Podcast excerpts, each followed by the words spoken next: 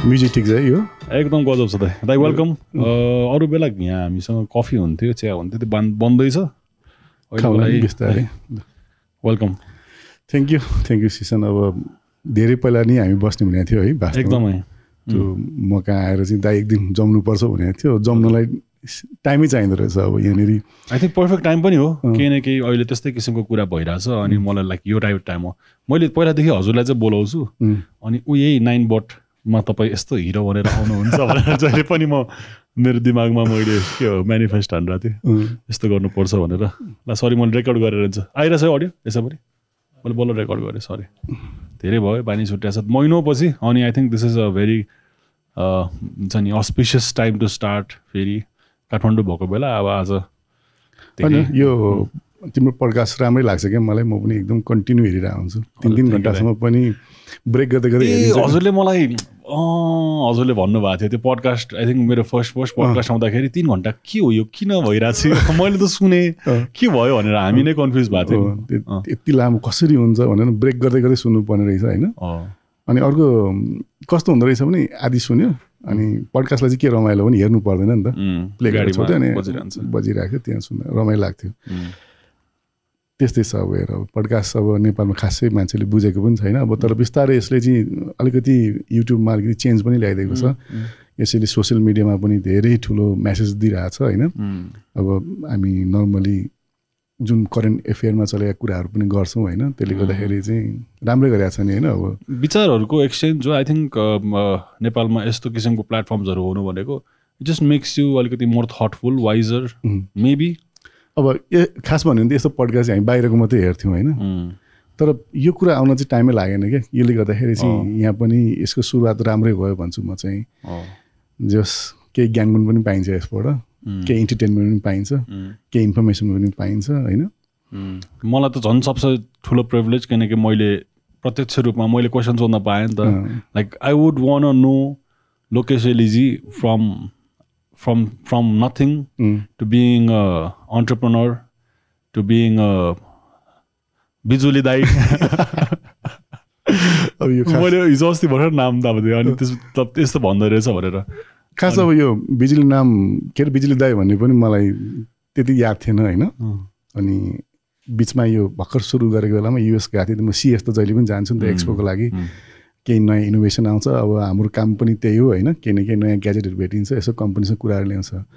अनि एकजना मेरो भाइ ट्याक्सेसबाट मलाई भेट्न चाहिँ त्यहीँ बेगसमा आएको थियो क्या एक्सपोको बेलामा। अनि उसले आयो। त्यो बेलासम्म मलाई यो मैले गाडी बनाएर म बिजुली दाई भयो भने मलाई थाहा थिएन। अनि उसले फोटो मसँग खिचेर उसले स्टोरी हाल्यो। अनि उसलाई चाहिँ कमेन्ट के आएछ नि ए तैँले बिजुली दाईलाई कहाँबाट भेटिस्? कहाँबाट चिनेको? भनेर भनेछ अनि ऊ चाहिँ अब मेरो खास दाईको छोरा थियो अनि उसले चाहिँ अङ्कल तपाईँले त यस्तो भन्छ भनेर भने क्या मलाई है। त्यहाँदेखि थाहा पाएको मलाई चाहिँ बिजुली दाई भन्दो रहेछ भनेर बजारमा चाहिँ एउटा निकनेम जस्तै होइन। अब हुन त हो बिजुली गाडीको मैले धेरै प्रमोट गरेँ। अब प्रमोट यति धेरै गरेँ कि मैले अब यदि कसैले नेपालमा यदि इलेक्ट्रिक गाडी किन्छ या टु विलर किन्छ भने एटलिस्ट मेरो भिडियो चाहिँ हेरेको हुन्छ। र त्यो भिडियो हेरेपछि कति मान्छेलाई कन्फ्युजन थियो नि अब यो गाडी किनेपछि के हुन्छ। अनि मैले बिचमा के गरेँ भने सर्ट दुरीहरूको पनि ट्राभल भिडियोहरू पनि हालिदिएँ। यहाँदेखि यहाँसम्म म पुगेँ है यहाँदेखि यहाँसम्म पुगेँ है भनेपछि यदि कोहीसँग त्यो गाडी छ भने त्यहाँदेखि उसले त्यहाँसम्म जानलाई समस्या भएन। ए त्यो मान्छे त पुगेको थियो म त पक्कै पुग्छु। किनभने यसमा एकदम टेन्सन हुन्छ। अब हामी पेट्रोलवाला गाडीमा चाहिँ के हुन्छ भने हुन त हामी कति किलोमिटर कुद्छ भनेर हामी मिटरमा त देखाउँछ तर त्यो मिटरमा यति जान्छ भनेको कहिले पनि पुग्दैन नि त्यो पेट्रोलमा पनि। किन उकालो ओह्रालोमा त्यो तेल तेल खाने नखाने हुन्छ। त्यस्तै यसमा पनि त्यो मिटरमा त देखाउँछ यति किलोमिटर कुद्छ भनेर। तर आफूले चाहिँ आधा सम्झेर हिँड्नुपर्छ कि यसमा चाहिँ। एकदमै टेन्सन कुरा थियो तर पर्फेक्टली एकचोटि दुईचोटि आफू त्यही रुटमा हिँड्यो भने जस्तो मेरो दाइ अहिले जहाँ पो जान्छ एमजीमा होइन? उसलाई थाहा छ म यहाँ गएर ढल्केबाट चार्ज गर्नुपर्छ त्यहाँ गएपछि इटरीसम्म यतिमा पुग्छु इटरीदेखि त्यहाँसम्म यतिमा पुग्छु भने उसलाई ठ्याक्कै थाहा हुन्छ बिदाउँछ पुग्नलाई तर सुरुकोचोटि जाँदाखेरि चाहिँ मनमा डुक डुक डुक डुक ला बाटोमा रोक्यो भने के होला भन्ने भइरहेको छ नि होइन। त्यस्तै थियो। अनि तपाईँले त एक हिसाबले यसको गाडीको र यसको एभोल्युसन देख्नु भयो जस्तो भयो नि त। भयो। त्यो चाहिँ कस्तो भयो भने मलाई सबैभन्दा पहिला मैले इटु भन्ने सानो डल्लो गाडी किनेको थिएँ होइन। प्रायः भिडियोमा पनि भन्ने गर्छु मैले। महिन्द्राको। मलाई चाहिँ खास कसरी किने भने इन्डियामा हेर्ने भने चाहिँ त्यो गाडी चाहिँ महँगो थियो कि। अनि नेपालमा चाहिँ सस्तो। अनि सेम त्यो बेला साढे सात लाख आइसी थियो त्यो दा त्यो गाडी त्यो दाम इन्डियामा। तर साढे सात लाख आइसी परेको नेपालमा चौबिस लाख समथिङमा मैले लिएको थिएँ त्यो। अनि त्यो हिसाब हेर्दाखेरि चाहिँ डबल जस्तै नै थियो अब त्यो हिसाब गरौँ न आइसीलाई एनसीमा गर्ने एनसीलाई डबल गरेर त्यति थियो। तर अरू कुनै पनि गाडी साढे सात लाख पर्ने गाडी चाहिँ नेपालमा किन्नु पऱ्यो भने एटलिस्ट फोर्टी एट कि फिफ्टी लाखको रेन्जमा पर्थ्यो कि। अनि मलाई मनमा के लाग्यो भने विच इज वर्थ बाइङ जस्तो दस लाखको चालिस लाख? अँ, त्यो त दस बाह्र। उम्, यस्तो छ नि यहाँ त अब इन्डियामा त त्यो मारुति कार किन्नु पऱ्यो एउटा कति साढे दुई लाख तिन लाख आइसी त हो नि होइन? त्यहाँ जसले पनि एफोर्ड गर्न सक्छ। तर नेपालमा त्यही किन्नु पऱ्यो भने सोह्र सत्र लाख रुपियाँ पर्छ कि? उम्, तर त्यति बेलामा चाहिँ हाम्रो यहाँ कसैले पनि यो ओभर प्राइस भयो यो महँगो पऱ्यो भनेर कसैले पनि कुरा गर्दैन क्या त्यसमा चाहिँ। किन त्यो युज टु भइसक्यो। सरकारले त्यसमा साढे दुई सय पर्सेन्ट जति झन्डै ट्याक्स थपेर लिन्छ अनि त्यसमा अरू एक्स्ट्रा खर्च सर्च यताउति यता गर्दाखेरि त्यसको दाम सत्र सय अठार लाख त पुगिहाल्छ। अहिले कुनै पनि गाडी किन्नु पऱ्यो भने बिस लाख घटी छैन जस्तो लाग्छ। मलाई होइन? पेट्रोलवाला। गाडी। त्यो सबै केले महँगो भएको भन्दाखेरि ट्याक्सले महँगो भएको। तर त्यो कसैले बुझेको थिएन। अब हामी चाहिँ म चाहिँ अब पर्सनली भने अब आफै इम्पोर्ट गर्ने भएकोले गर्दाखेरि चाहिँ अरू सामानहरूमा कसरी ट्याक्स लाग्छ कसरी बेनिफिट हुन्छ भन्ने थाहा थियो। त्यो थाहा भएपछि मैले त्यो इटुओ किनेँ। अनि त्यति बेलासम्म पनि मलाई खास टेस्लाको बारेमा त्यति राम्रो पनि थाहा थिएन क्या। तर मिन टाइममा म के भने युएस गइरहने बेला पुगेँ। जाँदाखेरि मल घुम्दा घुम्दै टेस्ला देखेँ क्या सोरुममा। अनएक्सपेक्टेड भयो क्या मलाई चाहिँ। त्यो बेला भक्कै त्यो रोड टेस्लाको त सोरुम हुँदैन होइन? टेस्ला सोरुम हुन्छ नि। टेस्ला आफ्नैको सोरुम हुन्छ। त्यो पनि मलभित्र हुन्छ कि? एकदमै। त्यो छुट्टै ठाउँ भन्दा पनि टेस्लाले डिलरै राख्दैन उसले। त्यो रिभोल्युसन ल्याएको युएसमा पनि बेच्दाखेरि उसले आफैले पर्सनल्ली कि अनलाइनमा किन्ने अनि स्टोरमा जाने लिने जस्तो हो कि उनीहरूको चाहिँ। अनि त्यहाँ देखेँ देख्दा त्यो रोस्टर भन्ने पहिलाको फर्स्ट गाडी एउटा स्याम्पलमा थियो अनि अर्को चाहिँ मोडल एस राखेको थियो। अनि देखेपछि छक्क पऱ्यो कि म बाप यति ठुलो गाडी बिजुली।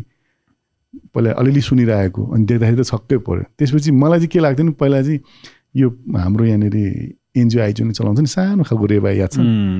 त्यो एकदमै त्यो पुटुक्क बसेर मान्छे टाइट भएर नि इलेक्ट्रिक गाडी भने चाहिँ त्यस्तै मात्रै होला जस्तो लाग्थ्यो कि मलाई चाहिँ होइन? त्यो देखेपछि दङ्ग पाएँ अनि मेरो मनमा चाहिँ इलेक्ट्रिक गाडी पनि ठुलो भइदियो हुन्थ्यो राम्रो भइदियो हुन्थ्यो भने मनमा सोचिरहेको थिएँ। तर त्यो चाहिँ पहिलो भइसकेको रहेछ कि अनि त्यसपछि बिस्तारै नेपालमा पनि आउनु थाल्यो होइन अब गाडीहरू अब त्यसपछि नेपालमा राम्रो रेभोल्युसनसँग आएको भनेको चाहिँ फर्स्ट टाइम एकदम गतिलो गाडी भनेको चाहिँ कियाले सियोल भन्ने निकाल्यो तर त्यो। क्लियरेन्स त्यति राम्रो भएन र यहाँ त्यति चलेन रेन्ज पनि जम्मै दुई सय किलोमिटर पनि थिएन त्यसको। तर एकदमै छुने। नाडामा गएको थिएँ। त्यसपछि चाहिँ निरो भन्ने गाडी आयो कि। निरो चाहिँ मेरो आफ्नै एकजना अङ्कलले लिनुभयो। लिएपछि चाहिँ यसो हेर्छु दङ्ग पर्ने लाग्छ कि अनि कुदाइ हेर्छु झ्वाट्ट कुद्छ है।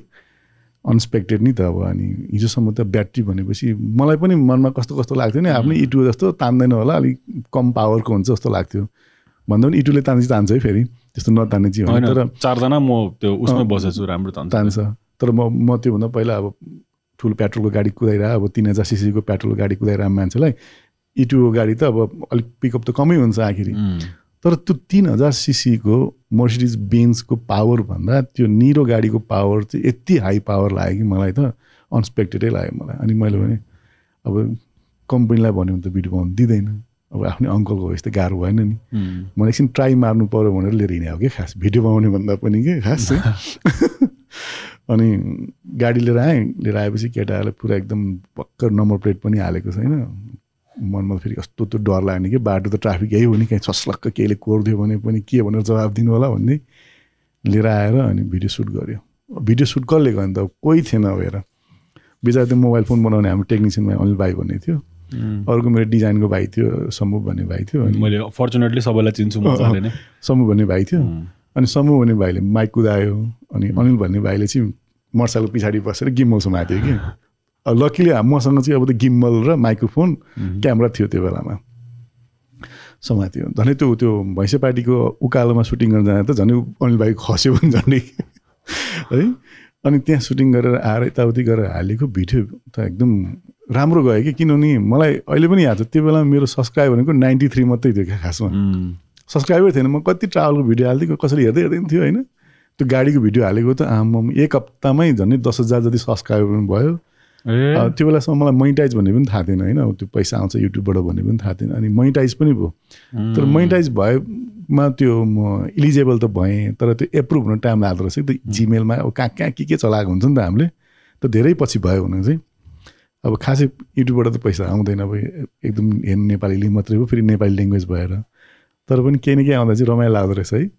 अनि अर्को फ्याक्ट चाहिँ के छ भने मैले भिडियो बनाउँदाखेरि सबै आफ्नै पर्सनल इन्ट्रेस्टबाट बनाएँ। अनि त्यो भिडियो राम्रो पनि गयो। त्यो गएपछि एकजना साथीले देखेर भन्यो ए तैँले त यो बिजुली गाडीको भिडियो बनाइछस्। मेरो पनि कोना छ। त्यसपछि कोना पनि आइसक्यो कि बच्चामा हिँडिरहेको अनि बनाउँछस् भने ए भइहाल्छ नि भने। अनि त्यसरी सुरु भयो। त्यसपछि अरू गाडी छैन। के बनाउने भन्दा आफ्नै गाडीको फेरि इटोको बनाएँ। त्योभन्दा पहिला बनाएको थिएन होइन। अनि त्यति बेला कति चालिस हजार किलोमिटर कुदाइसकेको थिएँ मैले त्यो डल्ले गाडी। अनि फोर्टी थाउजन्ड। त्यति बेला। अहिले त झन्डै लाख पुग्न आँटिसक्यो होला अब त्यो कुदिरहेको त्यो छ। छ ओके।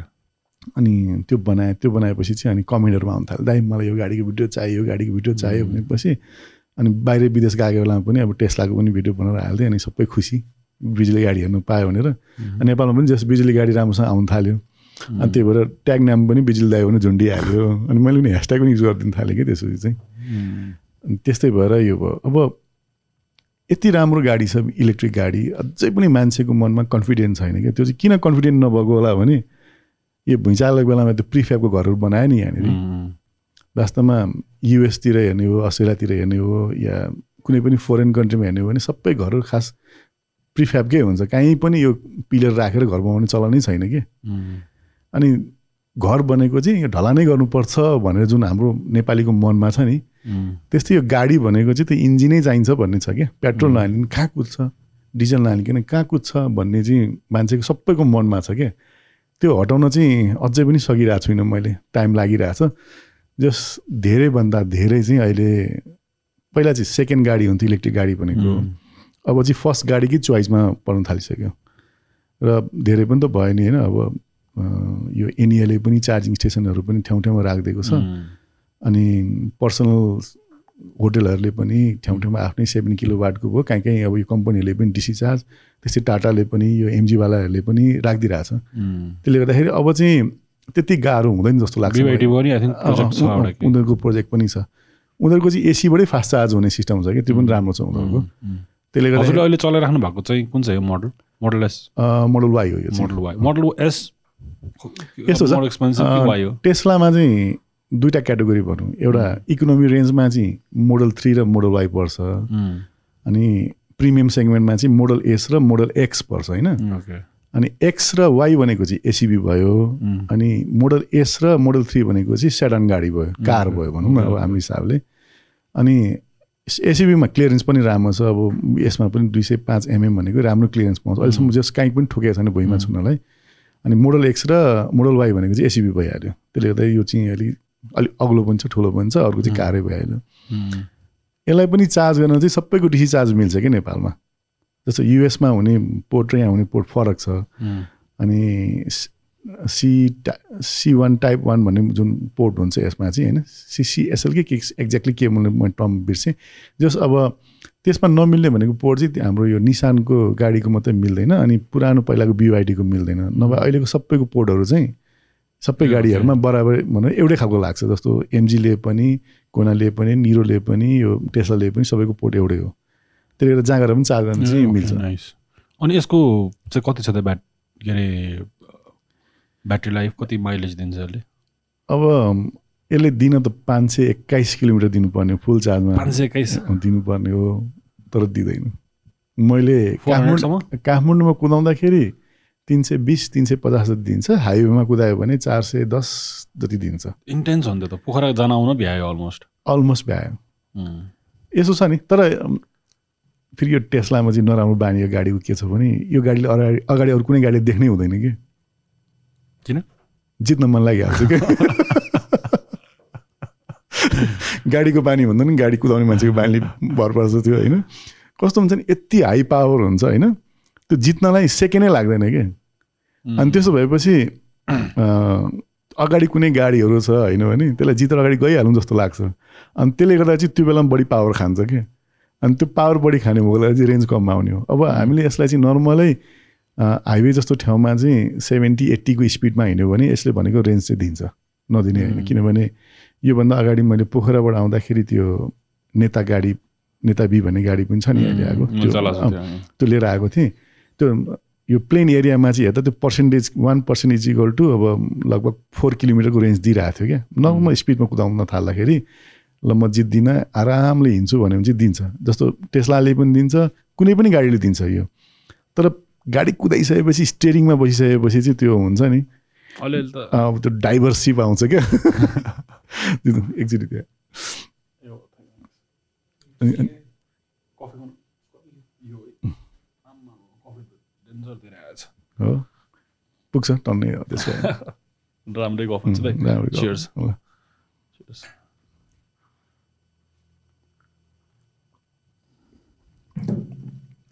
त्यसले गर्दाखेरि चाहिँ यो रेन्ज भन्ने चाहिँ खास त्यसरी हो कि यो अनि कसैले पर्फेक्टली रेन्ज पनि निकाल्छ कसैले निकाल्दैन पनि मेन हेर्ने भन्ने कुरा चाहिँ के छ भने कम्ती नै दिए पनि आफूलाई चलाउनलाई पुग्यो भने त भइहाल्यो नि जस्तो अब सबैभन्दा पहिला मान्छेले गाडी किन्ने बेलामा के सोध्छ भने कति दिन्छ भनेर सोध्छ क्या ला अनि यहाँबाट त झापा जानु पऱ्यो भने त पुग्दैन भन्छ। ला पोखरा जानु पऱ्यो भने त पुग्दैन भन्छ। मान्छेको पहिलाको त्यो सुरुमा माइन्डमा आउने कुरै त्यही हो कि। तर मैले चाहिँ के भन्छु भने जो मान्छेले गाडी किन्छ सुरु सुरुमा गाडी किनेको जस्तो पहिला मलाई पनि याद छ क्या मैले पहिला मारुति भ्यान किनेको थिएँ। मारुति भ्यान त्यस्तो गाडी हुँदा पनि मैले यहाँबाट पोखरासम्म हाँकेर जाने आँट गरेँ कि। त्यो फियर हुन्छ कि यता कुदाउनको लागि हुन्छ नि। भर्खर फर्स्ट टाइम त्यो सानो किडन्याप भ्यान अँ सानो किने मैले मैले चलाएको थिएँ दुई चार वर्ष। होइन। त्यो कस्तो हुन्छ कि बा पहिलोचोटि किनेको गाडी होइन। त्यो जे गरौँ पनि जहाँ जाउँ गाडी लिएर जाउँ भने त्यो एकदम हुनर आउँछ नि होइन। अब बिस्तारै यो गाडी फेर्दै फेर्दै गएपछि पछि जेन गाडी किनेँ मैले। त्यो जेन गाडीलाई पनि मैले झापा हाम्रो घर त पुरानो घर झापा हो। दसैँमा टिको लाउनु जानु पऱ्यो घर जानु पऱ्यो भनेपछि त्यही दौडा लिएर जान्थ्यो कि? त्यत्रो ठुलो आँट आउँथ्यो कि। पछि हुँदा हुँदै अब ठुलो राम्रो गाडी भएपछि चाहिँ मनमा के आउँदैन अब होस् भनौँ प्लेनमा गइनु थाल्यो कि। होइन।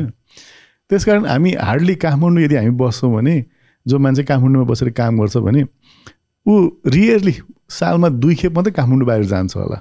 धेरै जाने तिनचोटि जान्छ होला होइन। अब दुई खेप तिन खेप जानको लागि एकदमै धेरै तेल खाने गाडी किनेर ठुलो लग्जरी गाडी किनेर धेरै पैसा इन्भेस्टमेन्ट गर्नुभन्दा त त्यो आधा महिनाको तेलको पैसाले उसले वर्षभरिको आउने जाने प्लेनको भाडै उठ्छ।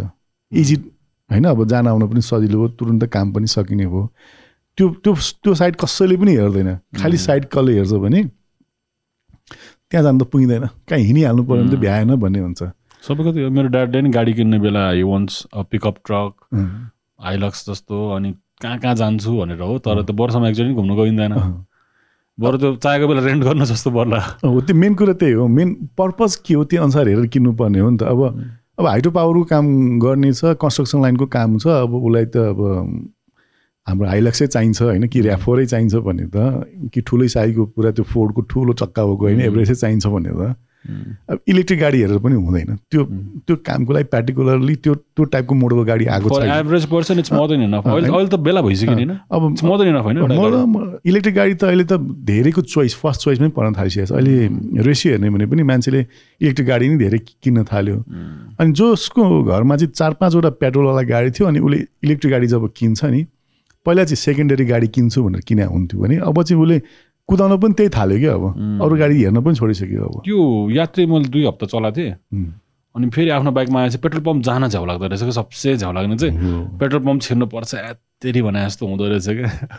यात्री जस चलायो होइन त। चलायो दुई हप्ता जस्तो चलायो। अहिले यात्रीको कहानी थाहा छैन अहिले के भयो? रेजिस्ट्रेसन गर्न दिइरहेको छैन नेपालमा बनेको बाइकलाई त्यस्तै खालको कुरा आइरहेको थियो। कस्तो कुरा होला है? मलाई दुई तिन दिन अगाडि मलाई यो कुरो कस्तो भयो भने यो कुरो पहिला पनि थाहा थियो किन मलाई दुई चारजना त्यो यात्री किन्ने भाइहरूले भन्थ्यो दाइ हेर्नु न एकदम यात्रीको रजिस्ट्रेसन नभएर लगिदिँदो रहेछ नम्बरै छैन कहिले काहीँ ट्राफिक दुःख दिइरहेको छ भन्थ्यो। मलाई सोध्यो मैले पनि अनि यसो कुरा भन्दाखेरि होइन दाइ प्रोसेस भइरहेको थियो दर्ता हुन्छ भनेको थियो किनभने दर्ता नहुने कारणै थिएन नेपालमा बनाएको कम्पनी होइन? अनि न्युज हेरिरहेको थिएँ ठ्याक्कै त्यो एउटा न्युजमा हेरेँ कि यात्री कम्पनी बन्द भयो भनेर न्युज आयो। कस्तो नरमाइलो लाग्यो क्या मलाई त। अनि प्लस हेर्दै गएपछि अफ डे पनि ठ्याक्कै रहेछ क्या। अस्ति शनिबारको दिन जस्तो लाग्छ मलाई। अनि हाम्रो देशमा चाहिँ यो यस्तो कार्यक्रम इन्टरनेसनल कार्यक्रम भएपछि के हुन्छ भने रिबिन काट्ने होइन? अनि ठ्याक्क ब्यानर स्यानर बनाउने दुईजना समातेर हिँड्ने अनि कहीँ गएर दुइटा रुख रोपिदिने अनि नारा जुलुस गऱ्यो अर्धे सक्यो। अर्धे भनेको त त्यसरी मनाउने होइन नि। आज हिजो आज अलिकति हामी काठमाडौँमा हिँड्दा अलिकति फ्रेस छौँ किनभने अलिकति हामीले निलो आकाश देखिरहेको छौँ होइन? योभन्दा अगाडि त हेर्नु एकदम तुवालोले भरिएको थियो नि होइन? पुरै तुवालो थियो। आँखा चिमचिमचिम गर्ने जिउ चिलाउने कति थियो भने पोल्युसनले गर्दा हो नि यो भएको त। अब यस्तो बेलामा नेपाली केटाले नेपालमा फर्केर अहिले एयरपोर्टमा हेऱ्यो भने मान्छे विदेश जाने भन्दा कोही छैन एकदम लाइन लागेर विदेश जाने मात्रै छ। कोही नेपाल बस्नेवाला छैन। यस्तो बेलामा कोही विदेशमा गएर पढेर नेपालमा आएर केही गर्छु भन्ने एकजना मान्छेले होइन अब खालि यात्रीको मात्रै कुरा नभए अरू पनि धेरै यस्ता चिजहरू आउन सक्लान् होइन। यस्तो गरेर आयो भने सहज वातावरण नै छैन कि। अनि भाषण चाहिँ ठुलो ठुलो छ। फर्केर आयो भने एनआरएलले इन्भेस्टमेन्ट गऱ्यो भने यो गरिदिन्छु त्यो गरिदिनु वैदेशिक लगानीलाई यो गर्ने हामी होइन? हामी उद्योग धन्दालाई प्रोत्साहन गर्छौँ भनेर नारा जुलुस गर्ने प्लम्पेट छार्ने अनि त्यो दिनको भत्ता पकाउनै सकियो। तर एकदम गर्नुपर्ने काम चाहिँ केही पनि नगर्ने अब किन नगरेको हो भन्दाखेरि इएनमी छैन अरे अचम्म लाग्ने सुन सुन्दा पनि अचम्म लाग्ने कुरा चाहिँ के भने हुन त थियो पनि होला नेपालमा कहिले सोचेको पनि थिएन। ओ यही कुरालाई चाहिँ मलाई चित्त नबुझेको कुरा के भने यत्रो वर्ष हामीले आन्दोलन कतिवटा आन्दोलन गर्नु म स्कुल पढेदेखि नै आन्दोलनमा उमेको हुँ क्या। छ्यालिस सालदेखि नै रात प्रजातन्त्र आयो राजा फ्यालेर आयो भने त्यसपछि फेरि लोकतन्त्र आयो त्यसपछि गणतन्त्र आयो। तर यत्रो हुँदाखेरि पनि त्यो राजनीति संस्कारमा नेताहरूमा होस् या ब्युरोक्राट्समा होस् या कुनै पनि पोलिसी मेकिङमा होस् ठुलो सोच नै कहिल्यै पनि आएन कि भाषणमा चाहिँ स्विजरल्यान्ड बनाइदिन्छु भन्ने सिङ्गापुर बनाइदिन्छु भन्ने होइन? त्यो त भाषण मात्रै त हो नि। त्यो बनाउँछु भनेर बन्ने हो र होइन नि? बनाउनको लागि त काम गर्नु पऱ्यो नि। पोलिसी लेभलमा चाहिँ कहिले काम नगर्ने। जस्तो योभन्दा अगाडिको एउटा इक्जाम्पल पनि दिन्छु। काठमाडौँको बाटो सानो छ बाटो ठुलो बनाउने होइन यसलाई फराकिलो बनाउने होइन। यहाँ चाहिँ माइक्रो बस हाल्नुपर्छ भनेर माइक्रो बसको चलन ल्याएको छ। या चाहिँ छैन? सबसे वर्स्ट केस हो कि त्यो भनेको। यदि त्यो त्यो बेलामै किनभने यो काठमाडौँको बाटोभन्दा पनि सानो सानो बाटो हामी विदेश घुमेका छौँ जहाँ चाहिँ ठुलो लामो लामो बसहरू हालेको हुन्छ कि? पब्लिक ट्रान्सपोर्टेसन एकदमै राम्रो हुन्छ। अब माइक्रो बस पनि हालिदिएको छ इन्डिभिजुअल्ली सबैलाई टु विलर पनि किन्न दिएको छ अनि त्यसैले ट्राफिक बढी जाम भएर किनभने एउटा ठुलो बस हिँड्यो भने पार्किङ पनि गर्नु पऱ्यो नि त्यसलाई। एउटै बसमा सयजनाभन्दा मान्छे बस्छन्। भनेपछि पचासवटा मोटर बाइकको काम त एउटै बसले काम गर्दैन होइन? इन्डिभिजुअली मान्छे नै चढ्ने भने पनि सयवटा मोटर बाइकको काम त एउटै बसले गर्दैन नि। यसरी रुटमा पहिल्यै लाउनु पर्ने त्यो नसकेको कन्डिसन क्या। अब यति धेरै हाम्रो नेताहरू विदेश जान्छन् घुम्छन् केही न केही त देख्नुपर्ने हो नि केही न केही त सिक्नुपर्ने हो नि। केही छैन। अनि यस्तो कन्डिसनमा त्यो न्युज हेरेँ कि मैले साह्रै चित्त दुःख भनेर चाहिँ अनि मैले चाहिँ भिडियो पनि बनाइदिएँ अनि सबैले त्यहाँ हेर्नुपर्छ। Ninety nine point six percent positive छ लाइकमा होइन? त्यति मान्छेले यत्रो धेरै भ्यू हुँदाखेरि मोर देन थाउजन्डवटा भन्दा बढी कमेन्ट छ अहिलेसम्म। त्यसमा एउटा यस्तो कमेन्ट छैन जसले चाहिँ सरकारको फेभर गरेको होस् जसले चाहिँ हाम्रो पोलिसी लेभललाई सपो सपोर्ट गरेको होस् जसले चाहिँ हाम्रो नेताहरूलाई गाली नगरेको होस् कि? भनेपछि कति धेरै फ्रस्ट्रेसन छ क्या त्यहाँनिर अब। अब अब यो मेरो भिडियो निकालेको ठ्याक्कै भोलिपल्ट चाहिँ पिएमको पनि एड्रेस आएको थियो ट्विटमा आएको थियो। अब यसलाई चाहिँ सरकारवालाले चाहिँ हेरेर कानुन बनाउनु भनेर भने चाहिँ छ। तर त्यो पनि त्यस्तै हो कि त्यो? यो कुरो पहिला पनि नभएको चाहिँ होइन। पहिला पनि त्यो लेभलसम्म पुगेको जस्तो मलाई लाग्छ बनाउनु भनेको तर त्यो मुनि आएपछि बन्दै बन्दैन कि किन बन्दैन थाहा छैन मलाई। निजी फाइदामै चाहियो नि त केही। हुनसक्छ अब यहाँ यस्तो छ। अब डिपेन्ड अल डिपेन्ड के छ भने इम्पोर्टमा छ। यो कुरामा मलाई एउटा भन्नु मन लाग्छ कि हाम्रो देशमा हुनु म पनि आबद्ध त छु। हामीसँग चेम्बर अफ कमर्स पनि छ वाणिज्य पनि छ त्यस्तै यो हाम्रो यो भेहिकलको कुरा गर्ने भने नाडा भन्ने संस्था पनि छ जसले चाहिँ यो जुन हाम्रो यो इम्पोर्टहरूको जुन एउटा नेतृत्व गर्छ होइन अटोमोबाइलहरूको अब यो यो भएको के काम त? होइन? अब यो भएको काम चाहिँ अब उनीहरूले पनि अहिलेसम्म मैले केही बोलेको चाहिँ मैले खासै देख्दिनँ कि यो कुराहरूमा चाहिँ। यो चाहिँ एक किसिमले सेन्ट्रिकेट जस्तै लाग्छ क्या मलाई। आफूलाई फाइदा हुनेछ भने कुरा गर्ने नभए नगर्ने जस्तो। यसमा पनि पोलिसी लेभलमा जाने कुरा गर्ने भन्ने पनि खासै मैले देख्दिनँ। यसमा चाहिँ के हुन्छ भने जित्ने जाने नेतृत्वमा ठुलोमा पुग्ने ठुलोमा पुगेपछि चाहिँ देशको ठुलो लेभलको मान्छेसँग हुलमुल हुन्छ जमघट हुन्छ कुरा हुन्छ एउटा भेटघाट हुन्छ अनि म ठुलो भएँ भन्ने ठान्ने त्यतिमै सीमित छ क्या त्यसले खासै पोलिसी मेकिङमा कुनै हेल्प गर्छ जस्तो पनि लाग्दैन। हुन त अब यो अलिक दिनपछि अब बजेट भाषण पनि हुँदैछ होइन? यो नेपालमा के बजेट ल्याउनु पर्ने भन्ने कुरा त अहिले होइन पहिलादेखि नै प्लान हुनुपर्ने हो नि। अब यो दस दिनभित्रमा ठ्याक्टा ठ्याक्टा बस्यो पहिलाको पल्टायो अनि कुनमा घटाउने कुनमा बढाउने अलिकति चेन्ज भयो अनि उत्कृष्ट बजेट भयो भनौँ अनि सरकार आफ्नै छ अनि ताली बजायो फाइनल गर्दै सकियो अनि गर्ने चाहिँ केही पनि होइन फेरि हुने केही पनि होइन। अब यो इलेक्ट्रिक भेहिकलमा खास भन्ने हो भने पहिला ट्याक्स लाग्दैन थियो। एकदम मिनिमम एकदमै मिनिमम ट्याक्स लाग्थ्यो। अनि कर पनि हेर्ने हो भने जस्तो मैले इटु पहिला लाउँदा जम्मा सय रुपियाँ लाग्थ्यो कि सालको टु हन्ड्रेड चाहिँ थाहा छ टु हन्ड्रेड त्यो पनि ट्याक्स होइन। ट्याक्स त जिरो हो त्यो ब्लु बुक रिन्यू गर्नलाई मात्रै चाहिने पैसा हो कि त्यो चाहिँ। त्यति मात्रै लाग्थ्यो। हुँदा हुँदा अहिले ट्याक्स यति धेरै बढाइदिएको छ कि यो यो इभीमा पनि। एमजी जस्तो गाडी किन्यो भने पन्ध्र हजार पर्छ। यो मैले टेस्ला चढ्नु पऱ्यो भने त तिस हजारभन्दा बढी पर्छ ट्याक्स इयरली ट्याक्स होइन? हुँदा हुँदा टु विलरमा पनि सालको तिन हजार रुपियाँ राखिदिएको छ अहिले। जब कि ट्याक्सै लिनु नपर्ने हो त्यो कुरामा। किनभने यसले यति धेरै चाहिँ जुन फ्युल बर्निङलाई पनि कम गरेको हुन्छ होइन? प्लस इन्भाइरोमेन्टको कुराहरू भयो अर्को नोइज पोल्युसनको कुराहरू पनि भयो। यसले इन्डाइरेक्टली यति धेरै हेल्प गरेको छ। त्यो कसैले बुझ्दै बुझ्दैन कि? यहाँ हामी यहाँ चाहिँ कस्तो चलन छ भने सिधै गिभ एन्ड टेक जस्तो कि? भन्सारमा सामान ल्याउँदाखेरि भन्सार तिरेर पैसा उठो भने चाहिँ त्यो पैसा सरकारलाई आए जस्तो। तर त्यो सामान आएर नेपालको पैसा विदेश जाने कुरा रोकियो भने चाहिँ त्यो पैसा नआए जस्तो फिल हुने भयो कि यहाँ चाहिँ लेनदेन सिधा लेनदेन हुँदा मात्रै अगाडि क्यास देख्यो भने मात्रै त्यो कमाइ भयो जस्तो फिल हुने क्या सरकारलाई पनि। त्यही भएको छ अहिले भन्सारमा भन्सार लियो ओहो पैसा आयो गाडी ल्यायो पैसा आयो। तर यति धेरै पैसा विदेश जान्छ गाडी ल्याउनको लागि। सँगसँगै त्यतिमा सकिँदैन। हो इलेक्ट्रिक गाडीमा चाहिँ के छ भने गाडी ल्याउँदा पैसा जान्छ ठिक छ। तर गाडी ल्याइसकेपछि फेरि पैसा जाँदैन क्या। फ्युलको पैसा एक्स्ट्रा तिर्नु पर्दैन। अनि त्यसले के युज गर्छ भने अब देशकै फ्युल देशकै ऊर्जा युज गर्छ। भनेपछि यहीँको खपत राम्रो हुने भयो। भनेपछि आखिर दुइटै गाडी ल्याउनु पनि त पैसा त चाहिन्छ नि। हो यसमा बेनिफिट सरकारलाई छैन किनभने सरकारले अहिलेसम्म एकदमै ठट्टा र पैसा लिइरहेछ क्या। आई थिङ्क कम टिक्छ नि त सरकार पनि अनि म भए हुनुजेल मलाई होइन त्यो चाहिँ यस्तो लङ टर्म भिजन अलिकति नहेरिदिने क्या। अब यस्तो थियो राजाको पालामा चाहिँ जो पाइ त्यहीले गाडी नचढुन् राणा शासनको पालामा चाहिँ के थियो भने जो पाइ त्यहीको पहुँचमा गाडी नहोस् गाडी भनेको चाहिँ हामीले मात्रै चढ्नुपर्ने हो त्यो भएर यसमा ठुलो ट्याक्स लगायो। आफूले ल्याउँदाखेरि ट्याक्स यताउति त्यहीँ कमाएको त्यहीँ तिर्ने हो के फरक पर्दैन थियो उनीहरूलाई। त्यसले गर्दाखेरि साधारण मान्छेको पहुँचमा गाडी हुँदैन थियो। होइन? इन्ट्रेस्टिङ इन्ट्रेस्टिङ अब त्यति बेलामा बाटो पनि थिएन घाटो पनि थिएन। अब अब त गाडी भनेको आवश्यकताको कुरा हो कि? गाडी बिना त केही चल्दै चल्दैन। अब हाम्रो देशमा के छ भने माथि जमसुममा स्याउ फल्छ। डोकोमा बोकेर ल्याउनुपर्छ। हिजो अस्तिसम्म। होइन? अब ती हाम्रो मलेखुमा सब्जी फल्छ ल्याउने गाडी उनीहरूसँग राम्रो आफ्नो पर्सनल गाडी छैन। उसले के गर्नु पऱ्यो त्यो म मलेखुकै तलतिर ल्याएर होलसेलमा बेच्नु पऱ्यो। उसले खास पाउनुपर्ने दाम पनि उसले पाउँदैन त्यहाँनिर। किन भन्दाखेरि एउटा गाडी ल्याउन त एउटा डिएक्स गाडी त चाहियो टाटा मोबाइल पनि चाहियो या हुन्छ त्यो बलेरोको टु पिकअप पनि चाहियो।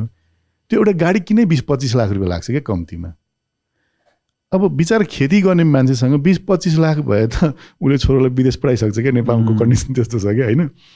उसले सब्जी बेचेर दुई लाख रुपियाँ कमाउँदैन उसले पच्चिस लाख इन्भेस्टमेन्ट गरेर कसरी गाडी किन्छ? यदि त्यही ठाउँमा अब मैले अहिले खालि बिजुली गाडी नभनौँ अर्को गाडीमा पनि ट्याक्स धेरै लिनुपर्ने कुनै पनि कारण छैन क्या। फर इक्जाम्पल तिमीले नै अफिस खोल्नु पऱ्यो भने अब त गाडी त चाहियो नि होइन? कोठा चाहियो रुम चाहियो सबै कुरो चाहियो कम्प्युटर चाहियो सेटअप गर्नु पऱ्यो इन्टायर अफिस पाउनु जति पैसा लाग्छ त्यति नै पैसा एउटा गाडी किन्न लाग्छ क्या अहिले। त्योभन्दा बढी लाग्छ। अफिस सेटअप हाम्रो दस पन्ध्र लाख रुपियाँमा कम्प्युटर किनेर सकिन्छ भने एउटा गाडी किन्नु पऱ्यो भने तिस लाख रुपियाँ पर्छ। अनि कसले को इन्टरप्रेनर हुनसक्छ को आफै इस्टाब्लिस भएर काम गर्न सक्छ? सक्दै सक्दैन नि। किनभने त्यो गाडी भन्दा नेसेसिटी हो नि। जे काम गर्न पनि चाहिन्छ। रातिको काम पर्ला दिउँसोको काम पर्ला होइन? भनेपछि त्यसमा पनि ट्याक्स लिएको चाहिँ ठिक छैन। अहिलेसम्म यति धेरै पहिला पहिला लियो होला त्यसलाई पनि घटाउनु पर्ने थियो। ल सरकारले त्यसमा घटाएन र एकछिनलाई मानौँ किनभने त्यसलाई चाहिँ विस्थापितै गर्नुपर्ने छ किनभने अब इलेक्ट्रिक भेहिकलै चलाउनु पऱ्यो गिनी निर्जिनी चाहियो भनेपछि इलेक्ट्रिक गाडीमा त ट्याक्स नबढाउनु नि होइन? अचम्म लाग्ने त कुरा कस्तो हुन्छ भने यो सायद सेन्डिकेटबाटै होला। यस्तो हावा निजोर आउँछ कि यति धेरै इलेक्ट्रिक गाडी आइसक्यो सरकारको रास उठ्नै छोडो भनेर न्युजहरू आउनु थाल्छ कि। त्यसले गर्दा के हो भने जो सरकारमा बसेको मान्छे छ ओहो यो त बर्बाद भएछ। भनेर चाहिँ ड्याङ्गे अब इलेक्ट्रिक गाडीमा त ट्याक्स हालिदिनु पऱ्यो अब। हाम्रो त राजस्व उठ्न छोडो। भनेर अनि बढाइदिने चलन आयो कि त्यहाँबाट। अनि पोलिसी पनि यस्तो हुन्छ र यो लङ टर्म राख्नुपर्ने पोलिसीहरू पनि हरेक वर्ष चेन्ज हुने कि। होइन? अब मान्छे त सुसाइड गर्ने स्थितिहरू पनि आउँछ। अब हाम्रो त ठ्याक्कै बजेट भाषणभन्दा पहिला गाडी छिर्यो भने क्लियर भयो। बजेट भाषणभन्दा पछि गाडी छिर्यो भने त त्यो गाडीको दाम त डबलभन्दा ट्रिपल हुने हो अनि त्यो बेलामा एलसी खोलेर बोर्डरमा सामान आएको छ भने अनि त्यो व्यापारी त मर्ने भयो नि त्यो बेलामा त। अलिकति गर्छु भन्ने मान्छेले पनि भएन। तिमीले कुनै गाडी चाहिँ चालिस लाख रुपियाँ पाउँछु या पचास लाखमा पाउँछु भनेर बुकिङ गरेछ। गाडी आउने बेलामा चाहिँ होइन त अस्सी लाख रुपियाँ पऱ्यो एक करोड पर्ने भयो भने कसले किन्छ? किन्दै किन्दैन भनेपछि यति धेरै महँगो ट्याक्स तिरेर गरेको छ। अब यस्तो बेलामा टु विलर पनि बल्ल बल्ल आउनु थालेको छ कि नेपालमा अब। अब टु विलरको अझै राम्रो बजार भइसकेको छ नि किनभने टु विलर भनेको चाहिँ कस्तो भयो भने हाम्रो देशमा चाहिँ हामी दुःख गरेर पैसा कमाउनेको पहिलो प्रायोरिटीको सवारी साधन भनेकै टु विलर हो। किनभने मैले पनि जागिर खाएर मैले पनि सत्र महिना जागिर खाएको थिएँ यसो कमिसन आएको पैसाले पहिला किनभने आरएक्स बाइक नै किनेको थिएँ कि मैले होइन। त्यसको मजा नै बेग्लै थियो कि। त्यो भएपछि त्यो आरएक्स बाइक लिएर पनि हामी पोखरादेखि झापा पनि पुगेका छौँ क्या त्यो हुन्छ नि होइन। अनि सबैको चाहना त्यही हुन्छ। यहाँ नर्मली सबै मान्छे माइग्रेट भएर काठमाडौँ काम गर्न आउनु भएको हुन्छ। अनि एटलिस्ट सस्तोमा गाडी के किन्ने भन्दाखेरि कम पैसा भनेको त बाइकै हो। त्यो बाइक किन्यो भने दसैँमा घर जानु पऱ्यो इमर्जेन्सी केही पऱ्यो भने सुई बाइक चढेर गयो भने घर पुगिन्छ भन्ने हुन्छ। अनि त्यसले गर्दाखेरि पनि त्यो पेट्रोलवाला गाडीलाई चाहिँ अझै पनि टु विलरले विस्थापित गर्न सकिरहेको छैन किनभने लङ रेन्ज टु विलरमा कुनै पनि इलेक्ट्रिक भेहिकलमा आउँदैन टु विलरमा आउँदैन तर पनि यदि कसैले बिसाइड जस्तो भनौँ कसको घरमा अब बाइक छ अब श्रीमतीलाई या छोरीलाई या अर्कै एडिसनल छोरालाई पनि बाइक किन्नु पऱ्यो भने बाइकको ठाउँमा चाहिँ स्कुटर किन्दै हुनुहुन्थ्यो भने चाहिँ अब इलेक्ट्रिक किन्दाखेरि चाहिँ बेस्ट अप्सनहरू चाहिँ अहिले आयो। त्यसले गर्दाखेरि चाहिँ धेरैजनाले अब टु विलरमा स्कुटरहरू पनि किन्न थाल्नु जसले गर्दा चाहिँ त्यसको पर्फर्मेन्सहरू पनि देखेर राम्रो भइसक्यो कि। अनि अलिअलि बजार बढेको छ। अब मैले एउटा डाटा मसँग पनि छ कि यहाँनिर। यो यो डाटा यस्तो खतरा डाटा छ यहाँनिर। दुई हजार एक्काइस सालमा भनौँ न टोटल इम्पोर्ट हेर्ने भयो भने नेपालमा पेट्रोलबाट चल्ने टु विलर चाहिँ तिन लाख सन्ताउन्न हजार दुई सय पन्चानब्बे युनिट आएको छ। अलमोस्ट साढे तिन लाखभन्दा बढी युनिट चाहिँ टु विलर मात्रै आएको छ इम्पोर्ट भएको छ नेपालमा। 2021 मा ट्वेन्टी ट्वेन्टी वानमा। वाउ, त्यो बेलामा इभीको स्कुटर कति या बाइक भन्नुहोस् या स्कुटर भन्नुहोस् कति आयो भन्दा पच्चिस सय उन्नाइसबाट आयो. एक पर्सेन्टभन्दा पनि कम रेसियो चाहिँ केमा छ? इलेक्ट्रिक भेहिकलमा छ। उम्, अब यहाँ कस्तो भयो भने यो यो देखेपछि अलिअलि बजारमा यो टु विलर इलेक्ट्रिक भेहिकल आएपछि त प्रचार त गर्नु पऱ्यो नि त। उम्, प्रचार गरिसकेपछि के हुन्छ भने टु विलर आयो सरकारको आँसु गुम्ने भयो यस्तो खालको न्युजहरू आउनु थालिहाल्छ कि। सरकारले के गरी चल्ला भन्ने न्युज आउनु थालेपछि सरकारले फेरि यो टु विलरमा पनि ट्याक्स बढाउनु थालिहाल्छ फेरि अब। त्यो भएर पहिला ट्याक्स लाग्दैन थियो इयरली ट्याक्स पनि लाग्दैन थियो त्यो पनि लाग्यो कर पनि अलिकति बढाइदियो। तर यति हुँदाहुँदै पनि एकदम रेसिसन चलेको छ अहिले। ट्व ट्वेन्टी ट्वेन्टीमा हेर्ने हो भने चाहिँ बाइसमा हेर्ने हो भने चाहिँ पहिला तिन लाख साढे तिन लाखभन्दा बढी आएको टु विलर चाहिँ यसपालि एकैचोटि आएर एक लाख पचासी हजार आयो कि। भनेको यो त रिसेसनले गर्दाखेरि कसैको सेलै छैन त्यो पुरै ड्रप भएको अलमोस्ट फिफ्टी पर्सेन्ट ड्रप भयो क्या टु विलरको इम्पोर्ट चाहिँ यहाँनिर। तर यसमा चाहिँ इभीको इम्पोर्ट चाहिँ बढेको देख्यो कि। यसको मतलब चाहिँ के भने मान्छेहरू चाहिँ अब इलेक्ट्रिक भेहिकलमा अलिकति प्रोत्साहित भएको युज गर्न थालेको अलिकति युज टु भएको देखिन्छ। तर पनि झन्डै दुई लाखवटा अर्को गाडी आउँदाखेरि यो सात हजार पनि छैन यो होइन? यो आउनु भनेको चाहिँ यो पनि अझै कम्ती हो यसको मतलब भनेको टु थ्री पर्सेन्टको रेसियोमा यसपालिको रेसियो हेर्ने भने चाहिँ देखिन्छ। पहिला वान पर्सेन्ट भएको चिज अहिले थ्री पर्सेन्ट भनेको चाहिँ टु पर्सेन्ट इन्क्रिज त भयो। इम्पोर्टमा झन्डै टु हन्ड्रेड पर्सेन्टले प्लस भयो। तर पनि अझै पनि यो पुरा भएको छैन। किन यति नै? अब अर्को हेर्ने कुरा के छ भने यो इम्पोर्ट गर्दाखेरि गाडीको कस्ट त बराबर हो। इलेक्ट्रिक ल्याओस् या पेट्रोलवाला ल्याओस्. विदेश जाने पैसा उति नै हो। तर यहाँ के देखियो भने यो तिन लाख सन्ताउन्न हजार जुन भेहिकल आयो यसको हामीले एउटा नर्मल मैले चाहिँ यो गाडीको भिडियोहरू बनाउँदाखेरि मैले एभरेज कस्टहरू निकालेको थिएँ कि। एकजनाले एउटा बाइक किनेपछि पेट्रोल खर्च अरू खर्च सबै गर्दाखेरि चाहिँ सालमा झन्डै तिरानब्बे हजारसम्म खर्च हुँदो रहेछ कि। पेट्रोलदेखि त्यो चाहिँ एभरेजमा उसले त्यही पैँतिस आफ्नै आफ- आफ्नै रिसर्च म मेरो आफ्नो रिसर्च हो यो चाहिँ वा आफ्नो रिसर्चमा हेर्दाखेरि चाहिँ करिब पैँतिसदेखि पचास किलोमिटरको डेली यदि उसले चलाउँछ भने उसले पेट्रोल हाल्नु पऱ्यो सर्भिसिङ गर्नु पऱ्यो सबै गर्नु पऱ्यो भने एउटा बाइकले अन एन एभरेजमा जस्ट नाइन्टी थाउजन्ड प्लस खर्च हुन्छ उसको सालमा मेन्टेन गर्नको लागि। भने त्यही ठाउँमा उसले इलेक्ट्रिक किन्छ भने यो घरमा चार्जिङ सार्जिङ गर्नलाई चाहिँ करिब करिब बाह्र तेह्र हजार रुपियाँ खर्च हुँदो रहेछ। अब यो हिसाब हेर्ने हो भने यो जुन दुई हजार एक्काइसमा इम्पोर्टमा त पैसा लाग्यो लाग्यो। उसले ल्याएर पुरै ल्याएर चलायो भने पनि झन्डै तेत्तिस अर्ब पैँतालिस हजार चाहिँ एउटा सर्वसाधारण जनताको खर्च हुने रहेछ। तेत्तिस अरब पैँतालिस करोड। त्रिचालिस अर्ब पैँतालिस करोड। यो त झन् साढे तेत्तिस करोड अर्ब भनौँ न होइन? यो यसमा आधी पैसा जति पेट्रोलमा जान्छ होला सरकारलाई जान्छ होला त्यो आधीबाट विदेश जाने भयो। तर यो पैसा भनेको चाहिँ धुवाँभरै सिद्धिने हो कि? हावामा सिद्धिने हो यो।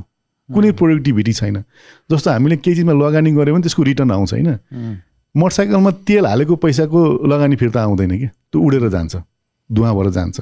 अझ त्यसले पोल्युसन पनि पाइन्छ। कति धुवाँ बनाएर हाम्रो काठमाडौँ त्यति माथि पनि उपत्यका त्यसै पनि हावा पानी नै पर्नुपर्छ सफा हुनलाई होइन?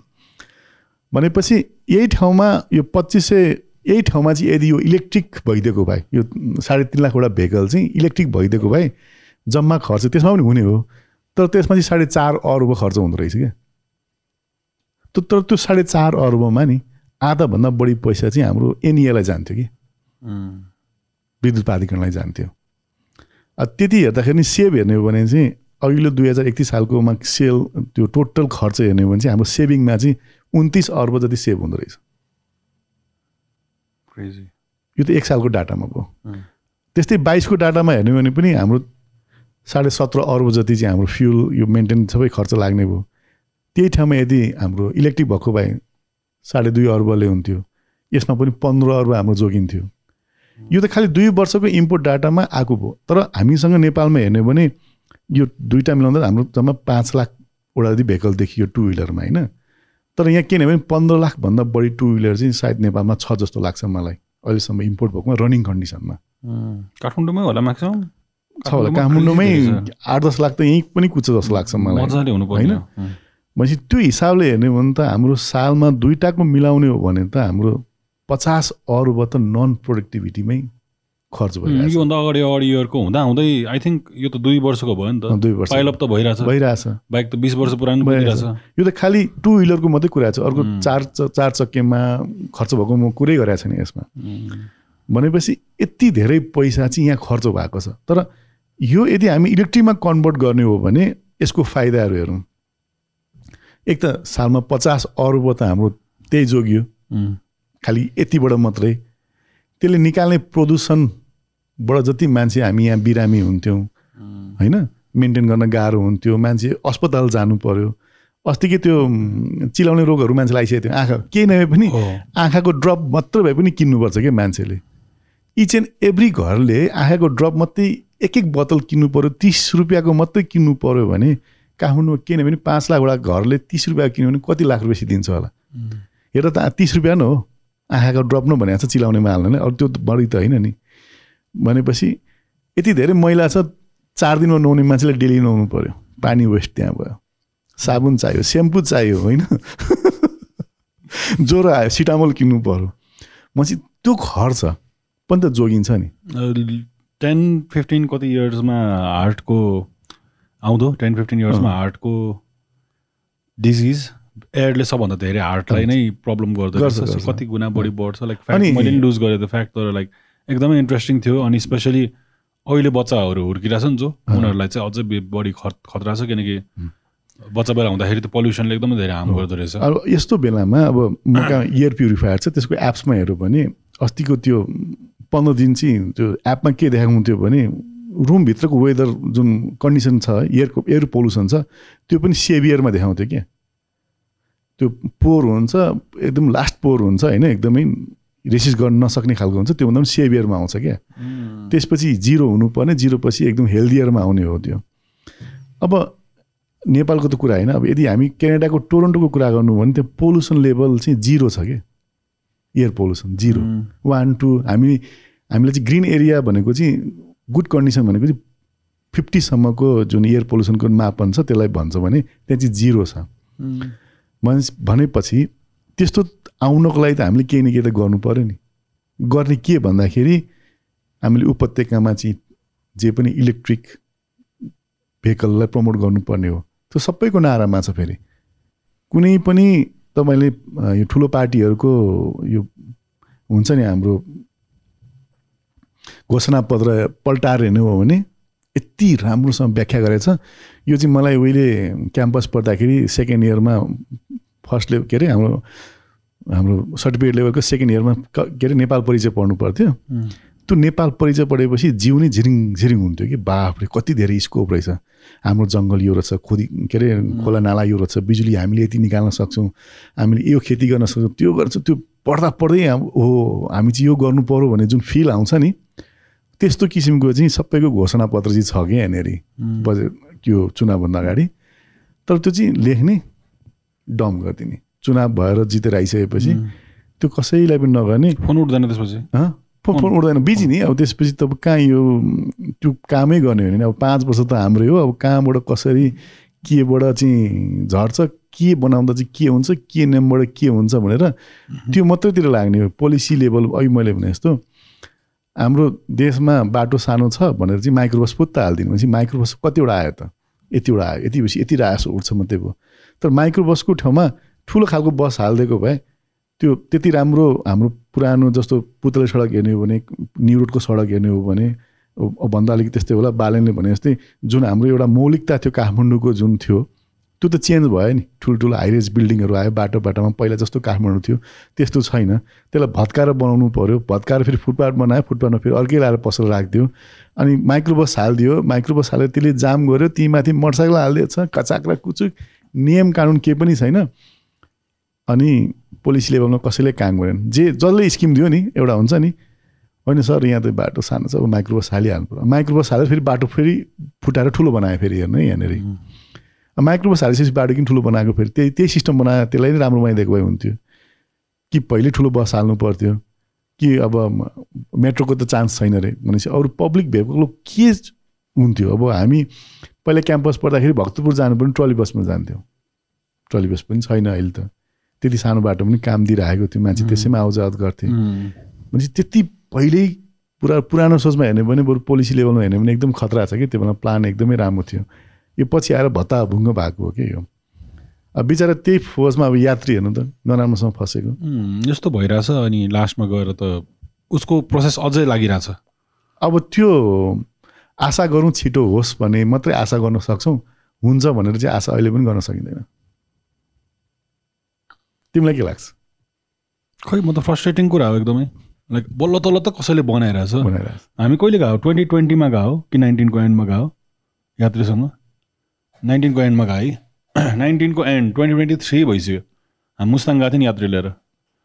सो द्याट्स अनमिल अनमिल गरेको भिडियो होइन? त्यो त अनि तिन चार वर्षै हुन लागिसक्यो। चार वर्ष भइसक्यो। त्यत्रो कुराहरू भइसक्यो। अझ पनि त्यो प्रोसेसिङमा छैन भने त्यो त। फ्रस्ट्रेटिङ कुरा हो नि। आखिरी कम्पनी दर्ता भयो। कम्पनीले के भनेर दर्ता भएको छ भने नेपालमा उत्पादन गर्ने भनेर दर्ता भएको छ। दर्ता भएको छ भने त्यो च्यासिस चाहिँ फेरि विदेशबाटै ल्याउनु पर्ने। अब जब च्यासिस नै विदेशबाट ल्याउनु पर्ने भने मोटरसाइकलै बाहिरबाट ल्यायो भयो कि नभए त. होइन कि यात्रीले गएर चाइनामै बनाएर यात्री भनेर ल्याउनु पऱ्यो कि? उही एप्पलले भने जस्तो एसेम्बल के अरे design in California assembly in China भनेर कि यात्रीलाई पनि त्यही गर्नु पऱ्यो. त्यो भन्यो भने त नेपालमा उद्योग कसरी चल्छ त? कसरी आउँछ त? अस्ति भर्खर विराटनगरको मिल्स रोड। त्यहाँ गएर आएको थियौँ। अब कति राम्रो थियो इन्डस्ट्रिज एक टाइममा। कति राम्रो थियो। विराटनगर त्यो जुट मिलको कुरा अरे कि? अँ, अँ, जो त्यो विराटनगरको त्यो प्लेस बन्नुमै ए पूर्व पश्चिम दुनियाँबाट मान्छेहरू त्यहाँ त फ्याक्ट्रिजहरूले गर्दाखेरि चाहिँ त्यहाँ एउटा ठुलो इस्टाब्लिसमेन्ट भएर छ नि त। एकदमै यो चाहिँ इन्डस्ट्रियल एरिया हो। त्यहाँ काम पाइन्छ सरकारी काम गर्नुभन्दा त यहाँ बेसी कमाइन्छ। अनि त्यो हामी पोलिटिक्सले झाराम जुरुम गरेछ सबै सिधै आइदियो ट्रली बस पनि पोलिटिक्सले झाराम। जुरुम भनेको त मलाई त के लाग्यो थाहा छ? त्यति बेला राणा शासन नभएर यदि ठुल्ठुलो घर नबनाइदिएको भए अहिले प्रधानमन्त्रीले अफिस कहाँ राख्थ्यो होला? राष्ट्रपति गएर कहाँ बस्थ्यो होला? होइन? निर्वाचन आयोग कहाँ हुन्थ्यो होला? तपाईँ हेर्नुभएको छ कुनै पनि राष्ट्र ब्याङ्क कहाँ हुन्थ्यो होला? कसले बनाइदिएको थियो उम्, एटलिस्ट हो त्यति बेला तानासाई थियो होला मान्छेलाई पिट्थ्यो होला कुट्थ्यो होला मार्थ्यो होला पेल्थ्यो होला तर सोच चाहिँ ठुलो थियो जस्तो लाग्छ क्या मलाई चाहिँ। त्यस्तै चाहिने हो के हो नेपाललाई? एउटा एकदमै डिक्टेटरै चाहिने हो कि जस्तो। पनि फिल अहिले हामी देखिसक्यौँ कि वास्तवमा हो कि न? त्यो त्यो बिना त डिसिप्लिन त कहीँ रहन्छ नि। त्यो त बाबर मलको त सडक विभागको बिल्डिङ हेर होइन? कसले बनाइदिएको थियो सबै? सबै कस्तो राम्रो आर्किटेक्चर भएको कस्तो राम्रो कति ठुलो सोच हेर त्यो त्यत्रो ठुलो बिल्डिङमा आउँदाखेरि पनि they treated themselves like prince kings अनि। कस्तो हुन्छ नि दिस बिलोङ्स टु मी खालको भित्र थियो नि त। छुट्टै कोर्टयार्ड छ सबैको हावा पास हुने त्यहाँ काहीँ कन्जेस्टेड छैन। अँ, मलाई जहिले पनि नेपालमा चाहिँ सरकारी अफिस जुन राणादेखि बाहेक अरूले बनाएको अफिसमा जानु पर्यो भने ओहो। ओहो हो घिनलाग्दो हुन्छ बिल्डिङ होइन। जाने भाइ भाइ भाइ भाइ सरकारी सरकारी अफिसमा को जान्छ? भन्दा हामी जस्तो भर्खर जनतै जाने हो नि त त्यहाँनिर। सेवाग्राही जाने हो नि त। सेवाग्राहीलाई भित्र मोटरसाइकल या गाडी लिएर निषेध गरे हुन्छ प्रवेश निषेध भने हुन्छ। भन्नु मतलब सरकारको सोचमा यो छैन कि कोही मान्छे यदि सरकारसँग गएर सेवाग्राही लिन्छ भने ऊ गाडी लिएर आउँछ या मोटरसाइकल लिएर आउँछ उसलाई हामीले पार्किङ गर्ने ठाउँ दिनुपर्छ। ऊ आयो भने उसलाई पिसाब पनि लाग्न सक्छ या दिशा पनि लाग्न सक्छ उसलाई हामीले शौचालय दिनुपर्छ भन्ने सोच नै छैन कि। त्यो लेभलको पनि सोच छैन। तिमी शौचालय गयो भने चाबी ल्याएर राखेको हुन्छ। र त्यो हाकिम बाहेक र सरकारी कर्मचारी बाहेक उसले चाबी नखोले अरू कसले जानै पनि पाउँदैन। नर्मली त्यही केस छैन अरू त छोडिदिउँ छोडिदिउँ। हाम्रो निसर्ग अधिकार भनेको नागरिकता लिने हो। हामी नागरिकता लिनलाई बाबर मलको सिडिओ कार्यालय गयौँ भने कहीँ पार्किङ छैन। छ? छैन नि। त्यहाँ त गाह्रै छ। के गर्ने त्यहाँ यता यता कहाँ कहाँ लगेर लाग्छ। लगेर राख्यो एकछिनपछि नगरपालिका गाडी आएर उठाएर लगिदिन्छ। लग्छ होइन। त्यो सिडिओ कार्यालय भनेको इन्टायर काठमाडौँको सबै मान्छेले आएर नागरिकता निकाल्नु पर्ने ठाउँ हो। नेपाली हो भने त जानै पर्यो। जानै पर्यो।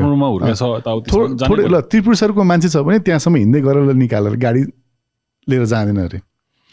तर माथि नारायणथानको मान्छे नागरिकता लिनु पऱ्यो भने त त्यहीँ आउनु पऱ्यो नि। अब सरकारले गाडी लिएर आउँदाखेरि पनि उसलाई पार्किङ गर्ने व्यवस्था मिलाइदिएको छैन। ल होइन सार्वजनिक यातायातमा आउँ भन्दा पनि नारायण थानमा ऊ दस बजे चढ्यो भने ऊ एक बजे मात्रै आइपुग्छ आउँदा ओर्दै यहाँ चाबी लाउने बेला भइसकेको हुन्छ। उसले कसरी निकाल्छ त? त्यो भनेको त एकदम सानोभन्दा सानो कुरामा पनि सरकारी निकायले सरकारमा बस्ने मान्छेले ध्यान नदिएको हो कि। एउटा पोलिसी हुन्छ नि। यो कुरामा चाहिँ मलाई अर्को पनि के भन्नु मन लाग्छ भने अहिले हाम्रो म जन्मेको होम टाउन गाउँ भनौँ न नगरपालिका भयो कि। कता? झापामा। शनि अर्जुन भनेर नगरपालिका भएको छ। हामी पहिला मैले त्यही त भन्न लाग्थेँ थियो बिर्सेर। त्यहाँ पनि मैले ओलिसको देखाएको थिएँ। बिर्ता मोडमा। त्यो चाहिँ अब आफ्नै ठाउँबाट एउटा खोलिदिउँ खोल्या हो होइन। तर त्यो नगरपालिका किन भयो थाहा छ? बस्ती बढ्यो कि। भिडभाड बढ्यो। अब त्यहाँ केही चिज गर्न सकिँदैन। अनि नगरपालिका पुग्यो काठमाडौँको हालत त्यही भएको हो नि। मेट्रोपोलिटन सिटी रे। मेट्रोपोलिटन सिटी हुन त यस्तै यो से सेतो कागज चाहिन्छ। स्केल ल्याउनु पऱ्यो टक टक रेखा गर्नु पऱ्यो बाटो घाटो होइन सबै मिलेको ढल मिलेको बिजुली पानी मिलेको बिजुली सबै अन्डरग्राउन्ड होइन ढल पनि कहिले जाम नहुने यो सबै भइसकेपछि पर्फेक्ट यो ठिक छ। बत्ती पनि कहिले जाँदैन पानी पनि त्यहाँ मान्छेले पाउँछन्। भनेपछि पो मेट्रोपोलिटियन हुन्छ त। अब यहाँ के भने अब किता काट गर्न पनि दिएको छ। बाउको एक रोपनी जग्गा थियो भने चारजना छोरा भने चारजना आना बाँडे। चारजना छोराको पनि दुईजना छोरा दुई आना बाँडे। हुँदा हुँदा जग्गा किता काट गर्नु नमिल्ने स्थिति आइसक्यो। निरोडको घर हेऱ्यौँ भने नौ तला घरमा सातवटा कोठा हुन्छ। होइन? तल ग्राउन्ड फ्लोर छोड्नु पऱ्यो माथि छत छोड्नु पऱ्यो होइन? एउटा कोठा हुँदा निस्किँदैन नि त सानो भएपछि त होइन? घर चाहिँ नौ तला हुन्छ फेरि। भनेपछि यस्तो किसिमको अव्यवस्थित भइसकेपछि के भयो भन्दाखेरि मेट्रोपोलिटन सिटी भयो कि? त्यो प्लानै नपुग्या हो नि त यो त। त्योभन्दा पहिला कति वर्ष सय वर्ष अगाडि बनेको त्यही असनै हेरौँ न होइन?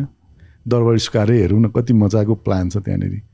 त्यो बाटो अहिले पनि भने दुइटा गाडी चल्ने खालको बाटो त्यहाँनिर छ।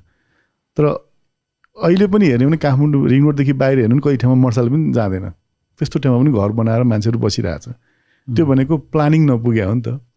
यसरी प्लान गर्नु पर्थ्यो भनेर न नपुगेको कारणले गर्दाखेरि चाहिँ त्यही भएर चाहिँ हामी कहाँ चाहिँ जे कुरो पनि अव्यवस्थित हुन्छ अनि ठुलो हुन्छ। कुनै पनि सहर यस्तो दिएको छ जहाँ चाहिँ प्लान भएर चाहिँ राम्रो भएर चाहिँ त्यो मेट्रोपोलिटन सिटी भएको मि के अरे हाम्रो चाहिँ नगरपालिका भएको कहीँ थाहा छ तिमीलाई? यो त धकेली धकेली बनाइदियो हामीले। जबरजस्ती के? उहीँ हाम्रो त्यो वृन्दावनमा पनि हेऱ्यौँ भने त्यो अदुवा खोलो भन्ने चाहिँ एउटा। बर्खामा यस्तो पानी आउँछ। जस त्यसले सालमा एकचोटि चाहिँ त्यहाँ दुई चारवटा घर डुबाउँछ डुबाउँछ कि। अनि त्यो चाहिँ अहिले मेट त्यो पनि अहिले चाहिँ नगरपालिका छ एकदम। त्यो पनि ठुलोमा आउँछ फेरि। यस्तो ओभर ओभरलुक गरिदिने खासै मान्छे भइदिएन है राम्ररी। मलाई त यस्तो लाग्थ्यो कि यो हाम्रो जो जो मेयरको लागि लडिराख्नु भएको छ अर यस्तै स्थानीय जस जसले चाहिँ एक्चुअली त्यो प्लानिङ गरेर गर्छ नि। त्यो त नर्मली स्थानीय गभर्मेन्टको मान्छेले नै त होइन यसपालि यो यो यसपालि हाम्रो बालेन्जे आइकन चाहिँ एउटा मैले चाहिँ के फिल गरेँ भने मलाई पनि नगरपालिका मेयर यति पावरफुल हुन्छ भन्ने चाहिँ. मलाई थाहा थिएन। सायद धेरै मान्छेलाई पनि थाहा थिएन जस्तो लाग्छ। थाहा थिएन। किन भन्दाखेरि पहिला चाहिँ के हुन्थ्यो भने पोलिटिक्स गर्ने पार्टीकै मेयर बन्थ्यो। उसको स्थानीयमा पनि उयो हुन्थ्यो हाम्रो प्रदेशमा पनि उयो हुन्थ्यो अनि माथि केन्द्रीयमा पनि उयो हुन्थ्यो। अनि माथिपट्टिको ठुलो मान्छेले त्यो मेयरलाई जे भने पनि मान्नुपर्ने कन्डिसन आउँथ्यो कि। जे कुरो पनि मान्नै पर्थ्यो कि। भनेपछि पोलिटिक्समै जान्थ्यो कि त्यो जे पनि। तर यसपालि चाहिँ दुईवटा नगरपालिका के एउटा? धरानको नगरपालिका र काठमाडौँको नगरपालिकाले चाहिँ के देखाइदियो भने स्थानीय सरकारमा यति धेरै पावर हुन्छ र स्थानीय सरकारले चाह्यो भने गर्न सक्छ भन्ने कुरो चाहिँ देखाइदिएको छ क्या यसमा। अब यसमा पनि अझै अस्तिको स्टेटमेन्टहरू हेर्दाखेरि त अझै पनि सहयोग त गरेको छैन केन्द्र सरकारले। किन केन्द्र सरकारै त्यस्तै डामोडोलै छ होइन? कति बेला हुन्छ कति बेला हुँदैन म आफैलाई थाहा नभएर पनि होला। तर यदि चाह्यो भने चाहिँ स्थानीय सरकारले गर्न सक्दो रहेछ भन्ने कुरो चाहिँ देखिएको छ कि यहाँनिर। मलाई चाहिँ सबैजनाको सबैजनाको कम्पलसरी एउटा थ्री हेर्न मन थियो कि भिजन के? अँ, like if you're running for elections अरू तपाईँ लाइक फाइन हुन्छ नि अब कतिजनाको? त्यो चाहिँ लाइक थ्री म कहाँ गइरहेको छ त? थाहा छैन कि? अब बालनले सोचेको नेपाल र रवि लामाले छानेले सोचेको नेपाल के के हो त भने लाइक थ्री हेर्न पाइदियो भने भने बुझ्नुभयो नि। कस्तो बनाउनु खोज्या हो त? त्यो भिजनै तितर बितर भएको हो कि जस्तो लाग्छ। मलाई जो जो राम्रो छ जो जो गर्न खोजिरहेको छ उसको पनि एउटा होइन भिजन त यही यही ठाउँमा आएर टु डी भयो नि पुग्यो थ्री डी पनि चाहेन होइन? तर जस केही न केही चाहिँ हेर्न पायो भने त के बनाउन खोज्या हो त? ब्रदर एकचोटि हेरौँ। त्यो भयो भने सबैको भिजन क्लियर हुन्थ्यो नि त। अ, यसो छ नि त। त्यसको लागि चाहिँ अब यो जुन केन्द्रीय सरकार जुन छ नि हाम्रो त्यो पनि हाम्रो मेयरले जिते जस्तै एक्लौटी पाँच वर्ष शासन गर्ने भएन भने यो होला जस्तो मलाई लाग्दैन मलाई। हुँदैन। त्यो त्यो चाहिँ हुनैपर्छ बारम्बार अनि चेन्ज हुन्छ। उसको प्रब्लमै त्यो मेयरको प्रब्लमै त्यही हो। अस्ति कसले भनेको थियो? हाम्रो एकजना वाग्लेजीको हाम्रो यो दिलभूषण पाठकजीको एउटा इन्टरभ्यू यस्तैमा हेरेको थिएँ। यतिजना अर्थमन्त्री चेन्ज हुनुभयो। उहाँहरूलाई त यो अर्थ भन्ने नि थाहा छैन अनि कसरी देश बन्छ भनेर भनेको थियो कि। एकदम टच भएको थियो कि होइन? त्यस कारण कुनै सुरसारै छैन कि अब यो के चाहिन्छ भनेर। जस्तो मैले हेरेको चाहिँ अब हाम्रा नेपाली पनि त धेरै दक्ष मान्छेहरू त छ नि पढे लेखेकोहरू छन्। अनि हाई पेडहरू पनि छन् प्लस इन्टेलेक्चुअलहरू पनि छन्। र यो सिस्टममा चाहिँ आइसकेपछि चाहिँ हाम्रो चाहिँ अहिले पनि के भयो भने पहिला आन्दोलन गर्दा कसले कन्ट्रिब्युट गर्यो त्यसलाई चाहिँ पोस्ट दिएर अनि त्यसलाई चाहिँ एउटा जिम्मेवारी दिएर उसले लगाएको ऋणलाई तिर्दिउँ भन्ने खालको चाहिँ अहिले पनि पोलिटिक्समा त्यो नेचर मैले भेटेको छु कि। यो त त्यागी हो नि बिचरा त यति वर्ष जेल बसेको। त्यसलाई त एउटा पद दिनै पर्छ नभए त गाह्रो हुन्छ भन्ने किसिमको जुन आयो नि।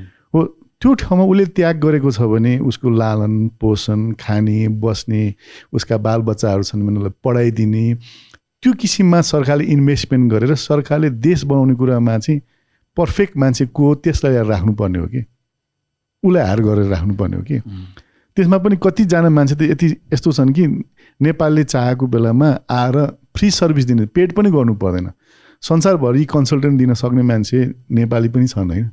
उनीहरूलाई हारे गऱ्यो भने एउटा एकदम प्रिभिलेज दिने उसलाई मान मर्यादा दिने भयो भने उसले कमाइसकेको हुन्छ उसलाई आएर यहाँ खानु पनि छैन लुट्नु पनि छैन उसले एउटा प्राउडको हिसाबले आएर पनि सेवा गरिदिन्छ क्या। देश बनाउनको लागि हो भने। तर त्यो किसिमको चाहिँ हामीले अहिलेसम्म कुनै पनि पार्टीहरूमा देखेनौँ कि यो चाहिँ।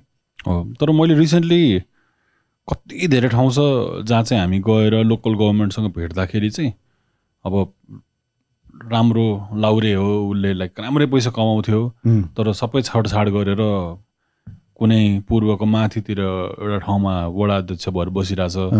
म गर्छु मेरो ठाउँमा भनेर अब चेन्ज एकदम बिस्तारै आइरहेछ। हामी नै पार्ट हो जस्तो लाग्छ चेन्जको। लाइक अब इलेक्ट्रिक गाडी किनाउनुमा हजुरको कति धेरै देन छ हुन्छ नि. लाइक चेन्ज भइरहेछ तर यो एक वेभ अफ त्यो मेन लिडरमै जसको नि यहाँ आएपछि नेपाली भएपछि नेपाली भएर जन्मेपछि यो टेबलमा आएपछि कहाँ इलेक्ट्रिकको गाडी लास्टमा गएर पोलिटिक्स यस्तो फ्रस्ट्रेटिङ कुरा छ कि। घुमी फेरि त्यहीमा आउँछ। त्यही आउँछ।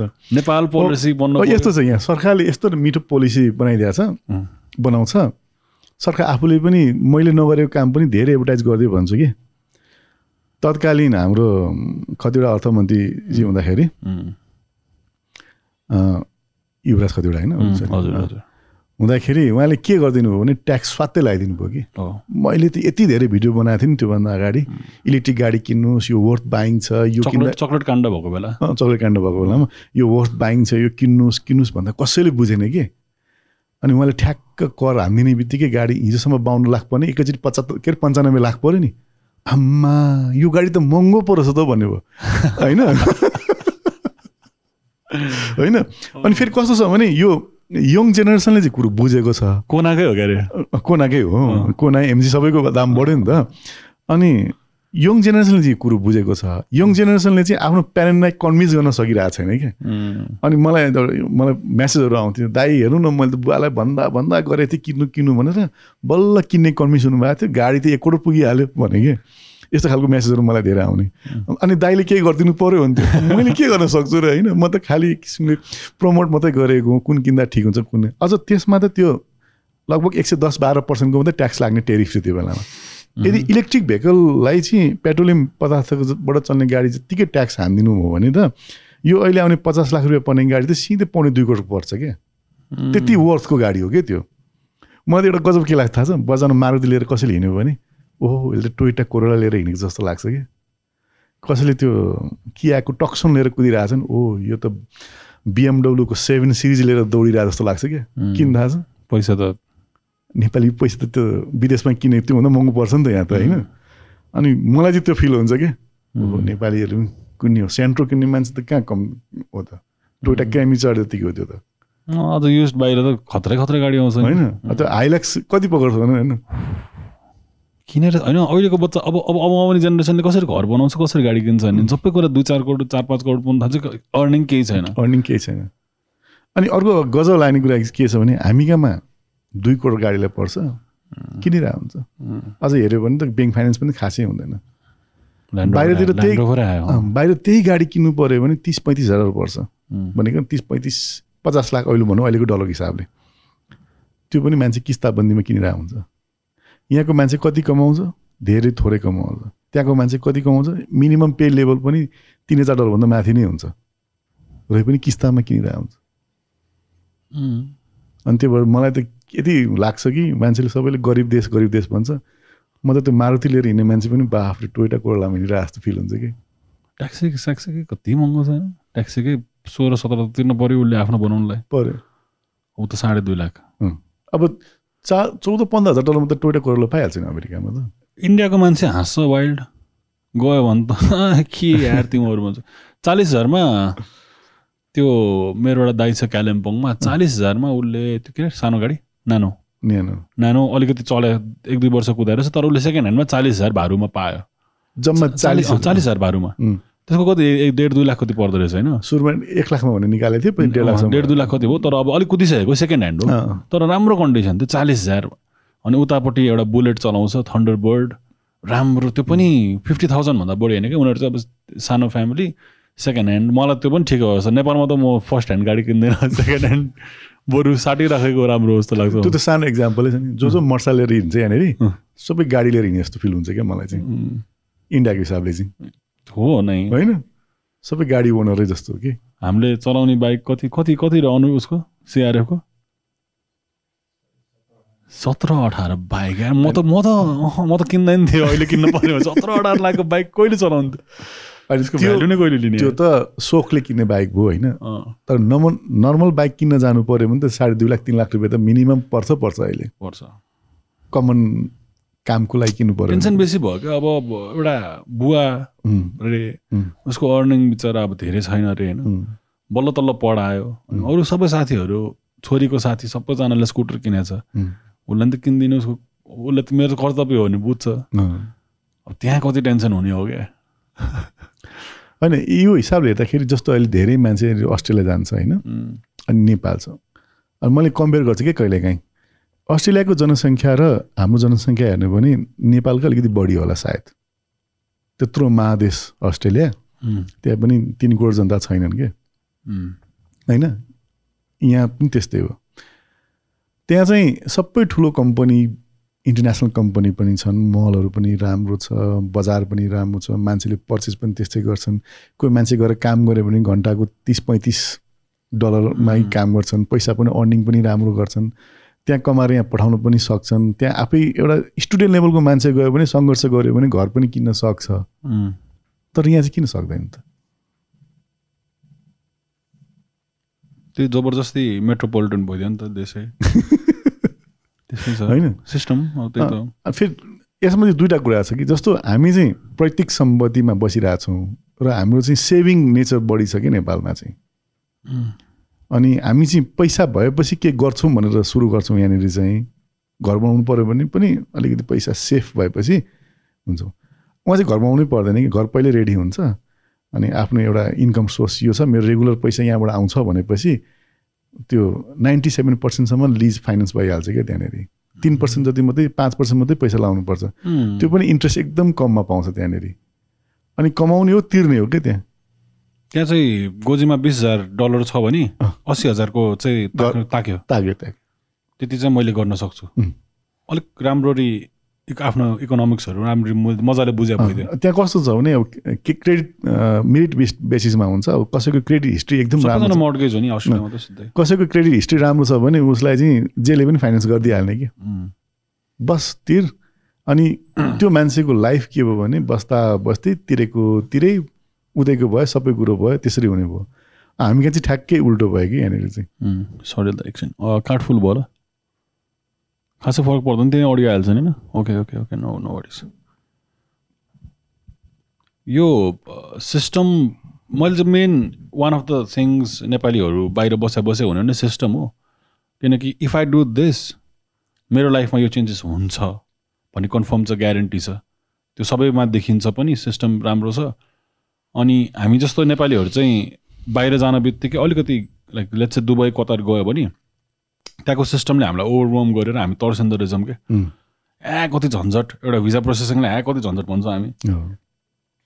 सो त्यो सिस्टम चाहिँ हुने रहेछ र त्यो सिस्टमको बानी लगाएपछि अब मान्छे मरिरहेछ कतारमा जेसुकै होस्। मैले त कतारको वर्ल्ड कप ब्यान्ड हुन्छ नेपालमा हेर्दैन कसैले भन्ठाने थिएँ होइन तर फुटबलले जित्दो रहेछ। फुटबल भनेपछि जतिसुकै मान्छे मरेछ म नि गएर त्यहाँ गएर त्यो मलाई त कहाँसम्म लाग्छ त्यो न्युज कन्ट्रोभर्सी मात्रै हो। एकदमै होइन? एकदमै हो। अनि if if it was like that words होइन मान्छेहरू जान छाड्थ्यो होला नि त। हेल्लै हो नि त। तर त्यहाँ भएको मान्छेहरू पनि अनि यो- नेपाल आफ्नो ठाउँमा छ। आई लभ कतार म त म त जिन्दगी बिताउँछु छ क्या अब। नेपालीहरू। जति भेटे नाइन्टी पर्सेन्ट मान्छे कतारमा आई लभ कतार मलाई केही छैन। यो जे पाए त्यही हो अनि मलाई नेपाल फर्किनु छैन क्या। त्यस्तो भन्दैछ क्या ninety percent maybe even more than ninety percent. अब त्यो यस्तो नि अब कताले रोजगारी दियो। जसले प्रोभाइड गर्छ त्यसैको लागि त जब दियो मान्छे। अर्निङ पनि गरेको छ। अब त्यत्रो ठुलो कन्स्ट्रक्सन भएको छ। केही न केही त भइहाल्छ होला नि एक्सिडेन्ट यी पनि त काठमाडौँ पनि त मान्छे मान्छे मरिरहेको छ। सेम थिङ भइरहेको स- सबैतिर मान्छे नमर्ने भन्दा कुन चाहिँ सहर छ र गीतै छ नि होइन? मान्छे नमर्ने सहर कहाँ छ र भनेर जस्तै त हो नि। त्यस कारण त्यसलाई चाहिँ अलिकति बढी न्युज कन्ट्रोभर्सी जस्तो पनि लाग्छ। होला अब अलिअलि लेबर दुःख पनि पाएको होला। तर लेबरले दुःख पायो भने त्यसले हेर्ने निकायले पनि त हेरिदिनु पऱ्यो नि त। मलाई त हाम्रो नेपालकै कमजोरी जस्तो लाग्छ। नेपालकै राजनीतिक पहल कुटनीतिक पहल नै कमजोरी हो कि जस्तो लाग्छ मलाई त होइन? हाम्रै प्रडक्ट सप्लाई गर्दा त हो मोस्टली हेर्ने हो नि। अहिले अहिले मलाई एउटा कुरो के भन्नु मन लाग्यो भने तिमी कतिको फ्रिक्वेन्टली ट्राभल गर्छौ होइन? म त यो यो सिङ्गापुर एयरलाइन्सबाट धेरैचोटि हिँड्छु कि। चाइना जानु पऱ्यो भने त्यही हो युएस जानु पऱ्यो भने त्यही हो। अनि अहिले मैले देखेको चाहिँ तत्काल देखेको कुरा चाहिँ के भने हाम्रो फेयर एकदमै धेरै बढी छ कि यहाँबाट सिङ्गापुर जानको लागि। र सिङ्गापुरबाट यति नै डिस्टेन्स कुनै पनि ठाउँ जानु पऱ्यो तिमी सिङ्गापुरबाट साङ्घाई जानु पऱ्यो या सिङ्गापुरबाट गुवान्जो जानु पऱ्यो या सिङ्गापुरबाट उता इन्डोनेसिया कुनै पनि ठाउँ त्यति त्यत्तिकै आवरको डिस्टेन्स जानु पऱ्यो भने त्यो फेयर सस्तो छ। जस्तो नर्मली मैले हेरेको यहाँदेखि सिङ्गापुर जानु पऱ्यो भने झन् एक लाख रुपियाँ भाडा लाग्छ भनेको करिब सात सय डलर जति लाग्छ होइन? तर त्यति नै फेयर यदि हामीले सिङ्गापुरबाट त्यही त्यत्तिकै डिस्टेन्समा जानु पऱ्यो भने तिन सय पचास तिन सय चालिस कहिलेकाहीँ दुई सयमा पनि पाइन्छ डलरमा अनि त्यहाँ हेऱ्यो भने चाहिँ सिङ्गापुरबाट गुवान्जो जाने साङ्गे जाने इन्डोनेसिया जाने फ्लाइट हेऱ्यो भने चाहिँ ठुलो साइजको होइन? भित्र छिर्दै हर हर हर बास्ना आउने। भित्र छिर्दाखेरि पनि त्यो यति पोलाइटनेसले चाहिँ त्यो मान्छे इन्कमिङ वेलकमिङ गरिरहेको हुन्छ होइन।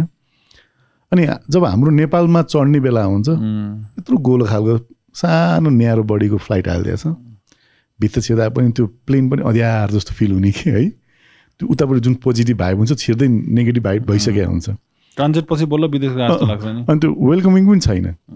अब यति धेरै हाम्रो यहाँ छ अब त्यो त्यत्तिकै त प्लेनलाई ल्याउन दिएको त होइन होला। केही न केही टर्म एन्ड कन्डिसन त होला। यो भाडा यति धेरै महँगो भएको छ। त्यति नै अब ठुलो धनीवालाहरूले पनि कम भाडामा चढिरहेछन् हामी बिचरा गरिब हो नि वास्तवमा भन्यो भने त। हामी गरिबले बढी भाडा तिर्नु परेको छ। सेवा पनि राम्रो पाएको छैन। भनेपछि यो के कारणले होला त? भनेपछि त त्यो लेभलमा कसले बुझिदिने त? मैले पो आज मेरो मनमा लागेको कुरा थियो र यहाँ भने। एकछिनलाई भनौँ। तर यो त सबैको सबैलाई फिल भएको कुरा हो कि? तर कसैले पनि भन्दैन कुरा पनि गर्दैन। अनि जसले जसले छ त्यसले कुरो त्यो नेगोसि नेगोसिएसनतिर पनि जाँदैन क्या यस्तो किनभने यति तिमी टिकटै पाउँदैन कहीँ जानु पऱ्यो भने अहिले। दुई महिना तिन महिना अगाडि टिकट काट्नु पऱ्यो भने टिकटै छैन। किन? यत्रो सानो फ्लाइट छ अलरेडी बुक छ अनि त्यो पनि हाई प्राइसमा बेच्नु पाएको छ। अनि उसले एयरलाइन्सले त किन त्यो बिजनेस छोड्छ र? इभन कतारकै कुरा गर्ने भने कतारमा पनि यति धेरै महँगो टिकट भइसक्यो। त्यति धेरै फ्लाइट हाल्दा पनि अझै फ्लाइट पुगिरहेको छैन। अब हाम्रो नेपालको आरे नेपालमा एयरलाइन्स बढाउनु पर्ने दुइटा जहाजहरू थप्नु पर्ने या अरूहरूसँग नेगोसिएसन गर्नुपर्ने होइन? त्यो त्यो लेभलको पोलिसी मेकिङमा काम नै कसैले भ्याइरहेको छैन क्या यहाँनिर। बिजी छ क्या। यहाँ आउने त्यो फ्लाइ दुबईको त उता पनि छुट्टै एयरपोर्ट छ। मेन एयरपोर्टमा छिराउँदैन कि त्यहाँ। छिराउँदैन। त्यही त्यहीँबाट भित्रबाट गर्छ। अनि यस्तो नि हो यहाँबाट जाने मान्छेहरू चाहिँ बाध्यता भयो। तपाईँ कुनै त्यस्तै गल्फ अरू कुनै नेपाली बाहिर विदे वैदेशिक रोजगारमा प्रायः जानेहरूमा त बिचरा फ्लाइटमा त्यस्तै त्यस्तै मान्छे हुन्छ। केही बेल्ट सेल्ट कसैलाई लाउन आउँदैन। आउँदैन। अनि उनीहरूको लाइफ चेन्जिङ फ्लाइट हो नि त त्यो. त्यसको लागि त पैसा हाल्छ.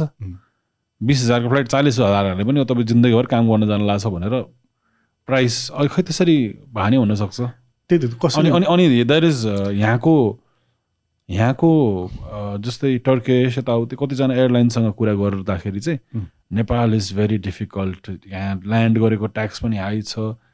एकदम सस्तो हुनसक्थ्यो तिमीहरूको फ्लाइट। तर नेपालमा चाहिँ प्लेन ल्यान्ड हुन त ट्याक्स लाग्यो। उम्. पार्किङ पनि ट्याक्स मेरो विचारमा त त्यो ल्यान्ड गर्ने ट्याक्सले त्यति धेरै फ्लाइटमा प्राइसमा फरक पर्छ मैले मलाई मलाई। मेरो म- मसँग भएको कन्भर्सेसन अनुसार चाहिँ यसलाई सब्सिडाइज गरिदिएर बरु किन एयरप्लेन एयरप्लेनबाट मात्रै किन कमाउने? यसलाई बरु सस्तो डेस्टिनेसन बनाएर फ्लाइटै सस्तो हुनु पऱ्यो मेन यहाँ आउनुभन्दा सबै अरू थाइल्यान्ड कति ऊ छ कि? यहाँ आउनुभन्दा Thailand American would come to Thailand चेल गर्छ होला। त्यो कति सस्तो छ? छ। नेपाल त आउनै महँगो पऱ्यो नि त। नेपाल अर्को अचम्म छ नि त फेरि. फोरेनरलाई छुट्टै फेयर लाग्छ नेपालीलाई छुट्टै फेयर लाग्छ नि फ्लाइटमा थाहा छ नि? थाहा छैन दाइ चाहिँ फोरेनरको लागि छुट्टै डलरमा तिर्नुपर्छ नि फ्लाइट चढ्दाखेरि लोकल फ्लाइट चढ्दाखेरि यहाँ।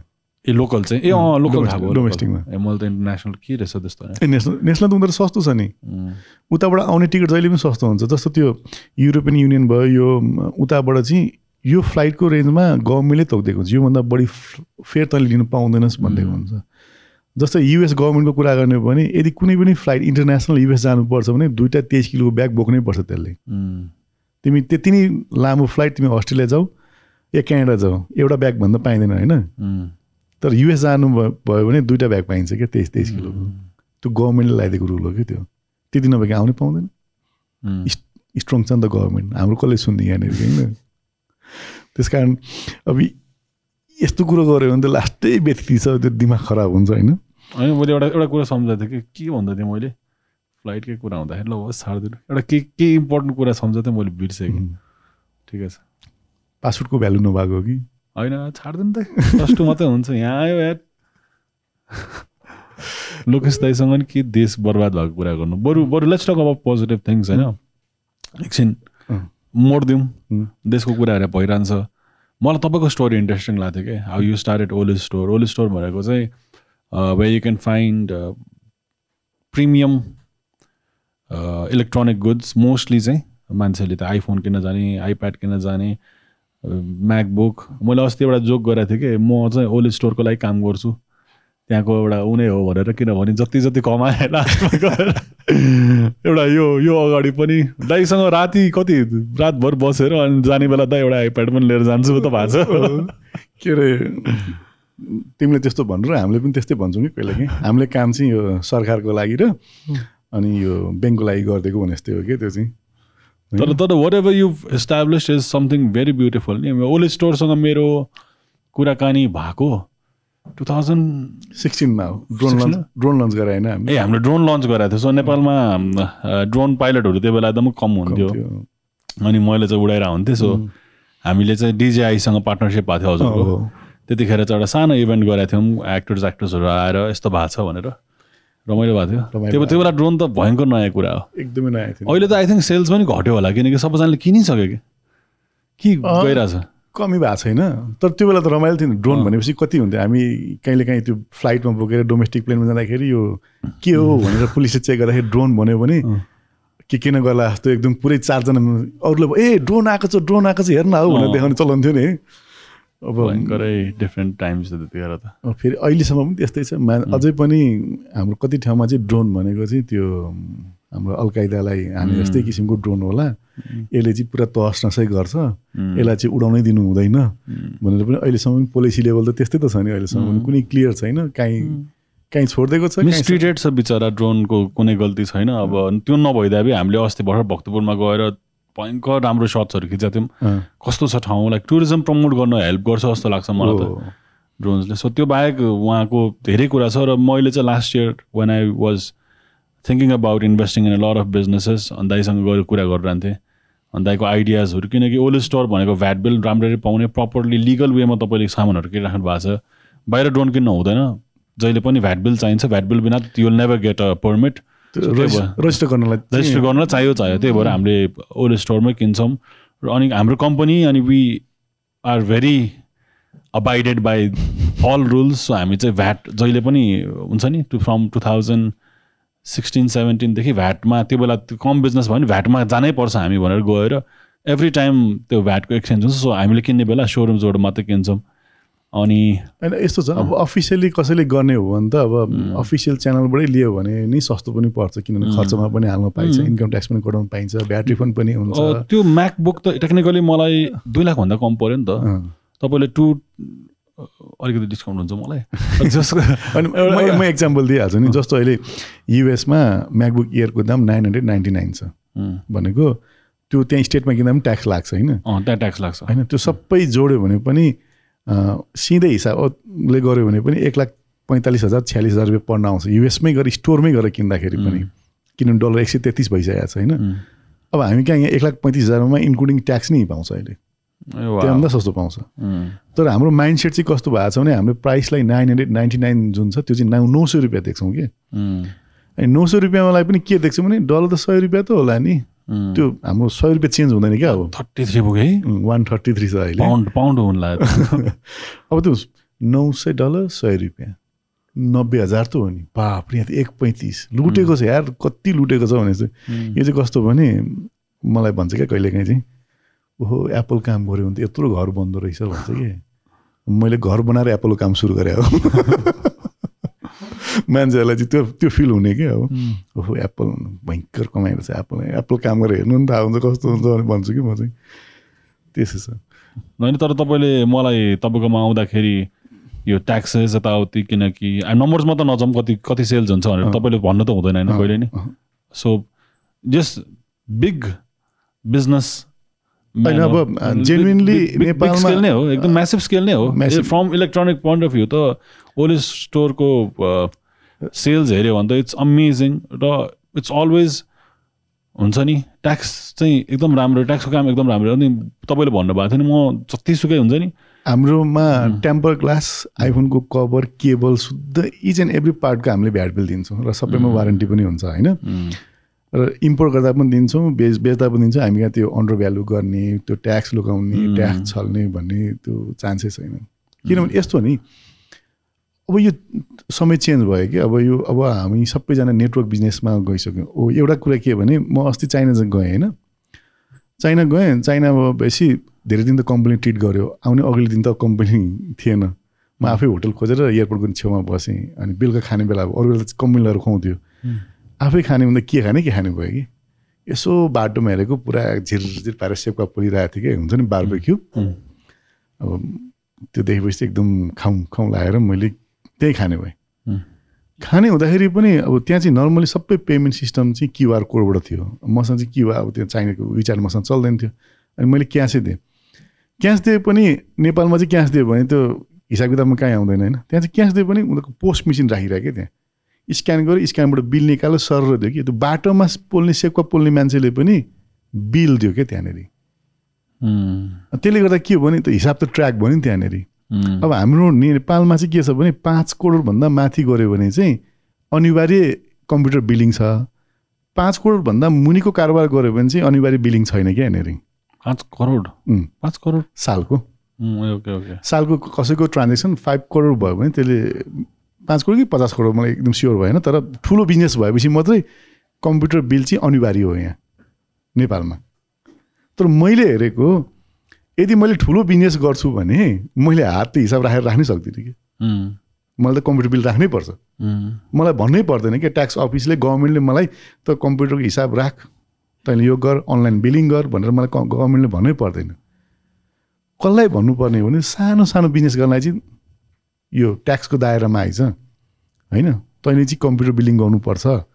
भने त सानोलाई इन्फोर्स गर्नुपर्ने हो कि जहाँ चाहिँ ट्याक्स चुआउट भएको हुन्छ त्यसलाई इन्फोर्स गरेर चाहिँ रेभेन्यू बढी जेनेरेट गर्न सक्ने हो कि तर त्यो ठाउँमा चाहिँ कुरै छैन पर्दैन यति कारोबार केही गर्नु पर्दैन यतितिरै हुन्छ भन्ने छ कि मलाई त्यो त्यहाँनिर त्यो बाटोमा सेउका पोल्ने मान्छेले जब क्युआर कोड र त्यो पोस्ट मेसिन राखेर कम्प्युटर बिल निकालेर दियो नि। त्यो चाहिँ एमेजिङ मलाई साँच्चै। अनि पो डर पनि होला नि त अनि- गभर्मेन्टसँग त अलिकति अनि पो ट्र्याकिङ हुन्छ त होइन। अब यहाँ खास भन्यो भने बाटोमा मकै पोल्ने मान्छेले पनि टन्न पैसा काम कमाउँछ नेपालमा। होइन? हाम्रो मेयरजीले यो रेगुलेसन ल्याउनु खोज्नु भयो नि। अँ। पान पसलले पनि त्यति नै पैसा कमाइन्छ सेपका पोल्नेले त कुरै नगर्नु। कति पैसा कमाउँछ कमाउँछ बाटोमा सेपका पोल्ने मान्छेले त।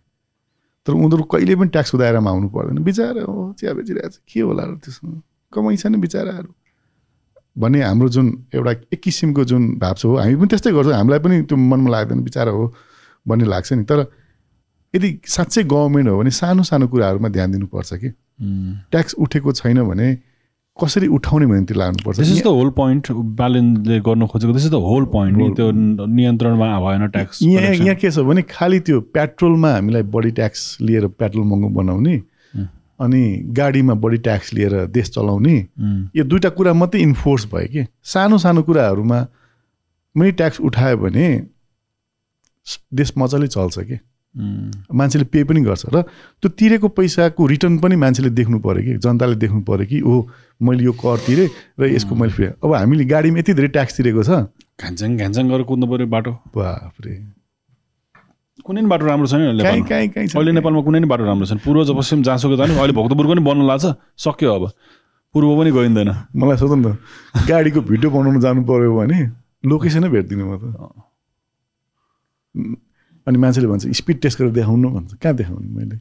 अस्तिसम्म त सोचिरहेको थिएँ पोखराको एयरपोर्टमा लगेर देखाउने भनेको त्यो पनि चालु भइहाल्यो। एकचोटि। होइन? भनेपछि यति गाह्रो छ केही डेभलपमेन्ट अब कहिले बन्ने के? कहिले बनिसक्ने के? हामीले थाहा पाएदेखि जे कुरो पनि बनाए बनाएछ तर सकेको चाहिँ कहिले पनि छैन। अरू होइन यात्रीको यो रेजिस्ट्रेसनको चाहिँ ट्र्याक गरेर राख्नु पऱ्यो आई थिङ्क तपाईँ नै बेस्ट हुन्छ जस्तोमा यस्तोको लागि अपडेट पाइराख्नको लागि एउटा हब चाहिरहेको छ कि यात्री आफैमा एकदमै कम बोल्ने ब्रान्ड हो बोल्दै बोल्दैन। बोल्दैन। बोल्दैन मैले बिचमा यसो कन्ट्याक्ट ट्राई गरेको थिएँ त्यो वाट्सएपमा मेसेज पनि हेरेको मैले खास नर्ड छ कि अहिले नयाँ फ्याक्ट्री जानु भएको छ नयाँमा त पुगेको छैन। राम्रो छ त्यो नारायण थान ए, त्यो त गएको छु त्यो। त्यो त्यस राम्रो बनाएको छ। अनि नयाँ नयाँ मसिन्सहरू पनि ल्याएको छ थ्री डी अनि त्यो गरेर। म गएको थिएँ होइन त्यो गएपछि कस्तो फिल भाइब आउँछ भने ऊ यहाँ पनि हुँदो रहेछ नि। त्यो नर्मली हामीले चाहिँ चाइना मात्रै देखिरह होइन। त्यो इन्टर भएपछि चाहिँ हो हामी फ्याक्ट्रीको जुनमा आइसक्यौँ जस्तो हुने कि त्यो चाहिँ त्यो टेस्टिङ पनि कस्तो राम्रो छ नि? सेफ्टीको टेस्टिङहरू भयङ्कर राम्रो छ सबै सबै छ।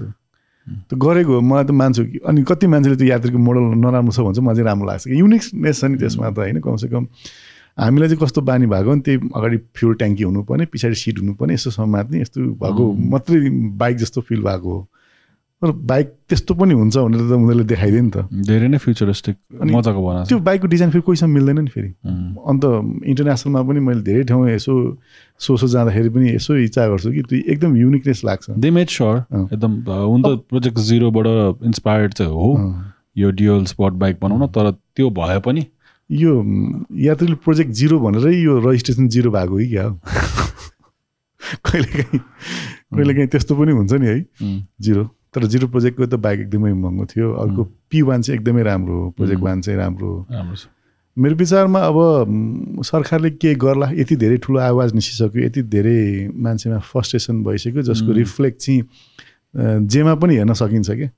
तपाईँले इभन मैले हालेको युट्युब भिडियोको कमेन्टमा हेर्नुहोस् या मैले हालेको टिकटकमा हेर्नुहोस् या इन्स्टाग्रामको पोस्टमा हेर्नुहोस् यति धेरै मान्छेलाई चाहिँ सरकारप्रति घृणा छ रिस छ अनि अस्ति त्यो दुई दुईजना मान्छे बित्यो नि त एउटाले त आफूले आफूलाई इग्नाइटै गरिदिएको। त्यो पेट्रोल। दुई दिन पनि न्युज टिकेन। हो।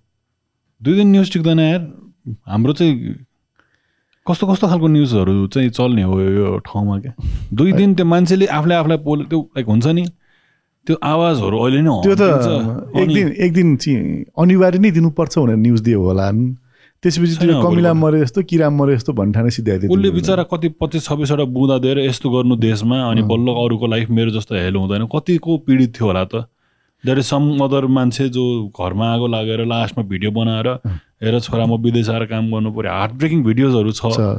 तर त्यसको त्यसको कुनै त्यो एक्सनमा के कुरो पनि देखिएन। देखिँदैन। केही पनि देखिएन। अब त्यही भएर मैले होइन, होइन। हजुरलाई यो यो टाइममा बोलाउनुको रिजन पनि अहिले यो यो यात्रीको रेजिस्ट्रेसनको कुरा भइरहेछ नि त। यो नसुकोस् यसलाई फेरि लाइक यो यो आओस् video. Man people need to talk about it question गर्नु पऱ्यो नि त यत्रो ट्याक्स तिरेको छ यत्रो भइरहेछ होइन। त्यो त कति प्रेसर होला बिचरा त यात्रीलाई भन्नु त? अब झन्डै सयवटा हाराहारीमा बाइक बेचेको छ। चार लाख प्लस नै बाइक छ पाँच लाख सामसङको बाइक छ। होइन? त्यति दुःख गरेर बनाएको छ। उनीहरूको ओभरहेडको कस्ट गऱ्यो भने त्यो कस्ट पनि उठ्दैन त्यो साँच्ची बेचेको बाइकबाट। त्यति पैसा रेभेन्यू उनीहरूले जेनेरेट पनि भएको छैन। त्यत्रो लड अफ मनी इन्भेस्टमेन्ट भइसकेको छ। अब एउटा सामान आइफोन बिग्रियो भनेर हामी कहाँ वारेन्टीको लागि आउँदा त कति ठुलो प्रेसर हुन्छ भने त्यत्रो बाइक किने मान्छेले मलाई गाडी कुदाउन दिएन पुलिसले समात्यो भन्दा कति धेरै प्रेसर आउँछ होला? कसरी थामेर बसेको होला भन्छु कि म त यात्रीले? अनि यस्तो बेलामा पनि यताको फाइल उता उताको फाइल उसलाई यो मैले गर्ने होइन त्यो त्यसले गर्ने होइन कसले गर्ने त आखिरी? मैले भनेको थिएँ नि भिडियोमा जब देशमा जन्मिसकेको मान्छेले सिधै नागरिकता पाउँदैन भने देशमा बनेको बाइकले दर्ता किन नपाउने? त्यो त मैले मैले मैले नेपालको नागरिकता नपाए जस्तै त हो नि त यात्रीले दर्ता नपाउनु भनेको त। खतरा चेन्ज गरेर हो नि केटाहरूले त। अति राम्रो। तिनीहरूको ग्याङ एन्ड नर्ड छ कि? तिनीहरू त प्रोत्साहन गर्नुपर्ने हो अझ। तपाईँले त्यो टिम असिमहरूको टिम भे- भेट्दाखेरि नै तिनीहरू दिमागमा खाली बाइक त्यो बाइक त्यो अफिसबाट कहीँ हल्दैन केही त। छैन केही छैन। उनीहरूलाई त अरू के मतलब पनि छैन। केही मतलब छैन। आई स्वेयर म्यान नो हुन्छ नि प्राय सबजना भेज छ। No drink no nothing like कस्तो इन्सपायरिङ छ। उनीहरूलाई एनी टाइम त्यो यात्रीको बाइक कुरै गर्दैन। यति लगनसँग काम गरेको छ नि उनीहरूले यति आफ्नो कामले यति रेस्पेक्ट गरेर काम गरेको छ यति डिभोटेड छ यति टाइम दिएको छ यसको लागि। ऊ तिमीले भने जस्तै त्यो अरू कुरै गर्दैन उनीहरूले। उनीहरूले त्यो दायाँ बायाँ। म त तिनीहरूसँग मुस्ताङै पुगेँ नि त। त्यो बाइक भिडियो बनाउनु लाइक ट्राभल गरिसकेपछि बस्ने खाने सबै थाहा हुन्छ नि त। अझै मजाले चिनिन्छ। त्यस्तो मजाले उनीहरूलाई त केही मतलब छैन। त्यस्तो मजाले- मतलब छैन। त्यस्तो मजाले लन्च गरेको प्राउड हो नि वास्तवमा त होइन? नेपालमा पनि इलेक्ट्रिक गाडी बन्यो इलेक्ट्रिक बाइक बन्यो भन्दाखेरि त देशले नै प्राउड गर्ने कुरा हो। यसलाई त इन्टरनेसनल मार्केटिङ गरिदिनु पर्ने अझ गभर्मेन्टले। नेपालको जहाँ जहाँ हाम्रो सरकारी कुटनीतिक नियोग छ त्यहाँबाट चाहिँ नेपालमा यस्तो बाइक बनेको छ यो यो ठाउँमा ल्याउनु पर्छ भने अझ प्रमोट गर्नुपर्ने हो। केही छैन। कसरी त्यसलाई हेल्प गर्नुपर्ने हो? मलाई एउटा याद आउँछ बिचरा आफ्नो टहरा बनाएर फ्याक्ट्री खोलेर बनेको छ। चाइनातिर यदि जाने भने गभर्मेन्टले यस्तो स्पेसिफाइड ठाउँहरू हुन्छ जहाँ चाहिँ केही लगानी गर्नु पर्दैन फ्याक्ट्री बनाउनलाई जस्तो फर इक्जाम्पल अहिले म नेपालमा छु मलाई एउटा केही कल कारखाना खोल्नु पऱ्यो भने मैले सोच बनाएँ अब। म यो फ्याक्ट्री खोल्छु। सोच बनाएपछि कमसेकम मलाई एक बिघा जमिन त चाहियो नि। तेह्र चौध रोपनी जमिन चाहियो। कम्तीमा पनि। नभए त अलिक धेरै ल्यान्ड चाहिन्छ। किन ट्रकै ल्याउनु पऱ्यो ट्रक पार्किङ गर्नु पर्यो झन् ठुलो ल्यान्ड चाहिन्छ। तिमीलाई ल्यान्ड किन्दै पैसा सिद्धिन्छ कि अब? तिमीले के इन्भेस्टमेन्टै गर्न सक्दैनौ कि? अहिले गाउँघरको त्यो एकदम भित्र कुनामा भएको त्यो धान रोप्ने खेत पनि बिघाको दुई करोड तिन करोड पर्ने भइसक्यो अब। अब दस बिघा किन्नु पऱ्यो भने त चालिस पचास करोड त त्यहीँ जाने हो। होइन? अब फ्याक्ट्री लगाउनु छ बिस करोडको। बिस करोडमा जमिन किन्ने कि फ्याक्ट्री लगाउने। तर चाइनामा के छ भने जस्तो यहाँ नेपालमा पनि थियो पहिला अहिले पनि छ। औद्योगिक क्षेत्र भने थाहा छैन पाटन औद्योगिक क्षेत्र बालाजु औद्योगिक क्षेत्र सबैतिर छ होइन। त्यो औद्योगिक क्षेत्र के को लागि हो भने यस्तै नयाँ स्टार्टअपहरू आउँछन् भने उनीहरूलाई उद्योग खोल्नको लागि सरकारले सहुलियतमा बिजुली any time running water any time running electricity होइन? एकदम कमभन्दा कम भाडामा दिएर उसले आफ्नो उत्पादन दियोस् भनेर। तर त्यो पहिले क्याप्चरमा चाहिँ कोसँग छ कसले लाएको छ कसले त्यहाँबाट के उत्पादन गर्छ भन्ने कुरो कसैलाई थाहै छैन। अनि नयाँ स्टार्टअपहरू चाहिँ आउँछन् आफ्नो त्यत्रो इन्भेस्टमेन्ट गरेर आए त्यत्रो फन्ड लगाएको छ सरकारले त्यो रिटर्न हुने कुनै ग्यारेन्टी पनि दिन सक्दैन। अझ पेलिरहेछ। उनीहरूलाई त पुरा सरकारको टोली गएर नमस्कार गरेर तपाईँले यत्रो काम गर्नुभयो आउनुहोस् यसरी दर्ता गर्नु यो नियम छैन हामी यो नियम बनाउँछौँ भनेर भन्नुपर्ने हो कि? म त ठुलो काम गर्न खोजेँ कि मान्छे जेलस हुन्छ जस्तो लाग्छ। यदि तपाईँ एउटा इक्जाम्पल लिनु छोरा भनौँ न हाम्रो बाबुले केही गर्यो अरे उसले खतरा फ्याक्ट्री खोल्न लाग्छ भने कति मान्छेलाई चाहिँ नेपालमा प्रब्लम हुन्छ कि? Like I I face this when I was doing first फर्स्टमा ट्राभल भिडियोज अब नेपालमा कसले टुरिज्म भने थाहा छ कुन अफिस हो। त्यो अफिसहरूमा जाँदाखेरि पनि त्यतिखेर मलाई महिनामा तिस हजार दिनु। म हप्तापछि भिडियो बनाइदिन्छु भनेको थिएँ कि। म त्यतिखेर त एकदम यङ थिएँ। मलाई तिस हजार भयो। मलाई खाना लाउन पाए पुग्यो टाइपकोमा थिएँ। त्यतिखेर नै मसँग फ्रीमा फुटेज लिएर अनि कहाँ कहाँ कहाँ कहाँ भक्तपुर सक्दो मलाई देखाएर त कहिले दिएन र मैले पैसा पाउँछ भनेर मैले त्यो एनर्जी फिल गरिरहेको थिएँ कि उसलाई प्रब्लम छ कि। मलाई पैसा दिनु छैन कि। Or if some young one अहिले त बाहिरतिर त्यो हाम्रो जेबेकको ब्रो हिज मिलियनियर अहिले। त्यस्तो त्यस्तो भएको हेर्न नि चाहँदैन कति ठाउँमा के? सक्सेस यङ एजमा सक्सेस धेरै भएको नि डाहा गर्छ कि? हुन दिँदैन। यदि यही यही ठाउँमा असीम भाइ. पाण्डे यदि अमेरिकामा जन्मेको थियो र अमेरिकामा उसको लागि यो गाडी मोटर बाइक बनाउने सोच बनाएको भए उसले बिलिनियर भइसक्थ्यो अहिले। एक्ज्याक्टली हो कि डेफिनेटली डेफिनेटली तिनीहरूको अरू भन्दा नि यहाँ नेपालमा भएर दर दरको ठोक ठोक्रे खाइराख्नुपर्छ भन्छ नि। होइन? उनीहरूको डिटर्मिनेसनले नै उनीहरू अति नै खतरा अगाडि क- केहीले रोक्दैन जस्तो लाग्छ मलाई त। केहीले- अरू कम्पनीहरू जेसुकै हो छैन यादले चाहिँ केही कहिले केही हुँदैन जस्तो लाग्छ। त्यति फेद छ क्या मलाई त टिममा? केही छैन जिन्दगीमा अरू केही। हेलो त भन्दैन उनीहरू। कम्प्युटरमा काम गरेर हुन्छ। म फर्स्ट टाइम गएको थिएँ। असिमलाई असिमले त हेलो भन्नु पऱ्यो। अरूलाई हेला यस्तो गर्यो। यसरी एक सेकेन्ड मलाई दियो अनि काम गरिरहेको हुन्छ उनीहरूको हेड हेड उनीहरू मतलब यस्तो इन्सपायरिङ लाग्छ मलाई। डिजाइन आफै बनायो। च्यासिस नेपाल आफै बनाउने। त्यसको एप्सदेखि लिएर सबै कन्ट्रोल आफैले। सबैभन्दा यात्रीमा मलाई मन परेको कुरा के थियो भने बाइकमा पनि डिसी चार्ज हो क्या? फास्ट चार्जिङ थियो उनीहरूको। र उनीहरूले नेसनको नेसन वाइड बाटोभरि हाइवेभरि जहाँ पनि डिसी चार्ज फ्रीमा बाइकलाई चार्ज गर्नेलाई राखिदिने सि कन्सेप्ट सहित उनीहरू आएको हो कि? तिम्रो उनीहरूको त्यो बाटोको सोरुममा हेऱ्यो भने पनि त्यो डिसी चार्ज हेर्छौ नि होइन?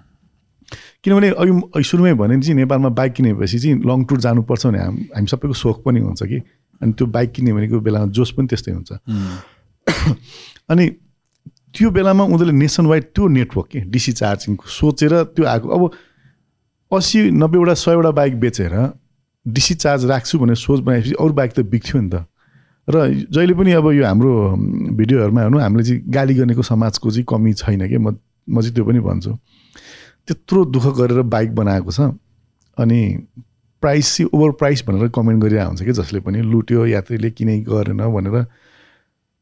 त्यहाँ यात्रीमा गएपछि थाहा हुन्छ क्या मान्छेलाई त्यो त्यसको कस्टभन्दा कममा जति परेको कस्टभन्दा पनि कममा उनीहरूले दिइरहेको छ क्या अहिले सुरुको लटहरू चाहिँ। प्रोडक्सन लेभल हाई हुनु पऱ्यो नि त। जब प्रोडक्सन हाई लेभलमा हुन्छ अनि मात्रै कस्ट कम हुन्छ क्या जेको कुराको पनि। किनभने सुरुमा एप्स बनाउनको लागि टेस्ट गर्नको लागि जे कुराको लागि पनि त्यति नै मान मेन पावर त्यति नै खर्च लाग्छ होइन? जस्तो अहिले जति ओभरहेडमा यात्री चलिरहेछ यही ओभरहेडमा उनीहरूले चाहिँ एक हजारवटा बाइक बेच्न सकेको भए उनीहरूको कस्ट धेरै कम हुन्थ्यो कि?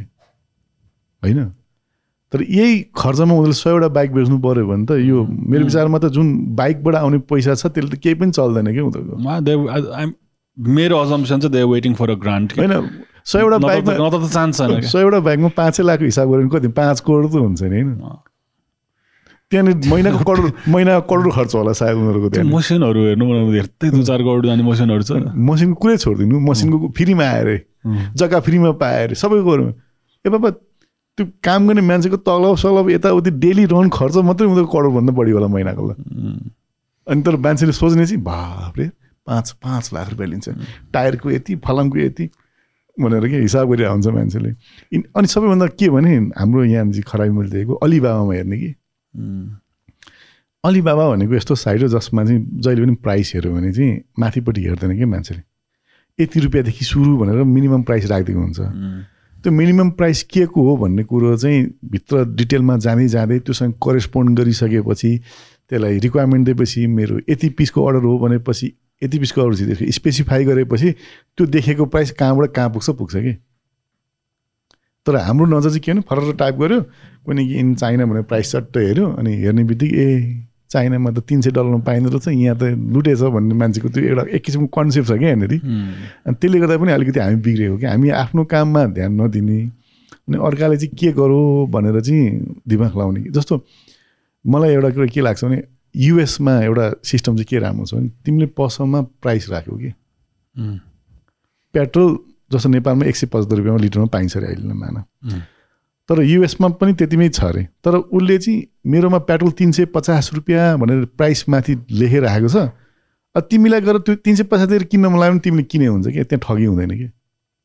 तिमीले हेरेर किनेको हो कि त्यो? तर यहाँ त त्यस्तो छैन नि त। त्यो प्राइस साइज हेर्ने पनि छैन। यहाँ त कतिचोटि त्यो कहानी पनि भइसक्यो। त्यो रेस्टुरेन्टको बेडमा चाहिँ त्यो भ्याट स्याट जोडेर तुने ल्याएको।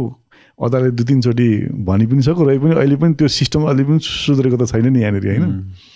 भनेपछि त्यहाँ चाहिँ देखेको प्राइस के हो त्यो पे गर्ने भन्ने चलन छ। अब यहाँ हामी कहाँ चाहिँ त्यो कुन ठाउँमा तिर्यो कसरी तिर्यो भन्ने कुरा। एक्चुली मैले एउटा हाम्रो दिलभूषणजीको पनि हेरेको थिएँ कि त्यो मोमोको मोमोको बारेमा कुरा थियो कि भ्याटको कुरामा। मोमो त्यो असनटोलमा खाने मोमो बनाउनु र राम्रो होटेलमा फाइभ स्टार होटेलमा बनाउने मोमो र बिचको रेस्टुरेन्टमा बनाउने मोमोको नर्मल एक्चुअल कस्ट त्यति नै हो नि। तर एमआरपी त फरक पर्छ नि। फरक अनुसारले बेग्ला बेग्लै ट्याक्स दिनुपर्छ नि त होइन हामीले त? भनेपछि त्यो ठाउँ अनुसारले प्राइस फरक पर्छ त्यसको इन्भाइरोमेन्टले पैसा खान्छ भन्ने कुरोको नर्मल सेन्स चाहिँ अझै पनि हामीलाई जान्न जरुरी छ कि? कफी बनाउनु कति पैसा लाग्छ र? जामा गए बढी लाग्छ घरमा त्यो ल्याएर पिदियो भने थोरै पैसा लाग्छ। दस रुपियाँको कुरा लाग्छ। दुई सय रुपियाँ लिन्छ। लाग्छ। अब स्टाबकमा गएर खायो भने झन् बढी पर्छ होइन? त्यो ब्रान्डले गर्दाखेरि पनि हुन्छ। त्यस कारण यस्तो सोलिड ब्रान्ड थियो मलाई यात्री भन्ने ब्रान्ड एकदम मलाई त एकदम हट टचिङ ब्रान्ड हो क्या। मलाई त मनपर्ने ब्रान्ड हो। त्यसले हाम्रो नेपालीहरूको एउटा एक्सपेक्टेसन लिएर निस्केको ब्रान्ड हो नि त। ओहो त्यही भएर अट्याच चाहिँ छु म पनि एकदमै। मैले पनि इन्टरनेसनल कहीँ गयो भने यो हाम्रो यो हामी पनि इलेक्ट्रिक भेहिकलमा छौँ हामीले पनि सेभी भन्ने जहिले पनि कुरा गर्छु क्या म त्यहाँ यस्तो यस्तो छ यस्तो छ। अनि हामी अहिलेसम्म चाहिँ नेपालमा आउने बाइकहरू भयो स्कुटरहरू भयो के भने अर्काको देशमा राम्रो राम्रो बाटोमा चलेको स्कुटर बाइक ल्याएर हामीले चाहिँ नराम्रो बाटोको लागि बेच्नु परेको छ कि? तर हामीले यति धेरै कम्पनीलाई कुरा गर्छौँ तिम्रो पहिला आएर नेपालको बाटो हेर्न। यहाँ कस्तो बाइक चाहिन्छ कति रेन्ज चाहिन्छ हेर्न अनि कुरा गर्न भन्छौँ। अब उनीहरू त्यहाँ बसेको छ चिल्लो बाटोमा कुदाएको हिसाब गर्छ होइन? अब यहाँ खल्टाङ खुल्टुङ एक एक एक एक स्टेपमा हाम्रो बाटो बिग्रेको छ यहाँनिर। फेरि ट्राफिक त्यस्तै छ। अनि उताको रेन्ज टेस्टलाई चाहिँ नि हामीले यहाँ भन्यो भने त गाली मात्रै खान्छौँ। सुरुमा त्यही भएको थियो भने सुरु सुरुमा जसले ल्याए गाडी ल्याउनेले पनि त्यही हो भने बाइक ल्याउनेले पनि त्यही हो भने यति यति उताको कति स्पेसिफिकेसनमा त्यो पढेको भनेले हुँदैन कि। यहाँ छुट्टै स्पेसिफिकेसन बनाउनुपर्छ हामीले त्यस कारण कम्पनीले भनेको यति नेपालमा आउने यति भनेर हामीले बनाएको हुन्छ अहिले। जसको पनि त्यही गर्न थालेछ अहिले। कहाँ त छेलमा अटोमा छाड्दै हुन्छ यहाँ गान्द्राङ गुन्द्रुङ त्यस्तो ठाउँमा जस यात्रीले नेपालको बाटोलाई हेरेर नेपालको ठाउँ हेरेर इट्स इट्स सेल्फ बर्न हो नि त नेपाली नेपाली जिन छ नि त जे भयो भने त्यसमा त होइन? अनि नेपाली जिन सबैतिर कुद्छ उकालो ओह्रालो पनि मजाले कुद्छ त्यो खल्टाङ खुल्टाङ पनि कुद्छ क्लियरेन्स पनि राम्रो छ। अझ स्कुटर बनाउने प्लान थियो उनीहरूको नयाँ। सबै स्कुटर नयाँ बाइक आउँदैछ होइन? हुन्छ त त्यो त हामीले नै हुनु दिनु हुँदैन। बाटोमै ओर्लेर परेन परोस् म त। अब त्यही पोइन्टमा कुरा गर्दाखेरि अब यति धेरै हाम्रो पैसा खर्च भएको छ हावामा उडेर गइरहेछ होइन? बन्ड भएर गइरहेछ आगो बलेर गइरहेछ पेट्रोलमा। अब यो ठाउँमा यात्री भन्ने बाइकले बिचरा सयवटा बनाइरहेको थियो। यात्रीले कसरी एउटा एक लाखवटा बाइक बनाउँछ भनेर बरु सरकारले सहुलियत दिनुपर्ने कि उसलाई त? अझ कसरी हुन्छ फेसिलिटिजहरू दिनुपर्ने उसलाई त? त्यो त टु टु मचै हुन्थ्यो नि होइन? होइन। गर्नुपर्ने हो कि तर गर्नुपर्ने त- ठुलो कुरा लाग्ने। त्यो गर्नुपर्ने हो नि। ल यसमा त एउटा भनाइ नि छ कि नेपालमा सरकारले हेल्प गर्नु पर्दैन अरे क्या तर काम गर्न दिए चाहिँ हुन्छ अरे क्या आफै गर्छन् अरे नेपालीले। तर त्यो काम गर्न पनि दिँदैन अरे क्या त्यो चाहिँ हो। त्यही केस चाहिँ अहिले यात्रीमा पनि ठ्याक्कै एक्ज्याक्टली हामी सबैले बुझ्ने भाषामा देखियो क्या नेपालमा। होइन यो त हामी सुन्थ्यौँ मात्रै। होइन नेपाली आफैले देश बनाउँछ सरकारले बनाउनु पर्दैन भनेको थियो हो सही कुरा हो। तर सरकारले आफैलाई बनाउन पनि दिँदैन अरे कि? जस्तो तिमीले भन्यो मलाई राम्रो काम गर्नु पऱ्यो भने राम्रो गर्न खोजिरहेको छु भने खुट्टा तानिदिइहाल्ने कि? कहाँ हुन्छ? अड्काइदिइहाल्ने कि?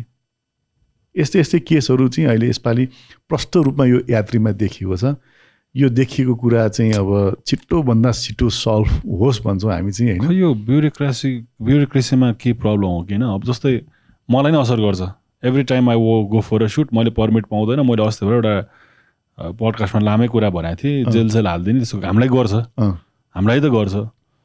त्योभन्दा नि हाम्रो त्यो ट्वेन्टी ट्वेन्टी भिजिट नेपाल हुँदाखेरिको यस्तो खालको स्क्रिन राखेको थियो कि। त्यहाँधरि हाम्रै फुटेज आइरहेछ। हामीलाई थाहा छैन। हाम्रो टिमको फुटेज हो कि त्यो सब। कसरी गयो त्यहाँ? अन्त त्यसको त केही न केही हुनु पऱ्यो नि त। हो। अनि सरकारलाई चाहेको बेला हाम्रो ड्रोन सटहरू युज गर्दो रहेछ तर हामीलाई नै फेरि जेलभित्र? हालिदिँदो रहेछ। भनेको राम्ररी काम गर्न दिएको छैन। हाम्रै कुराहरू युज गरिरहेछ होइन। सो. स्पष्ट कानुन बनाइदिनु नि त्यसको लागि होइन। कानुन बनाएको छैन भने अब दाइ त्यही हो कि दाइ सिग्नेचर गर्नुपर्छ हुन्न त्यही नै अब चाहिँ मेन पोइन्ट आयो कि होइन नि? कानुन बनाउनलाई हामीले कसले छान्छौँ. सांसदलाई होइन? सांसदको काम के हो? कानुन बनाउने हो। हामीले संविधान बनाउन पनि सांसदै जिताबाट छ सय एकजना बनाएको हो। ल मेकर्स ल ल मेकर्स त्यसपछि पनि अघिल्लोचोटि पनि बन्यो फेरि पनि चुनाव भएर आए। तर कानुन बनाउने कानुन बनाउने ठाउँमै छैनन् कि? हिजो अस्ति पनि हाम्रो मैले चाहिँ देख्छु कि यसपालि स्वतन्त्र पार्टीको चार पाँचजना सांसद चाहिँ छन्। त्यो अरू सांसद नआएर होला उनीहरूको पालो आएको आइछ क्या संसदमा बोल्ने चाहिँ कि? दामी फेरि यति मजाले डिफाइन सेटिस्फाई भनिरहेको हुन्छ। तर त्यो भनेको कुरो सुन्ने चाहिँ फेरि कोही छैन फेरि। अस्ति हेर्नुभयो एकजना सांसदले सांसद सांसद भन्छ होइन सांसदले उहाँको बोल्ने पालो आयो होइन चुप्प लाएर बस्नुभयो क्या। दुई मिनट। अनि मान माननीयजीले म- हामीले भने यसै नै केही सुन्नु हुँदैन। सो मैले त्यो टाइममा चाहिँ मैले मौन व्रत गरेँ मेरो कुरा यसै नै नसुने त्यसो नसुने म मैले मैले त्यो चाहिँ- छुट्याएको छु मैले रमाइलो छ त्यो। त्यो त राम्रै दिएको हुन्छ त्यसो भए त्यहाँभन्दा बढी दिने ठाउँै छैन। अब दुई मिनट समय दिएको हुन्छ बोल्न सबैले बोल्छन् बोल्छन्। यही हो। अब यत्रोजना सांसद जितेर गएका छन्। आखिर त्यही तिन चारजना मान्छेकै कुरा सुनेर देश चल्ने भए किन यो सांसदको चुनाव अन्टिन गराएको अनलेस कुनै न कुनै किसिमको फाइदा हुँदैन त हेर्नुहोस् सबभन्दा बेसी पैसा भएको मान्छे जो जस्तो एक्चुअल रुलर उनीहरू हो नेपालको तपाईँलाई थाहा छ कुन कुन ग्रुपसँग कति कति पैसा छ। उनीहरूले ल बनाइदिने हो बेसिकली कसलाई के फाइदा हुन्छ? घुस खाने भनेको यही अमेन्डमेन्ट्सहरू अमेन्डमेन्ट्सलाई के भन्छ? अध्यादेश। अध्यादेश। हो। सरी अलिक कमजोर छ तर जस्ट ल चेन्ज गर्नु पर्यो। आफ्नो बेनिफिटको लागि गर्ने हो। त्यसैको लुपमा चलिरहेछौँ। संविधान बनाएर घोषणा गर्ने बेलामा संसारकै उत्कृष्ट संविधान भनेको थियो। त्यो उत्कृष्ट भए किन यति धेरै छिटो अमेन्डमेन्ट गरिराख्नु पर्ने भनेर? चाहियो नि त्यही त हो। यस यो वर्ष यो यो हुँदैछ यस्तो भयो सरकारी जग्गामा के कसो के? अब यति प्रेसर आएपछि यात्री के दर्ता हुन्छ त अब हुनु पर्यो। हुनु पर्यो। भएन भने के हुन्छ? भएन भने त यसको लागि त हामी के गरेर फिजिकली कहीँ जहाँ गएर यसको प्रोजेक्ट बनाउनु पऱ्यो नि हामी पनि आफ्नै प्रोजेक्ट भनेपछि एउटा कुरा चाहिँ के हो भने अब यति प्रेसर पब्लिकबाट आउँदाखेरि पनि यो दर्ता भएन भने चाहिँ अब होइन यस्तोको बारेमा बोल्नु पर्ने सिचुएसन आउने नै अति नै भएन।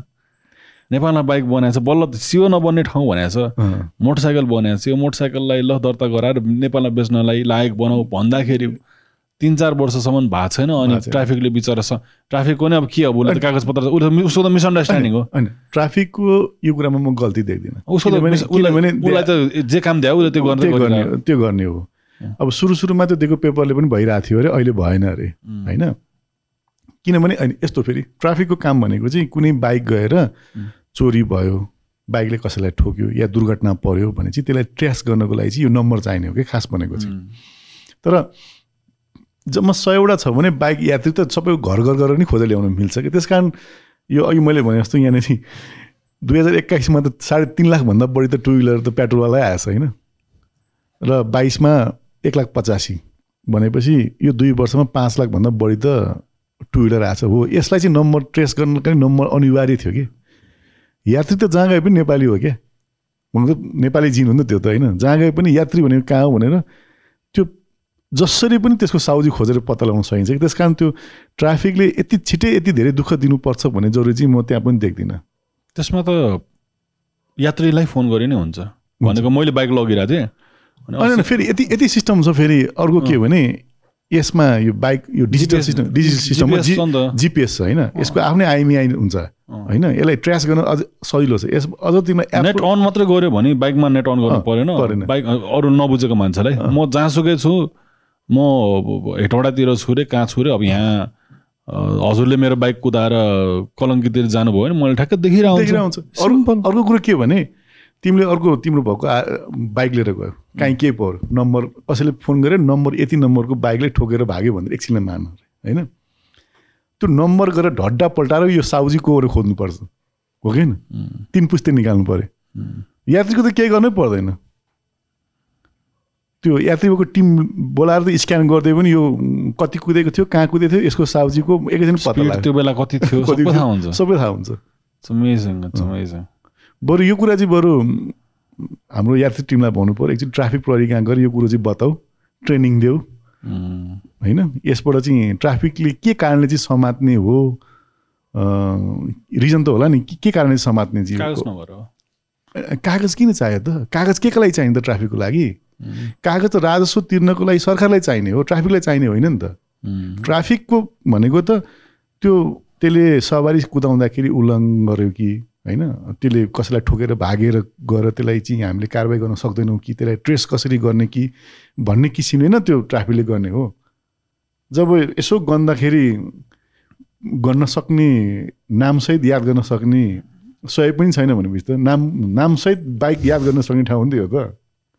ती माथि पनि इन्डिभिजुअल यात्रीको नम्बर दिएको छ उनीहरूले ट्रेस गर्न पनि सजिलो छ कुनले गर्यो भनेर।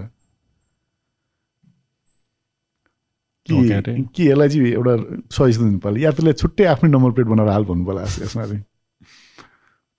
अब बिल बुक भन्ने कुरा त भएको राम्रो होइन? भएको भएको राम्रो एउटा कुरो।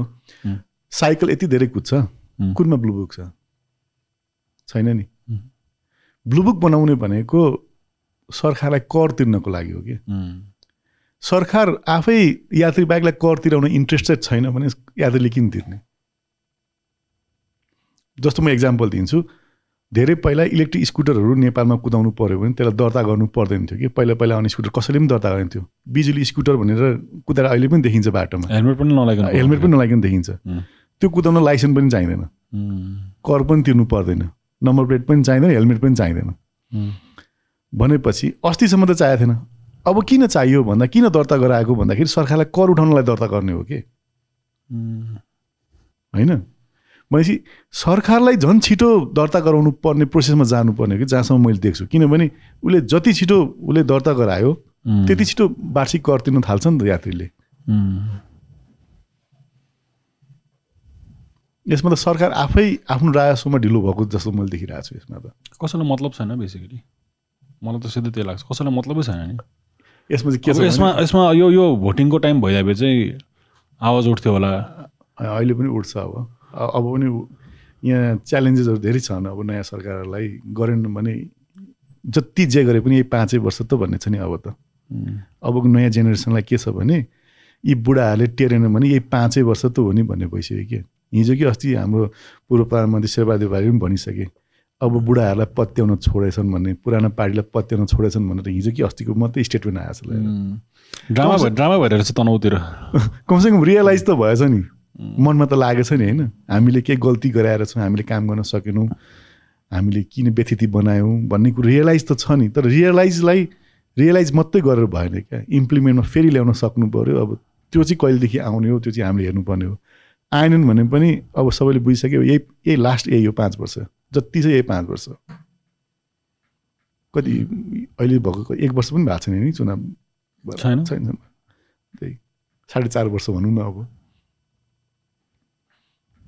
त्यसपछि पनि यस्तै ताल हो भने कोही रहँदैन बुढाहरू कोही नहुने भयो मैले त- हेर्छु हुनसक्छ बिचमा बरु अर्को नयाँ शक्ति निस्किन सक्ला होइन? तर पुरानै खतरा पुराना हामी पार्टी हौँ हामीले नि यो देशमा राजतन्त्र फ्याल्यौँ गणतन्त्र ल्यायौँ भन्ने पार्टीहरू चाहिँ मेरो विचारमा रहँदैनन् होला।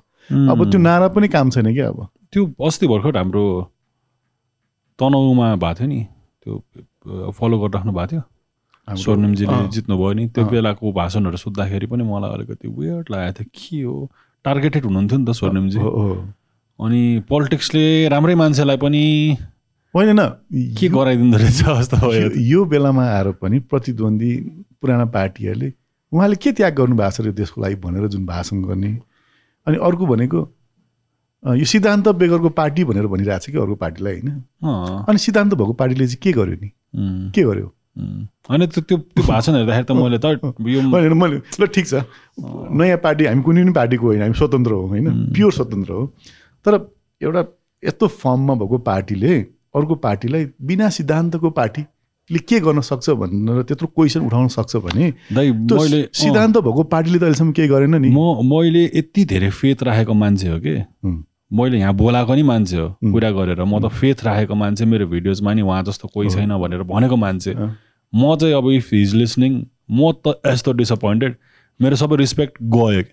I have no respect for that person है? पोलिटिक्सले मान्छेको कलरै चेन्ज गरिदिन्छ भने। अब स्वर्णिम वागले भनेको मेरो विचारमा म नि अब I I can't guarantee that he's gonna do awesome के के थाहा मलाई। तर जे देखिन्छ उहाँको जसरी जतिको उहाँसँग मैले कुरा नै निकाल्न म म डम भए जस्तो फिल हुन्थ्यो कि उहाँको एनर्जी उहाँको the amount of knowledge he has होइन? मलाई चाहिँ इन्टिमिडेटिङ लाग्छ कि उहाँको प्रेजेन्स नै। उहाँलाई यहाँ ल्याएर स्वर्णिमजीलाई ल्याएर मैले मजाले कुरा गरेँ अनि कुरा यसरी हेर्दाखेरि त यो वाजन कङ्ग्रेस होइन? टिकट नपाएर त उता अर्को ठाउँ गयो। अनि टिकट नपाउनु भनेको एक किसिमले त्यो पुरानो पार्टीले राम्रो काम कङ्ग्रेसले राम्रो काम त गरेन। गरेन सक्षम मान्छेलाई दिनु अर्थतिर उहाँ पो हुनुपर्ने त होला नि। होइन? लाइक मन्त्री भएन नभए नि एउटा राम्रो अफिसमा हुनुपर्ने मान्छे। पार्टी चेन्ज गरेर अर्को ठाउँ गयो अभियसली त्यही त गर्छ मान्छेले। त्यही गर्छ। जिन्दगीभर त अब इज अल्सो एउटा एज त भइसक्नु। त्यो हुनु बित्तिकै यस्तो खुट्टा तानेर यस्तो नराम्रो नराम्रो कुराहरू गर्नु भनेको त्यो को राम्रो को नराम्रो ठ्याक्कै जनतालाई ठ्याक्कै छुट्टिन्छ। डम छैन नि त अहिले। खेदोकन थालिहाल्ने कि? पुरै नि म त यति रिस्पेक्ट झरेर अब मलाई त्यो मान्छेमाथि रिस्पेक्ट छैन। जिरो सही हो कुरा किनभने हिजोसम्म सँगै हुँदा सबै कुरो राम्रो भइरहेको थियो। होइन छोडेर जाने बित्तिकै नराम्रो भइहाल्यो कि। यो चाहिँ पार्टनरसिप फुटे जस्तो हो कि यो चाहिँ। यो त होइन लाइक इफ तपाईँको टिमबाट कोही छाडेर अनिल भाइ भनौँ उसलाई के आफ्नै के गर्न मन छ? गरेर हुन्छ नि भेप झेप यताउति ल्याउने काम।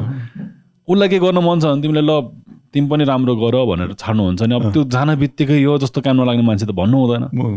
त्यो त तपाईँ लास्टै नराम्रो भयो त्यो भन्न थाल्यो भने। अब त्यो त्यो चाहिँ डिस यस्तो डिस म हर्ट भयो कि लाइक म यो मान्छेको लागि किन मैले शब्द खेर फालेछु? मैले यहाँ यहाँ टेबलमा किन त्यत्रो घन्टा फाले फालेछु? म त अह। होइन त्यो यस्तो पोलिटिक्स हो। राजनीतिमा जे पनि हुन्छ भन्छन् तर हामी कहाँ फेयर राजनीति नै हुन छोड्यो कि अब। राजनीति त हुन त सबै ठाउँमा त्यस्तै होला तर खै म हर्ट भयो। मेरो मेरो मेरो जे विश्वास थियो राम्रो भनेर। हुन त मेबी पोलिटिक्समा त्यस्तै गर्नुपर्छ होला। कसैले पठाइदियो होला ऊ त्यहाँ उठ्नु लाग्छ त गएर हुन्छ नि। त्यसलाई रोक भने माथिबाट अर्डर आयो के हो थाहा छैन। तर अब माथिको सब टाउकेलाई हटाउँछु भन्ने मान्छेले त्यही टाउकेहरूको बारेमा त्यस्तो। होइन मैले हेर्छु यो देशमा यति धेरै ठुलो आन्दोलनहरू भयो होइन? अनि हामी सबैमा साथ पनि दियौँ हामी पनि उत्रियौँ। तर के पायौँ केही पनि पाएनौँ कि हामीले चाहिँ केही पनि पाएनौँ। हामीले चाहेको के थियो भने चेन्जेस खोजेको थियो नि चेन्ज खोजे हो नि। चेन्ज चाहिँ खालि त्यो लाछाछुनी मात्रै गर्ने कुरामा मात्रै देख्यौँ हामीले। अब यो नेतृत्व तहमा पनि हेर्छौँ भने यो पार्टीमा पनि एउटा एउटा लेभल छ नि माथिको लेभल भयो बिचको लेभल हो यो बिचको लेभलले चाहिँ किन केही गर्न नसकिरहेको जस्तो लाग्छ क्या मलाई त। बुढाहरूले एकदमै ठ्याक्कै थापे राखेको हो कि यङले चान्सै नदिएको नि सिधै नि सिधै जानै नदिएको कि? अनि तल तलबाट किन त्यो नयाँ फोर्स निस्किन नसकेको त्यही पार्टीमा पनि? के कुराले रोक्छ जस्तो सबभन्दा बिगेस्ट देश चलाउने तिन चारजना हो तपाईँलाई थाहा छ। मेन टाउकेहरू होइन? अब राम्रो राम्रो मान्छेहरू त हुन्छ। हुन्छ। तर राम्रो मान्छेहरूलाई ठक्क पोजिसनमा राख्यो भने उसले त आफ्नो स्ट्राटेजी चेसको गोटे जस्तो अर्थमानी आफ्नै सर्वोच्चमा आफ्नै सबै आफ्नो छिराएर मेरो जे होस् मेरो रुल लहरू लाग्न पऱ्यो भने राख्दै हुन्छ अनि जो जो राम्रो मान्छे छ उसलाई कहिले चान्स दिँदैन मन्त्री बन्न के? अनि जो जो मन्त्री झुकेर बन्छ पनि नि उसको टेन्सन के हुँदो रहेछ भन्दाखेरि मैले उसलाई क्लोज हेर्न पाएको जो जो मन्त्री बन्छ नि त्यो मान्छेको काम भनेको मेरो ज्वाइँ मेरो सालो मेरो यो सबैलाई जसले चाहिँ उसलाई मन्त्री बन्न अहिले जिन्दगीभर हेल्प गरिरहेछ. त्यसलाई सबैलाई त्यो आँडे दिमाग फुटी नभएको मान्छेलाई नि आफ्नो अफिसमा राखेको छ। चाहे त्यो सिंहदरबारभित्र होस् त्यो मन्त्री क्वार्टरतिर होस् कहाँ हुन्छ उसले उसले ठ्याक्क राखेर राख्छ। यस्तो गन्जा गोल छ दाइ त्यो मान्छेहरूले के गर्छ थाहा छ? त्यो क्वार्टरहरू मन्त्री क्वार्टरहरू हुन्छ नि। त्यहाँको साबुन हार्पिक त्यस्तो त्योहरू पनि लिएर बाहिर बेचिरहेको हुन्छ कि बुझ्नुभयो? अनि त्यसको फेरि फन्ड आयो नि त। मैले भने बुझ्नुभयो नि। त्यो मन्त्री क्वार्टरको त्यो टोइलेट सफा गर्ने त हरि गरेर हुन्छ भनेपछि त्यहाँ त चोरहरू नाइन्टी पर्सेन्ट चोरहरू राम्रो मान्छे छ होइन राम्रो मान्छे धेरै राम्रो मान्छेहरू पनि छ। तर त्यो एकदम धेरै नराम्रो मान्छेहरू भएको भएर त्यहाँ अर्कै कुरा त्यो देखिन्छ त कति कुराहरूमा सरकार आफै चुकेको भन्छु कि म त? अब सरकारले गर्नुपर्ने धेरै कुराहरू छन् क्या। पोलिसी लेभलमा गर्नुपर्ने कुरा आफ्नो कर्मचारीलाई दिनुपर्ने कुराहरू अब फेसिलिटीका कुराहरू सरकारले आफ्नै कर्मचारीले पनि दिन सकेका छैन क्या नेपालमा। त्यसले गर्दाखेरि चाहिँ यस्तो कुरोको चाहिँ तिमीले भने जस्तै साबुन पनि बेचेर खानुपर्ने हार्पिक पनि गर्नु बिचरा त्यो पिउनले के गरोस्? अनि त्यो सिकेको हो नि त दायित्व त्यो रा- त्यो गरोस् होइन त्यो त गर्नु भउँदै भएन। उसले माथिबाट त्यही सिक्यो नि त भनेपछि त्यो मन्त्रीले नि लास्टमा घुस खाइरहेछ। सबैले न तपाईँ तपाईँ तपाईँलाई भोलि के हुन्छ विद्युत मन्त्री हुन्छ कि के हुन्छ? तपाईँलाई राख्दै पोजिसनमा होइन तपाईँको गोजीमा black money or corrupt money नआउ नआउने चान्सै छैन रहेछ कि? किनकि सिस्टमै यस्तो भइसक्यो कि। तपाईँले चाहिँदैन चाहिँदैन मलाई यो भएन। जस्तो सुकै जे भयो नि माथिबाटै सिस्टम यस्तो छ कि? कसले थाहा नपाइकन साइन गरेर लैसकेको हुन्छ त्यो? माथिबाटै सिस्टम यो सबै। सिस्टम हजुर छ। यो पहिलादेखि एप्रुभ भएको थियो गरिदिनु पर्यो हजुर। यसले गर्दा काम रोकिरहेको छ भनौँ। अब ए ठिक छ भनेर यता गरिदियो फाट्ट गइहाल्ने होला क्या चिप्लिहाल्ने होला त्यहाँनिर। मन्त्री हुनु चाहिँ खाने त हो अस्ति आइरहेको थियो त यति यति भने यस्तो हो। केही किसिमको रियालिटी चाहिँ चाहे त्यो युएसमा होस् चाहे सबै ठाउँमा होस् होइन? यहाँ एउटा पडकास्ट भएको थियो कि मैले त राखिनँ कि किनकि एकदम सेन्सिटिभ थियो कि। एकदम भव्य नेपालको एकदम खतरासी हो उहाँले एड लाइक भन्नुभएको थियो कि। ऊ उहाँ त बाहिर बाहिरको गभर्मेन्टलाई पनि एउटा के भन्छ त्यो सल्लाह दिने सल्लाह दिने सल्लाहकार जस्तो हुनुहुन्छ। धेरै कन्ट्रीमा घुमिसकेका मान्छे। धेरैजनाले चिन्नु हुँदैन उहाँलाई। उहाँ आएर अनि नेपालको एकदम ठुलो कम्पनीहरूमा अब उहाँलाई ठुल्ठुलो मन्त्रीले फोन गरेर अनि। सिए भइसकेपछि डाइरेक्ट यतापट्टि कुरा हुँदो रहेछ अनि माग्न त माग्छ। त हामीले रिसेन्टली कल्सहरूमा कुनै न कुनै पोलिटिकल के अरे कुनै न कुनै बिग कम्पनी बन्नुको लागि उसलाई पोल पोलिटिक्सबाट चाहिन्छ कि। त्यो लेनदेन हुनै हुने रहेछ क्या सबै कन्ट्रीमा क्या यहाँको स्केल चाहिँ नाइन्टी पर्सेन्ट पैसा खाऊ दस पर्सेन्ट काम गर। बाहिर चाहिँ ठ्याक्कै उल्टा हो नि त। जहाँ पनि लाइक युएसमा नि छैन होला त भइरह होला नि। यस्तो हो। अब हामीकोमा चाहिँ के भयो भने सानो जति छ त्यसैलाई भ्याइदिने सोच जस्तो लाग्छ क्या मलाई यहाँ चाहिँ। विदेशतिर चाहिँ यति ठुलो लार्ज स्केलको हुन्छ क्या? कुनै प्रोजेक्ट भयो भने पनि बिलियन पनि बिलियनौँ डलरको प्रोजेक्ट हुन्छ। त्यसबाट आफै आएर अलिअलि खायो भने पनि पनि एउटा मान्छेलाई त्यो चाहिने भन्दा बढी पुग्ने आउने होला त्यहाँ चाहिँ। हामी कहाँ चाहिँ प्रोजेक्टै सानो भयो कि? अब म काठमाडौँ छ्यालिस सालमा आएको होइन। त्यति बेला त्यो यो खानकोटबाट सुरुङ बन्छ भन्थे कि त्यो बेलामा। बनेको भए त पैसा खान्थ्यो होला नि त कसैले। तर बनाउँदै बनाएनन् कि? होइन। त्यो प्रोजेक्ट नै बन्दैन कि यहाँनिर? अनि त्यो प्रोजेक्ट नबनिकन त्यो त्यत्तिकै सिद्धिने जस्तो छ कि यहाँ चाहिँ? अनि त्यस्तो खालको ठुल्ठुलो लार्ज लार्ज स्केलको पूर्व पश्चिम हाइवे बन्नु माथिबाट ट्रेन आउनु कुनै के आउनु ठुल्ठुलो प्रोजेक्ट भयो भने काम गरेर खायो भने कसैले देख्दै देख्दैन कि। काममै नगरेर त्यस्तो भएको कि यहाँ चाहिँ। सानो सानो कुराहरूमा तेत्तिस किलोसम्म अड्किरहेको हुन्छ देश अब के भन्ने हो? अ, एकजना कसैले प्लिज यो एउटा सानो काम गरिदिनु मेरो फोन लिन्छौ। हाम्रो इ आइरह होला ल। यसपछि अर्को हुन्छ। सरी ल दाइ ल।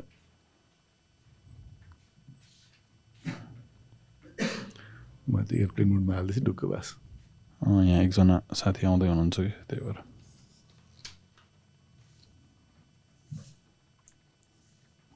लक होला ल यो ब्रोलाई एकचोटि उ गर न तिमीले कल गर्दा हुन्छ उता गएर ल सरी सरी सरी दाइ यो छाडिदिनु देशको कुरा अति भयो म अघि त सुरु गर्न बित्तिकै फेरि हामी देशमा गयो कि। धेरै टेन्सन छ लाइक तपाईँलाई कसरी आइडिया आयो लाइक टु कम अझ त बाहिर हुनुहुन्थ्यो कि के थियो होइन म यहीँ थिएँ यस्तो थियो मैले यहीँ नेपालमै पढेको हो। स्कुल एकदम सरकारी स्कुल पढेको रमाइलो छ क्या मेरो फ्याक्ट पनि कुरा गर्ने हो भने चाहिँ। हामी गाउँको किसानको छोरा हेर। वीरता मोडतिर चापातिर अँ, पहिला अब खास भन्दा त किसानै भन्नु पऱ्यो नि अब खेतीपाती गर्नेपछि किसानै भयो काठमाडौँ पढ्न आयौँ। अनि काठमाडौँ पढ्न आएपछि चाहिँ अलिकति डिमोरलाइज चाहिँ अलिकति भइहाल्दो रहेछ कि गाउँको केटो भनेपछि सबैले हेर्ने होइन। अनि त्यो लेभल पनि अलिक फरक पर्ने। तर हामी झापाको मान्छे खत्रै बुद्धि लाउँथ्यौँ कि। अनि शङ्करदेव पढ्न आएको अनि कुन चाहिँ स्कुल पढेको भन्थ्यो यहाँ त के के खतरा खतरा स्कुल पढ्ने रहेछ एमबी सेमबी के के यताउति होइन। एबिएम सिएबिएम भन्ने अनि हाम्रो मेरो पालो पनि ठोक्दिएँ मैले कहाँ पढेको भन्दा एसएमबी भन्थेँ। है। एसएमबी पढेर आएको। फुलमा भन्नु हुँदैन कसो भन्नु चाहिँ? कहाँ छ? भन्दा त्यो दार्जिलिङमा त अलिकति तलतिर भन्थेँ। त्यति भएपछि अलिकति लेभल मेरो अप भइहाल्यो कि अब। अघिसम्म त एकदम खत्तम भइसक्यो त्यो झापाबाट आएको भनेपछि त बर्बादै भएको थियो। दार्जिलिङदेखि थियो अलिक मुनितिर स्कुलको नाम पनि एसएमबी खास कुरा चाहिँ के भने अब झापा त दार्जिलिङदेखि मुनि नै पर्छ नि त होइन? दार्जिलिङदेखि मुनि भन्नु भयो अनि एसएमबी भनेको चाहिँ शनिचरी माध्यमिक विद्यालय हो कि? अनि सरकारी स्कुलमा पढेर आएको बल्ल बल्ल इङ्ग्लिसमा बत्तिस लिएर पास भएर आइएको छ र। तर प्राउड गर्ने कुरा चाहिँ के छ भने एसएलसी एकैचोटि पास भएको त्यो पनि सेकेन्ड डिभिजनमा। पहिला पहिला एसएलसी पास गर्नु पनि ठुलो कुरो हुन्थ्यो होइन। अन्त हाम्रो पालामा कति चारजना कि पाँचजना फर्स्ट डिभिजन भएको थियो अनि आठ नौजना सेकेन्ड डिभिजन पास भएको थियो अरू सबै फेल भएको थियो। है त्यस्तोमा अब छानिएर आउनु भनेको ठुलो। अनि मैले सर्टिफिकेट हेर्दा चाहिँ इङ्ग्लिसमा बत्तिस देख्दा मलाई मलाई गेस दिएर पास गरे जस्तो लाग्छ कि। खासमा अब हाम्रो त्यति बेला ट्रेन चाहिँ दार्जिलिङ पढ्न जाने थियो पहिला पहिला तर ठ्याक्कै त्यो मेरो हाम्रो टाइममा चाहिँ मिन टाइममा दार्जिलिङमा गोर्खाल्यान्ड काण्ड भयो कि। ओके। अनि त्यो बेला हाम्रोभन्दा अगाडिको जेनेरेसनहरू प्रायः सबै दार्जिलिङ पढ्यो अनि हामी बिचको एउटा यस्तो ग्रुप चाहिँ प्रायः सबै त्यहीँ पढ्नु पऱ्यो। अनि त्यसरी पढेर हामी आएर अब आफ्नो दुःखै गऱ्यो नि अब तिन सय रुपियाँ कोठा बाल लिएर बसियो अब घरको कान्छो छोरो घरमा केही गर्नु पर्दैन थियो आउने बित्तिकै सुरुमा त काठमाडौँ जानेपछि क्या दङ्ग परेर आएको नि होइन? अनि आएपछि पनि दुई चार दिन आफन्त कहाँ चट्ट लग्यो खायो सबैमा ऊ आइस भन्ने एकदम माया गर्ने सब भयो। लास्टमा चाहिँ नि आएर घरमा अब दाई पनि यहीँ हुनुहुन्थ्यो अनि स्टोभ दाई पनि त्योभन्दा पाहुना लगाएर लाएर खाइरहेको थियो। म आएपछि त अब दुई जानु त भएन नि त। भएन भनेपछि अनि स्टोभ सिस्टोभ पुरा प्रेसर कुकरमा भात पकाउनु पर्ने भयो नि दिमाग खराब भयो कि त्यो बेलामा है। अनि अहिले जस्तो कहाँ फ्ल्याट हुन्थ्यो? त कोठा कोठा लिएर बस्नु चल्नुहुन्थ्यो अनि त्यो टी टेबल हुन्थ्यो। टी टेबलमा मुनि स्टोभ राख्यो अनि तिमीलाई भाँडासँग मस्का त्यो एउटा बल हुन्थ्यो प्लास्टिकको बाटा हुन्थ्यो नि। त्यो टिडी पिली हुँजासम्म बोकेर हालेर जाने होइन। कहाँ चुइला चुइला चुइला फु त फाल्नुपर्ने कि? त्यस्तरी हामी बसेर जस दुःख गऱ्यो। अब त्यो बेलामा पढ्यो पढेर अब मैले ब्याचलर पनि सकेँ। एमबिए जोइन गरेपछि चाहिँ अनि काम गर्नु पाएँ कि एकजना मेरो भतिजको। अफिस त तिमी काम गर्छौ भनेर सोध्यो। त्यो बेलासम्म पुरा लामो तिम्रो जस्तो लामो केस थियो यहाँ अहिले पनि यहाँ छ यहाँ। टपसप लगाएर केसेस बाँधेर पुरा गरेको मान्छे पहिलोचोटि जाहिर खान जाने चाहिँ मैले केस काटेँ कि। अहिले कहीँ कहिले काहीँ त्यो अफिसमा कोही कोही बेलामा इन्टरभ्यूमा मान्छे बोलायो भने त ल्याङफ्याङ भएर आउँछ क्या अहिले त है। कुनै मिनिङ तर त्यति बेलामा अब चट हुन्छ नि। सर्ट सर्ट टाइची लाइन है तर अनि चटक्क एकदम सिम्पल भएर लामो केस काटेर एकदम कुण्डल सुण्डल फ्यालेर अनि टक्कै इन्टरभ्यू दिन गयो। त्यो इन्टरभ्यू खासै अब जागिर पक्कै थियो परेन। अनि मेरो काम मार्केटिङ थियो। मैले चाहिँ मार्केटिङबाट गरेको एकदम त्यो झापाली भएपछि त नेचुरली आउँछ होला नि त मार्केटिङ आउँदैन सबैले कहाँ आउँछ त्यो? होइन बोल्ने बोल्नेको कल्चरै अलिकति खतरै छ नि त। अलिकति छ। अलिकति एडभान्सै छौँ। किनभने जस एउटा कुरा चाहिँ के हो भने म जन्मिँदै मेरो घरमा खाने पानी थियो जन्मिँदै मेरो घरमा बिजुली थियो। त्यो भनौँ त हामी आउँदै टिभी अलिक भए पनि अलिकति हुन्छ नि अलिक छिटै टिभीहरू हेर्न पाइयो। अब त्यो अलिकति चेन्जेस नै अलिकति त्यो हामीलाई ग्रोअप गर्नलाई त्यसले पनि साथ दियो होला होइन? किनभने हामीलाई हिन्दी आउँछ। म नर्मली बङ्गाली पनि बुझ्छु होइन? किन बङ्गाल त्यो दार्जिलिङ उता सिलगढी बङ्गला बङ्गाली भएकोले गर्दा त्यो पनि अलिक बुझिन्छ होइन? हिन्दी पनि आयो नि त छिटो। अनि त्यसरी अब हामी मार्केटिङमा म लागेँ। मार्केटिङमा के गर्नु पर्थ्यो भने मलाई पहिला चाहिँ काम गर्दा त्यो एमआर सेमआर बनाएको एकदम खुब सोख लाग्ने कि किनभने कहिलेकाहीँ डक्टरको जाँदाखेरि चट्ट कालो बोक बोकेर पुरा मार्केटिङ गरेर आउँथ्यो। तर मैले डाइरेक्ट मार्केटिङ त पाएँ तर एमआर त भएन। के पो भने अब यो भेनिसिन ब्लाइन्ड कटन ब्लाइन्ड चाहिँ पर्दाको रडहरू बेच्नुपर्ने कि? त्यो पर्दा हुन्छ नि यस्तो पल्ट पल्ट पल्टिङ त्यसलाई भेनिसिन ब्लाइन्ड भन्छ होइन? अनि यस्तो झुन्डेर बस्नेलाई चाहिँ भर्टिकल ब्लाइन्ड भन्छ क्या नेपालमा नयाँ नयाँ थियो त्यो भर्टिकल ब्लाइन्ड चाहिँ। अनि त्यो ब्लाइन्ड्स बेच्ने मार्केटिङ भयो। अब तर त्यहाँ चाहिँ अर्कै किसिमको झोलासोला थियो। मलाई चाहिँ चेन्ज गर्नु मन लाग्यो। अनि मैले आफै ठुलो मजाको लेदरको ब्याग किनेँ कि। अनि टक्क चप्पै स्याम्पल पिसहरू लिएर हाने अनि घर घर अनि कसको नयाँ घर बनेको छ? नयाँ घर बनेकी छिरिहाल्ने? छिरेर पुरा मार्केटिङ गरेर यो पर्दाको रोड हाल्नुपर्छ यस्तो हाल्नुपर्छ भनेर अनि त्यसरी सुरु गरे हो कि। अनि मलाई अहिले पनि थाहा छ मैले जागिर खाँदाखेरि मेरो वेट मेरो सिक्सटी फाइभ किलो थियो कि। र मैले यस्तो डाइरेक्ट मार्केटिङ गरेको छु सात महिनामा मेरो वेट घटेर फिफ्टी एट किलो भएको थियो। अनि कहिलेकाहीँ पनि भन्छु कि म यो देशमा यदि डलरसँग कोही कम्पिटिसन गर्छ भने मैले नै गरे हो। मेरो वेट जति हुन्थ्यो डलर त्यति नै हुन्थ्यो कि? त्यो बेलामा त्यस्तो थियो कि? ट्राई गर्दाखेरि। अनि सात महिनापछि मैले मेरो स्यालेरी प्लस कमिसन आउँदाखेरि मैले बहत्तर हजार रुपियाँमा आरएक्स मोटरसाइकल किनेँ कि त्यहाँबाट सोरुममा आएर। आफ्नो कमाइले। फर्स्ट कमाइले। कति उमेर हुनुहुन्थ्यो त्यतिखेर? मास्टर्स त्यो बेलामा एक्काइस बाइस वर्ष होला त्यस्तै होला फर्स्ट बाइक किनेँ आरएक्स आरएक्स भएपछि त्यसलाई पहिला लगेर यस्तो खालको वाइसिङ जस्तो मोटरसाइकल बनाउनलाई चाहिँ त्यो मोडिफाई गरेर ह्यान्डल त्यस्तो बनाएँ कि अरूभन्दा आरएक्स अलिक फरक देखियो अनि त्यसपछि अनि झन् मार्केटिङ पेलेँ पेलेपछि मैले सत्र महिना त्यहाँ काम गरेँ मार्केटिङ पनि अब बाइकमा गयो अँ, बाइकमा सानै पहिला त हिँडेर थियो सानै न त विक्रम टेम्पो थियो नि त्यो बेला प्याट प्याट प्याट प्याट गरेर जान्थ्यो अनि त्यो बेला मैले मेरो अर्डरै आएको थिएन। अर्डर नारायण थान मन्दिर गएँ केही गर्दा पनि अर्डर आएन। त्यहाँ चाहिँ यसो गरेर आएको। त्यसो ठुक्क आएपछि पहिलो अर्डर तिन हजार रुपियाँको आएको थियो कि मेरो। रड बेचेँ मैले तिन हजार। खुसी भएँ आएँ। थिएँ र म सँगसँगै काम गर्ने अरू पनि थिएँ कि मार्केटिङ गर्नेहरू। अनि मैले चाहिँ तिन महिनाको सम अफ कति तेत्तिस चौतिस हजार रुपियाँ मेरो एक्स्ट्रा कमिसन आएको थियो कि तलब तलब त पन्ध्र सय रुपियाँ थियो मेरो। तर कमिसन चाहिँ त्यति जति आयो। मसँगै अरू काम गर्नेहरूको तलब र कमिसन तिन चार सय तिन चार सय यस्तो किन कामै उनीहरू घरमा गए सुते म मार्केटिङ गरेँ कि? पहिला के हुन्थ्यो भने मार्केटिङमा रिपोर्टिङ गर्नु पर्थ्यो अनि कतिजनाको घरमा गइस् घरको नाम अनि त्यो फोन नम्बर टक्क लेखेर दिनुपर्ने अरू चाहिँ घरमा जाँदो रहेछ नि टक्क सारेर ल्याएर बिलाइ रिपोर्ट पठाइदियो। म चाहिँ कामै गरेर थिएँ कि एकदम जेन्युनली काम गरेँ। अनि त्यति बेला गरेको मार्केटिङले अहिलेसम्म मलाई हेल्प गर्छ कि त्यति बेला चिनेको मान्छेहरूको मैले भनौँ त्यति बेला सबै धेरैभन्दा ठुलै मान्छेहरूकोमा चाहिँ सबै ठुलो बडा मान्छेहरूकोमा पनि त्यो रडहरू त्यो बेला चलनै थिएन कि त्यस्तो। पहिला त त्यो काठको बक्सा बनाएर पर्दा हाल्ने चलन थियो। अहिले त फेन्सी रडहरू आउँछ नि त्यस्तो रड थिएन कि पहिला। अनि डोरीले तानेपछि ढोक पर्दा लाग्ने खुल्ने एकदम नयाँ टेक्नोलोजी भयो नि त। अनि त्यसै सुरु गरेँ। त्यसपछि अनि मेरो एकजना साथीले मलाई देखि अब्जर्भ गरिरहेको थियो अनि त्यो रङको काम थियो। त्यो जापानबाट आउने पेन्ट थियो कि जापानिज पेन्ट भन्ने थियो अनि उसले भन्यो यस्तो यस्तो काम मगा छ गर्ने भए त आइज भनौँ उसले मलाई मार्केटिङ थडा दिइरहेको अनि त्यसपछि मेरो काम चाहिँ रङ लाउने भयो। अनि अहिले धेरै हाँसो पनि गर्छु क्या मैले प्रायः सबै काठमाडौँका ठुल्ठुलो बेक्सहरूको सबैलाई मैले रङ लगाएको हो। रङलाई पहिला पहिला चुना लाउने चलन भन्थ्यो नि त। अनि भेट्यो भने दाइलाई त मैले जमानै चुना लगाएको नि भन्छु कि जस घरमा रङ लगाइसकेको भएकोले गर्दाखेरि। अनि त्यसरी रङमा म डाइभर्ट भएँ कि। त्यो मार्केटिङ गरेपछि मैले जागिर खाएको भने त्यही सत्र महिना टोटल जागिर खाएको लाइफमा त्यति नै हो। त्यसपछि मैले आफै सुरु गरेको। त्यति बेलामा हामीले कति तिन लाख रुपियाँ इन्भेस्टमेन्ट गर्नु परेको थियो। तिन लाखमा मेरो पार्टमा डेढ लाख थियो। बुवाले एक बिघा जमिन झाँपाको बेचेर डेढ लाख दिनुभएको थियो मलाई। पछि त्यो पैसा पनि मैले फिर्ता गरेँ बुवालाई। के के जाँदै किने अरे पैसा त्यो बेला तपाईँले स्टोर त सुरु गर्नु थिएन, थिएन, थिएन। अरू अरू के त्यो त्यो बेला ज्योतिश्री भनेर थियो हाम्रो।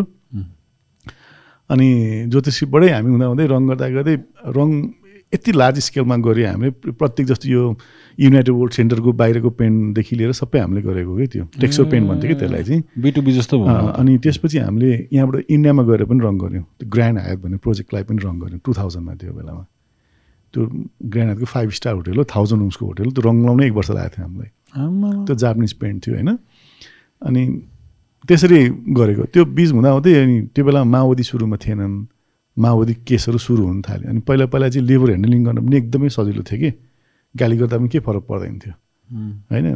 काम बिगारेर पनि दुई झापडै हान्दा पनि लेबरको बरु भोलिपल्ट बुढी आएर माफ गरिदिनु होला मेरो बुढाले गल्ती गर्यो भन्ने त्यो त्यो खालको समय थियो कि त्यो बेलामा। हिर्काउँदा कसैलाई पनि हिर्का खालि इक्जाम्पल थियो अनि पछि चाहिँ कस्तो भयो भने तैँले यहाँ काम बिगारिस् पनि भन्न नमिल्ने कन्डिसन आयो कि। पुरा आन्दोलनै हुने क्या अफिसमा त। यस्तो ठुलो स्वर गर्ने त्यसपछि त्यो रङको काम त लास्टै ह्याडेक भयो। अब लेबर ह्यान्डल गर्नै नसक्ने भयो। हामीले बन्दै गर्नु पऱ्यो छोडिदिउँ हामीले। त्यति राम्रो काम गरिरहेको काम छोडिदिउँ। तर त्यो मेन टाइममा हामीले चाहिँ प्रिन्टिङको पनि काम गरेको थियो। नेपालमा पहिलोचोटि त्यो फ्लेक्स प्रिन्टिङ चाहिँ हाई क्वालिटीको हामीले ल्याएको थियो कि रोलिङ प्रिन्टरबाट प्रिन्ट गर्ने। त्यो चाहिँ अस्ति लकडाउनसम्म पनि हामीले गरिरहेको थियो। अब लकडाउन पछि चाहिँ यो प्रिन्टिङ गर्ने कामै बन्द भयो नि त। मान्छे एडभर्टाइजै बन्द भयो। त्यसको चाहिँ हामीले अब त्यो सप्लिमेन्ट्सहरू चाहिँ ल्याइरहेछ मसीहरू चाहिँ ल्याइरहेछौँ अरू चाहिँ बन्द गरिदियौँ। अनि त्यही बिचमा चाहिँ हामीले त्यो प्रिन्टिङको काम गर्न चाहिँ म्याक कम्प्युटर चलाएको थियो कि खास। अनि कसैको अफिसमा पनि त्यो एप्पल कम्प्युटरमा डिजाइन हुने थियो हाम्रोमा चाहिँ हुन्थ्यो। कस्तो कम्प्युटर छ? आइम्याक के? एप्पल पुरानोवाला त होइन। आइम्याक डब्बावाला यो कुन इयर हो यो two thousand फोरतिर two thousand four two thousand four फाइभतिर भनेपछि त्यो आइम्याक हुन्थ्यो। उम्, आइम्याक भने सेतो रङको कम्प्युटर आउँथ्यो तिमीलाई याद छ कि छैन एउटा सत्र इन्चीको आउँथ्यो एउटा सत्र इन्ची र अलि अलिक बाक्लोवाला? बाक्लो सेतोवाला उम्. त्यो डल्लोवाला आइम्याक पनि छ छन् त मसँग। त्यो पुरानो मोडलको त्यो चाहिँ नाइन्टी एटको त्यो राखिरहेको छु मैले होइन। उम्, कुनै दिन नेपालमा एप्पल स्टोर खोल्यो उनीहरू दिनलाई होइन। रनिङ कन्डिसनमै छ अन हुन्छ। अनि त्यो राखेपछि अनि त्यो बेला एप्पल किन्नलाई कम गाह्रो थियो तिमीलाई। अहिले जस्तो ए दाइ मलाई यो म्याकबुक चाहियो भने तुरुन्त पाइन्छ होइन। कहाँ पाउनु नि? चट्ट एडभान्स दिएर एक लाख अडसट्ठी हजारमा किनेको त्यो बेलामा उम्, एडभान्स दिएर कुर्नु पर्थ्यो। दाइ मेरो कम्प्युटर कहिले आउँछ? आउँदैछ दाइ आउँदैछ आउँदैछ। भन्दा भन्दै छ महिना लगाएर आइ आइपुग्थ्यो। अपडेट पनि ढिला हुन्थ्यो अनि त्यसपछि अनि ल्याएर त्यो किबोर्ड नै सेतो रङको हुन्थ्यो ठुलो गरेर पार्ने। त्यो मजा थियो जस। अनि त्यसरी चाहिँ हामी त्यो टेक्नोलोजी यो तपाईँ एप्पल फ्यान बोय त्यहाँदेखि त्यहाँ त्यहाँ भएको। अनि त्योभन्दा पहिला इन्ट्रेस्टिङ चाहिँ के थियो भने म होम थिएटरको चाहिँ मलाई आफैले मनपर्ने आफूले घरमा पनि बनाएको थिएँ। अनि सानामा चाहिँ मैले के गरेको थिएँ भने त्यो स्पिकर हुन्छ नि। त्यो स्पिकर किनेर अनि घरमा चाहिँ त्यो ठेकी हुन्थ्यो ठेकी चुइने भएपछि काम हुँदैन थियो। नर्मली त्यसलाई फ्यालिदिन्थेँ आगो लगाइदिन्थेँ मैले चाहिँ के भने त्यो बिग्रेको ठेकी हाम्रोमा पनि एउटा दुइटा थियो खोजेर ल्याएर त्यसमा त्यो स्पिकरलाई घोप्ट्याएर राख्थ्यो कि। अनि त्यति बेला चाहिँ झन्कार बिट भन्ने चलन थियो कि टुङ टुङ टुङ टुङ गर्ने खालको त्यो म्युजिकहरू बढी आउँथ्यो कि त्यो। अनि त्यो चट्ट प्ले गरेपछि त्यो खाटो मुनि हालिदिएपछि चाहिँ खाट पहिला त्यस्तै खालको हुन्थ्यो नि त मुनि टाङ परेको होइन। त्यहाँपछि पुरा गत्त गजब बेससहित बस्थ्यो क्या त्यो। अनि त्यसरी मलाई त्यो स्पिकर र साउन्डमा त्यो लगाव भयो क्या त्यहाँनिर। त्यसपछि मैले यो एप्पल गर्नुभन्दा अगाडि पहिला चाहिँ होम थिएटर काम गरेँ कि मैले स्पिकरहरू मगाएर होम थिएटरहरू बनाउने गर्ने गरेँ। अनि पछि चाहिँ अनि एप्पलको काम गरेको एप्पल त हामीले गरेको कति टु थाउजन्ड टेनबाट मात्रै हो। टु थाउजन्ड सेभेनबाट हामीले इलेक्ट्रोनिक सुरु गरेको भयो उम्, अनि टेनमा हामीले स्टार मलमा हामीले ठाउँ लियौँ खोल्न भनेर। अनि त्यहीँबाट हामीले चाहिँ ओलिज स्टोर चाहिँ त्यो बेलादेखि सुरु भएको हाम्रो। तर स्टार मलमा खोल्न नपाइकन स्टार मलको काण्ड भयो फेरि हेर। त्यहाँ दुई सय चालिस करोड कति घोटाला त्यो हाम्रो त्यहाँको साउजी के के गरे यो सेयर मार्केटको भनेर। अनि त्यो मल भएन। त्यसपछि त्यहाँ छोड्नु पऱ्यो त्यहाँबाट फेरि दरम मार्ग आयौँ। हामी बेन्डलेको माथि। त्यहाँ पनि त्यस्तो लफडा भयो। त्यसपछि केही सिप लागेन। हार खानुभन्दा अब ल्याएको स्टक पनि कसैले नकिन्नु भयो फेरि डुब्ने पुरै चान्सेस भयो। ब्याङ्कले पेल्यो एउटा जग्गा पनि बेच्नु पऱ्यो ऋण तिर्नलाई धेरै कहानीहरू भयो। अब यो चाहिँ भएन अब अमेरिकातिर गएर बस्नुपर्छ क्या भने सोच गरेर दुई चार महिना अमेरिकाहरू पनि बसेर है। अनि त्यो के गर्नुभयो के पैसा डुबाइदियो के हुन्छ? नेपाल जस्तो कहाँ हुनु र होइन अनि फेरि फर्केर आएर अनि अब चाहिँ यस्तो हुँदैन अनलाइन गर्नुपर्छ भनेर अनि त्यो बबनमलको घर त्यति बेला बन्दै थियो हाम्रो। अनि त्यसपछि चाहिँ अनि हामीले अब म कहीँ पसल खोल्दिनँ कहीँ राख्दिनँ जे गर्छ म अब अनलाइन थ्रुबाट गर्छु। जो अमेरिका अलिक आँखा खोल्यो नि त्यसमा चाहिँ अनलाइनबाट गर्नुपर्छ भनेर। अनि त्यहाँ आएर चाहिँ मैले पेलेको कि। त्यसपछि अनि यो गुगल ऱ्याङ्किङ स्याङ्किङ भन्दा पछि थाहा भएको म चाहिँ के भन्छु भने मेरो काममा जहिले पनि म एक्लै कुदेर फर्स्ट भएको नयाँ काम गरेँ। त्यही भएर अरू कसैले पत्तै पाउँदैन थियो कि। फेसबुक पेज भन्ने त मान्छेलाई थाहा छैन मान्छेलाई फेसबुक थियो। होइन? अझै पनि कसैलाई थाहा छैन होला। फेसबुक एउटा हुन्छ फेसबुक पेज भन्ने अर्कै हुन्छ। अनि फेसबुक पेज खोलेर अनि पेजलाई चाहिँ अब मार्केटिङ गर्न थाल्यो। अनि त्यति बेलामा कसो कसो गरेर मैले एकजना चिनेको साथीलाई भनेर उसको डलर कार्ड जोडेर बुस्ट गरेँ कि। दिनको एक डलर बुस्ट गर्दाखेरि त फोन उठाएर भ्याउँदैन थियो कि। है? अँ त्यति धेरै त्यो रिच पुग्थ्यो कि त्यति बेला। फेसबुक किन नेपालमा थिएन त्यति सस्तो थियो। अनि त्यहाँदेखि होला मैले कुनै पनि त्यो मिडियाहरूमा एडभर्टाइज गर्ने ऊ गर्ने ऊ गर्ने सबै बन्द भयो कि त्यो गर्नै परेन। महिनामा बिस तिस डलर रुपियाँले त दुई तिन हजार रुपियाँले त यति ठुलो माइलेज पाउनु थाल्यो कि। त्यसपछि त्यो वेबसाइट बनाएपछि वेबसाइटमा पनि एसियो आफै खिल्दो रहेछ त्यो पहिला त थाहै थिएन। अनि एप्पल स्टोर कहाँ छ भने यसो टाइप गऱ्यो भने गुगलले ती देखाइदिँदो रहेछ होइन? म्याकबुक भनेर खोज्यो भने ती देखाइदिँदो रहेछ हामीलाई थाहै थिएन कि। अनि हामी चाहिँ सक्ख भन्यो कि मान्छे कसरी आयो भन्यो कि। जस त्यसरी भयो। अनि त्यसरी चाहिँ हामीले एप्पलको काम सुरु गऱ्यौँ। अहिले त ठिकै छ जोस् अब। एप्पल चाहिँ टु थाउजन्ड टेनदेखि टेनदेखि यो झन्झट भएन डिलरसिप लिन? कि त्यो बेला त्यो बेलामा त डाइरेक्ट एप्पलबाट हुँदैन थियो। डिस्ट्रिब्युटरको अन्डरबाट हुन्थ्यो हामी। सिङ्गापुरको अहिले। चाहिँ? अहिले त डाइरेक्ट एप्पलबाटै अथवा रिसेलर चाहिँ। राम्रो। आज यसमा रिपोर्टिङदेखि लिएर सबै कुराहरू हुन्छ। अब राम्रो त के भन्नु? टफ काम हो।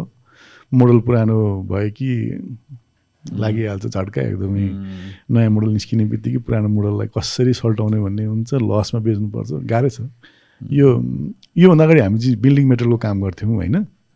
जसमा चाहिँ रङ गर्दाखेरि डोर सुवर फ्लोरिङ फ्लोरिङ सबै काम गर्थ्यौँ नि यो भुइँमा लाउने लेमिनेट फ्लोरिङ गर्थ्यौँ। त्यसमा चाहिँ जति बिकेन स्टक बस्यो त्यति बढी फाइदा हुन्थ्यो क्या। किन हाम्रो देशको ट्रेनमा चाहिँ के थियो भने डलर यो वर्ष अठहत्तर छैन अघि बयासी हुन्थ्यो बयासी दिने बयानब्बे हुन्थ्यो त्यो स्टक आफै बढ्थ्यो। अनि त्यो मोडल पनि पुरानो हुँदैन थियो। अब यो टेबल त जहिले पनि टेबल चाहिहाल्छ नि होइन? अनि यो एप्पलको काममा चाहिँ कस्तो छ भने एक त डलर बढेर त उता प्राइस त फरक पर्छ पर्छ आफ्नो ठाउँमा छ। नयाँ मोडल निस्क्यो कि पुरानो मोडल बिक्दै बिक्दैन कि? बेच्नै गाह्रो त्यसलाई लसमै बेच्नुपर्छ अनि त्यो गर्दा एकदम टफ काम हो त्यो कम्प्युटर तर सेलको हिसाबले काम गर्न मजा चाहिँ आउँछ। अनि यस्तै यस्तै भयो। त्यसपछि अब इलेक्ट्रिक गाडीको भिडियो बनाइयो त्यो बेलामा अनि त्यसले नि बिजनेसलाई हेल्प गर्यो होला नि त। बिजनेस अहिले त्यो राम्रो भयो नि। त्यो तपाईँले युट्युब सुरु गरेपछि मान्छेको ब्याकग्राउन्ड के रहेछ ए उसको यो डिपेन्डेबल मान्छे भनेर आउन थाल्यो अहिले त युट्युबले त धेरै चेन्ज ल्यायो नि। सेल्समा पनि धेरै मान्छेले बुझे कि यस्तो थियो। पहिला पहिला चाहिँ अनलाइन मात्रै भन्नु ठान्दो रहेछ मान्छेले। अनि युट्युब भिडियोमा चाहिँ हामीले अनबक्सिङ भिडियो भयो अनि बक्साभित्र के के आउँछ प्लस हाम्रो सोरुमहरू कहाँ कहाँ छ भनेपछि चाहिँ मान्छेलाई के क्लियर भयो भने ए यो फिजिकल स्टोर नै रहेछ। अनलाइन चाहिँ हाम्रो क्याटलग जस्तो रहेछ भन्ने मान्छेले ट्रस्ट भयो कि त्योबाट नभए त पहिला पहिला सुरु सुरुमा कस्तो हुन्थ्यो भने दुई तिनजना भाइहरू आउँथे अनि तीबाट अनलाइनमा कुराहरू थियो कि बाहिर अँ दाइ रहेछ रहेछ अफिस हामीले भेट्यौँ त्यहाँबाट किन्दै हुन्छ भनेदेखि त्यस्तोसम्म पनि हुन्थ्यो कि पहिला पहिला। मान्छे ट्रस्ट गरिदिन्थ्यो अहिले त्यस्तो पर्दैन। ती माथि पनि अहिले त दराज अनलाइनमा आइदियो। अनलाइनको डेलिभरीको खासै टेन्सन छैन। पहिला डेलिभरीलाई एकदमै गाह्रो हुन्थ्यो। प्रायः काठमाडौँ बाहिरको मान्छेहरूले दराजबाट पनि सामान टन्नै किनिरहेको हुन्छ हाम्रो होइन? अस्ति भर्खर पनि न्यु इयर सेलमा पनि राम्रै सेल्स इन्डियाबाट आउँछ क्या तपाईँकोमा त ड्रोन किन्न होइन? इन्डियाबाट पनि टन्नै मान्छे आउँछ। ड्रोन इन्डियामा पहिला म त के भन्छु भने यो इन्डियामा चाहिँ ड्रोन इम्पोर्ट बन्द गरेको छ। हामी यहाँ चाहिँ जस्तो पशुपति हेर्न दर्शन गर्न चाहिँ यो धार्मिक टुरिस्ट हुन्छ होइन? माथि ट्रेकमा हिँड्ने ट्रेकिङ टुरिस्ट हुन्छ। हाम्रोमा चाहिँ ड्रोन टुरिस्ट पनि आउँछ क्या। आउने काठमाडौँ एक रात बस्ने ड्रोन किन्ने जाने टुरिस्ट पनि टन्नै आउँछ। हामी त्यो खालको बिजनेस छ जस ठिकै भएको छ अहिलेसम्म। अब युट्युबले गर्दाखेरि गाडीको भिडियो बनाएकोले गर्दाखेरि उता सेगवेले पनि ट्रस्ट गरेर एजेन्सी दियो हामीलाई। सेगवे टु विलर पनि छ नि त अहिले हामीसँग त।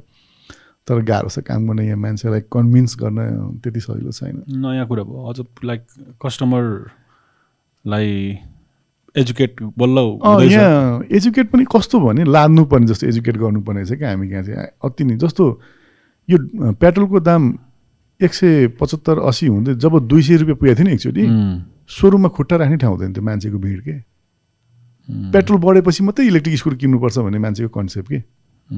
तर जसले आजबाट किन उसले आजदेखि नै सेभिङ सुरु गरे कि? मैले अघि बताएँ नि यत्रो धेरै स्कुटरहरू टु विलरहरू हामीकै नेपालमा आउँछ र इलेक्ट्रिक पनि आउँछ। दुइटै आउनलाई उति नै पैसा विदेश जाने हो। तर पेट्रोलियम आयो भने भोलिपल्टदेखि फेरि पैसा विदेशै गइरहेको हुन्छ तर इलेक्ट्रिक आयो भने चाहिँ विदेश पैसा जाँदैन कि। सेभिङ सुरु हुन्छ क्या त्यसको। अब यसले गर्दाखेरि चाहिँ यो यो सेभिङ कसरी हुन्छ यसबाट के बेनिफिट हुन्छ के के कुरामा अघि हामीले कुरा जस्तै जस्तो पेट्रोलियम पदार्थको इम्पोर्टबाट हामीलाई सेभिङ भयो होइन? प्रदू प्रदूषणको कारणबाट सेभिङ भयो मान्छे बिरामी कम भयो त्यसबाट सेभिङ भयो। इन्भाइरोमेन्ट राम्रो भयो जसले गर्दा टुरिस्ट आउँछ जस्तो अस्ति वर्ल्डको सबैभन्दा वर्स्ट सिटी भनेर काठमाडौँ आयो होइन? कुनै फोरेनरले कुनै फोरेनरले देख्यो भने आउँछ त त्यो नेपाल आउँछ त आउँदैन नि। तर काठमाडौँ चाहिँ वर्ल्डको सबैभन्दा ग्रिनेस्ट सिटी एकदम एयर पोल्युसन जिरो छ भन्ने कुरो म्यासेज गयो भने न मान्छे यहाँनिर हेर्न आउँछ होइन? अब हाम्रो बेस पनि त टुरिज्म नै हो हामी त उद्योग धन्दा त छैन यहाँनिर। भनेपछि यो कुरो चाहिँ बुझ्दैन क्या हाम्रो सरकारहरूले सरकारमा पोलिसी मेकिङले बुझ्दैन यो। त्यही नबुझेको कारण त बिचरा यात्री यस्तो फन्दामा परिरहेको। होइन? यो कुरो बुझिदिए गरिदिए राम्रो हुन्थ्यो। सायद अब बिस्तारै यस्तो किसिमको एवेरनेसहरू पनि थिएन अब हुन्छ पनि होला। तपाईँलाई इन्ट्रेस्ट छैन यस्तो पोलिटिक्सहरूमा? गजब कुरा उठायो तिमीले।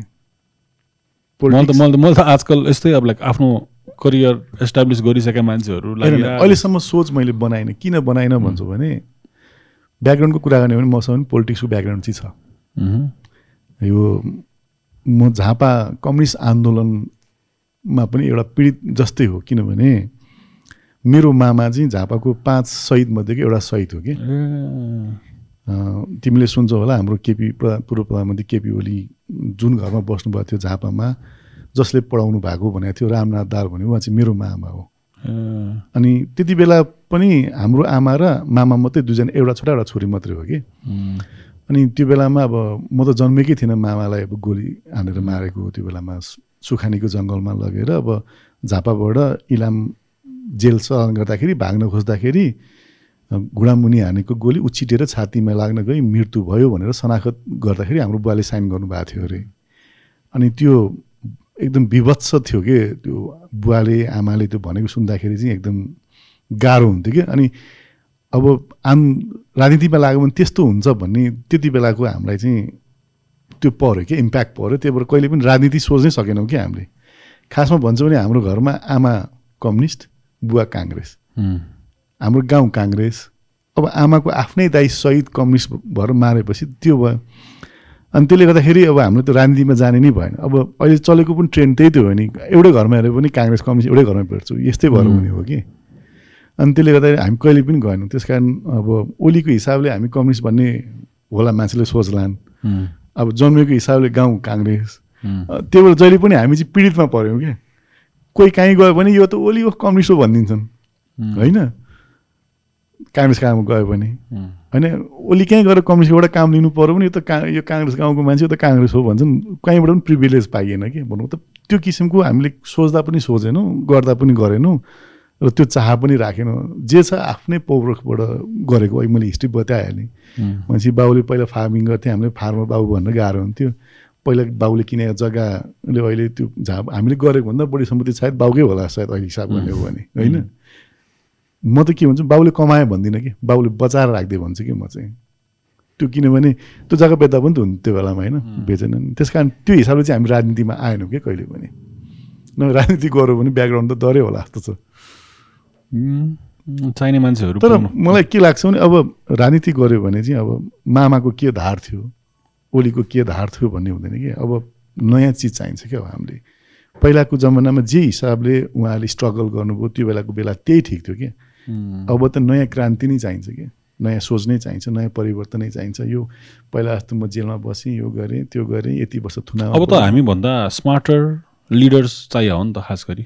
हामीभन्दा स्मार्टर मान्छेलाई दिन खोज्यो किन जो मान्छेलाई हेरेर जस त्यहाँ हेरेर योभन्दा त मै गर्थेँ अरू मैले कोही चिन्ने मान्छे भन्दा हुनसक्ने भन्ने खालको एउटा भावना आएपछि चाहिँ अनरिस्पेक्ट जाँदो रहेछ कि?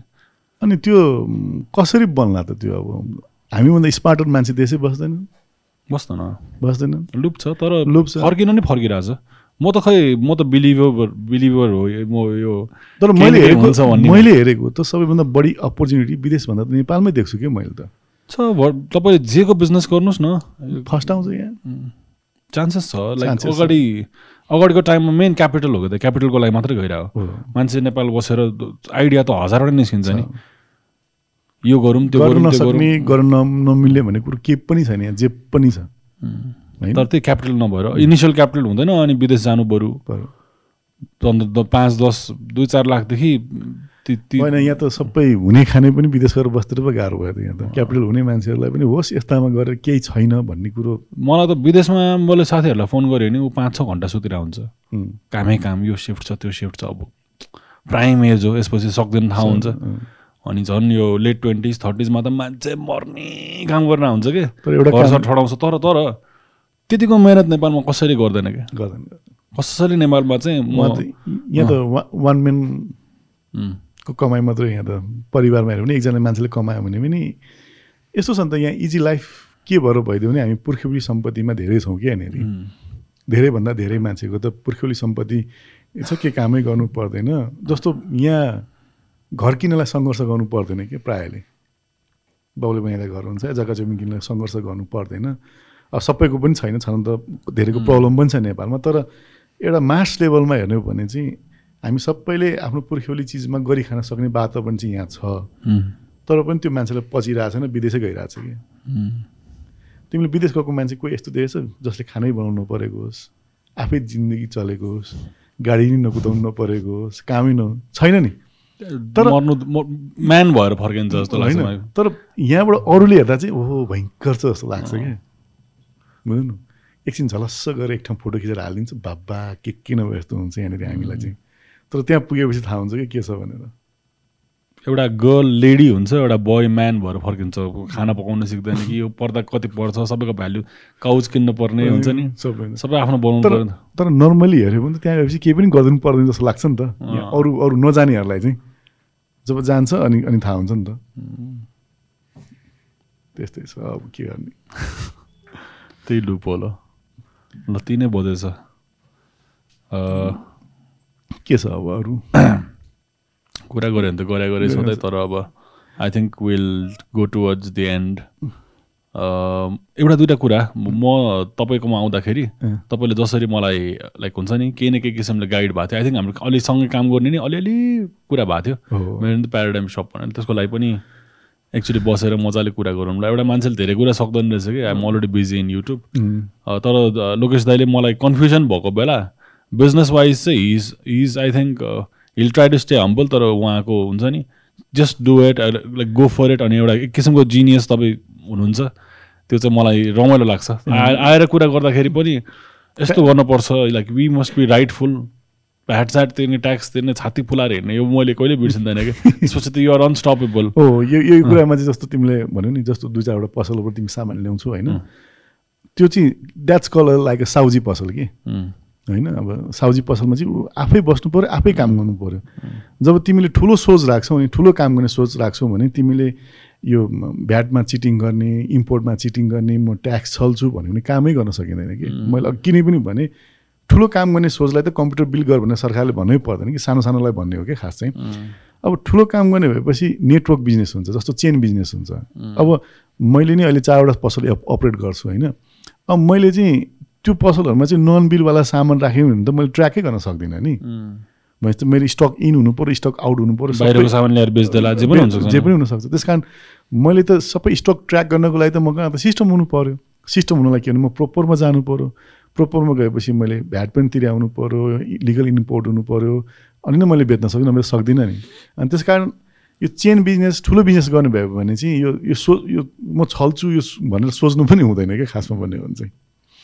त्यसले गर्दा चाहिँ यसरी बढिरहेछ अब यहाँनिर तर यसले टोटल काम यसरी गर्दाखेरि चाहिँ गाह्रो चाहिँ गाह्रो हुन्छ। तारो चाहिँ तारो बनिँदो रहेछ होइन। ट्रान्जेक्सन देख्छ मान्छेहरूले चाहिँ ओहो के किन गरे? यस्तो जस्तो हुन्छ। गर्न कति गाह्रो छ? मान्छेले बुझिरहेको हुँदैन। अब गाली पनि खाइरहेको हुन्छ। अब म अहिले चाहिँ बी पोजिटिभ के? मलाई त अहिले त्यो फेसबुकहरूमा युट्युबहरूमा गुगलहरूमा गाली गरिरहन्छ। म दङ्ग पर्छु कि? कमसेकम मेरा मान्छे त बढेछन् जस्तो लाग्छ कि? यति धेरै हामीले यति धेरै कस्टमर हुन्छ अनि एउटा दुःखी कस्टमर हुन्छ कि? दुःखी आत्मा भन्छु कि म त्यसलाई चाहिँ? के भएर उसले दुःख पायो? के कुरो उसले हामीसँग पाएन?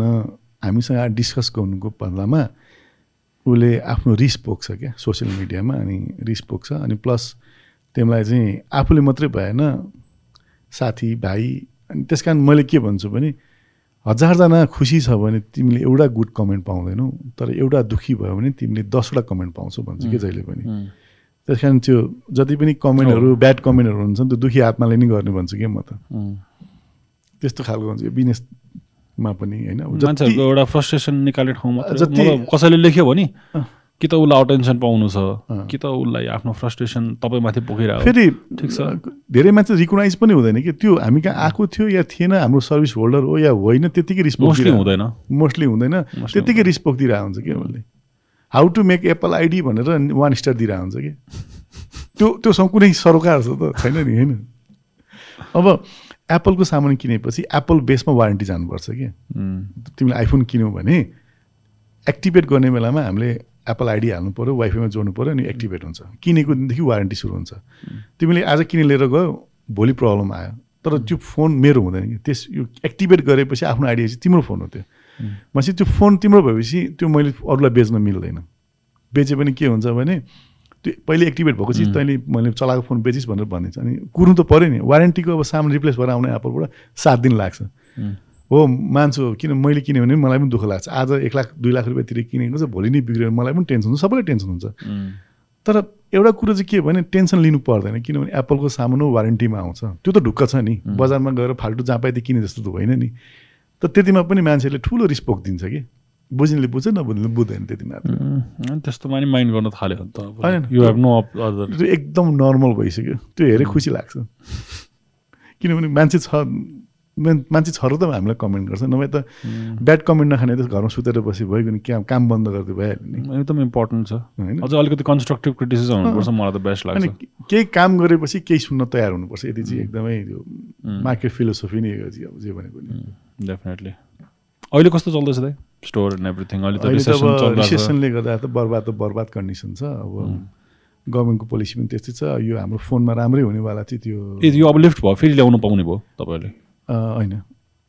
अस्ति त हाम्रो इम्पोर्ट बन्द गरेको थियो। आठ महिना त इम्पोर्टै बन्द भयो। पऱ्यो त्यसमा। होइन. पुरै खत्तमै भयो। ती त्यसपछि रिसेसन आयो।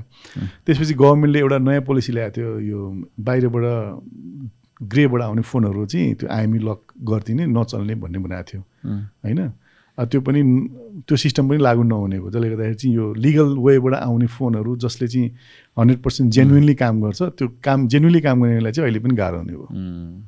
किनभने सस्तो पायो नि त। नन बिलवाला सामान सस्तो पाउँछ। तीमाथि पनि नेपालमा कस्तो हुन्छ भने यो एप्पलको आइफोन हामीले गर्ने काममा चाहिँ के छ भने ठ्याक्कै दसैँपछि लन्च हुन्छ कि. नेपालमा चाहिँ। तर विदेशमा चाहिँ दसैँभन्दा अगाडि लन्च हुन्छ. अनि ठ्याक्कै दसैँमा घर आउने बेलामा चाहिँ सबको गोजीमा दुई तिनवटा फोन बोकेर आउनु चलाउने हो कि यो चाहिँ. अलिकति पनि भाडा उठिहाल्छ भन्ने हो कि सोच चाहिँ। अनि यहाँ किनौँ भने सोच हुँदैन। त्यसले गर्दाखेरि चाहिँ हामीले पनि अहिले पनि हेऱ्यो भने डेढ दुई लाखवटा फोन नेपालमा आइफोन प्रति वर्ष एक्टिभेट हुन्छ तर चालिस पचास हजारभन्दा बढी लिगल आउँदैन कि यहाँनिर. त्यत्रो ग्याप छ कि यहाँनिर। त्यो त आइफोनमा मात्रै अरू त्यस्तो चिज त कति छ कति छ अब. सबै हाम्रो क्यामेराको सामान्य सबै क्यामेराको लाइक हामीले सोरुमबाट लिन थालेको तिन चार वर्ष भयो त्योभन्दा अगाडि त त्यही त भ्याट स्याटको ज्ञान नभएर न्युरोडतिरै किन्थ्यो। त सबै अब मान्छेले ल्याइदियो नि त हो सिङ्गापुर मलेसियाबाट। टक्क ह्यान्ड क्यारीमा ल्याइदिइहाल्ने हो टक्क लेन्स होइन आफूले चलाउने आफूले बोकेर आएर केही फरक पर्दैन। आफूले ल्याएर व्यापारै गर्दाखेरि चाहिँ प्रब्लम भएको हो नि बजारमा त त्यस्तै हो। कुनै पनि बिजनेस न्युरोडको फुल बिजनेस त्यही त हो। फुल बिजनेस त्यही हो नि त। फोन र क्यामेरा निरोडवाला रिसाउला नि फेरि अहिले त्यसो अब न्युरोडवालाले हामीलाई खुसी नै पारेको छ नि। अब आफ्नो पनि त्यही किने हो। अब अलिकति लाइक आफ्नो आफ्नो भ्याटमा भएपछि अनि देन वी स्टार्टेड बाइङ नत्र त हो किन बढी तिर्ने भन्ने कुरा? आउँछ। अनि पर्सनल युजमा त किन तिर्ने भन्ने पनि कुरा यो इमिजिएट चेन्ज नहोस् किनकि they are also running a business like भोलिपल्टै गएर सबै कुरा बन्द गर्नु। त्यो भएन। त चेन्ज हुन्छ। मलाई थाहा छ जब नेपालमा पहिलोचोटि भ्याट लागेको थियो हामी भर्खर बिजनेस सुरु गरेका थियौँ होइन? सबैजना हामी आन्दोलनमा गएको थियौँ कि भ्याट बन्द गर्नु पर्यो भनेर होइन? कहिले हो यो? धेरै पहिला हो नि त झन् यो पेन्टिङ टाइममा पेन्ट टाइममा त्यति बेला त पुल्लो छोडाको मेन रोडमै बाटोमा पार्किङ थियो। बाटोमै गाडी रोकेर बस राम्रो काठमाडौँ बाँच्न पाइन्थ्यो त्यतिखेर कति भने आफ्नो पसल अगाडि गाडी राख्न नपाउँदा पनि रिस उठ्थ्यो कि। ठ्याक्कै अगाडि नै चाहिने कि पार्किङ खाली? बाजाबाज हुन्थ्यो बाजाबाज बाजाबाज हुन्थ्यो त्यो बेलामा। त्यो आफूलाई अलिकति बढी हिँड्न पनि मन लाग्ने। पछि पार्किङ हटाएपछि कुरै सिद्धो कि? त्यो तपाईँको बिच बिचमा डिभाइडर राखेर नतर भने हुन्छ नि। त्यो तरेर आफ्नो पसल जानलाई बेला ट्राफिक आयो नि। किन यसरी हान्दाखेरि? मेरो पसलै हो यहाँ त्यो म धेरै टर्निङ किन लिनु टाइपको अर्कै अर्कै हुन्थ्यो पुरा एकदम दादागिरी। मापसे आएको धेरै भएको छैन। दस दस वर्ष भयो। बिस्तारै बिस्तारै चेन्ज भइहाल्छ अब यो मेरो। विचारमा अब बिस्तारै होइन एउटा कुरा चाहिँ के छ भने सिस्टम चाहिँ भयङ्कर राम्रो भइसकेको छ नेपालमा पनि जुन यो सफ्टवेयरबाट काम गर्नुपर्ने आइटीबाट गर्नुपर्ने कामहरू ट्र्याकिङका कामहरू चाहिँ एकदम खतरा भइसकेको छ पहिला कसले के ल्यायो बल्ल त बायो बायोमेट्रिक्स लिन थाल्यो? त्यो पेन छैन। बल्ल त राम्रो बायोमेट्रिक्स लिन थाल्यो त्यो हाम्रो कालीमटीमा अफिस छ नि। नेसनल कार्ड बनायो? नेसनल कार्ड चाहिँ बनाएको छ बनाइसकेँ पासपोर्ट रिन्यू बनाउँदा बनाइहाल्नुपर्छ। जस बिस्तारै ट्र्याकिङ आउँछ। जब नेसनल आइडीमा चाहिँ सबै इन्टिग्रेसन गरिदिएपछि चाहिँ अनि सबै हुन्छ। तर एउटा कुरो थाहा छ तिमीलाई? सरकारले बनाएको त्यो नागरी एप थियो नि। त्यसबाट लाइसेन्स हटायो नि।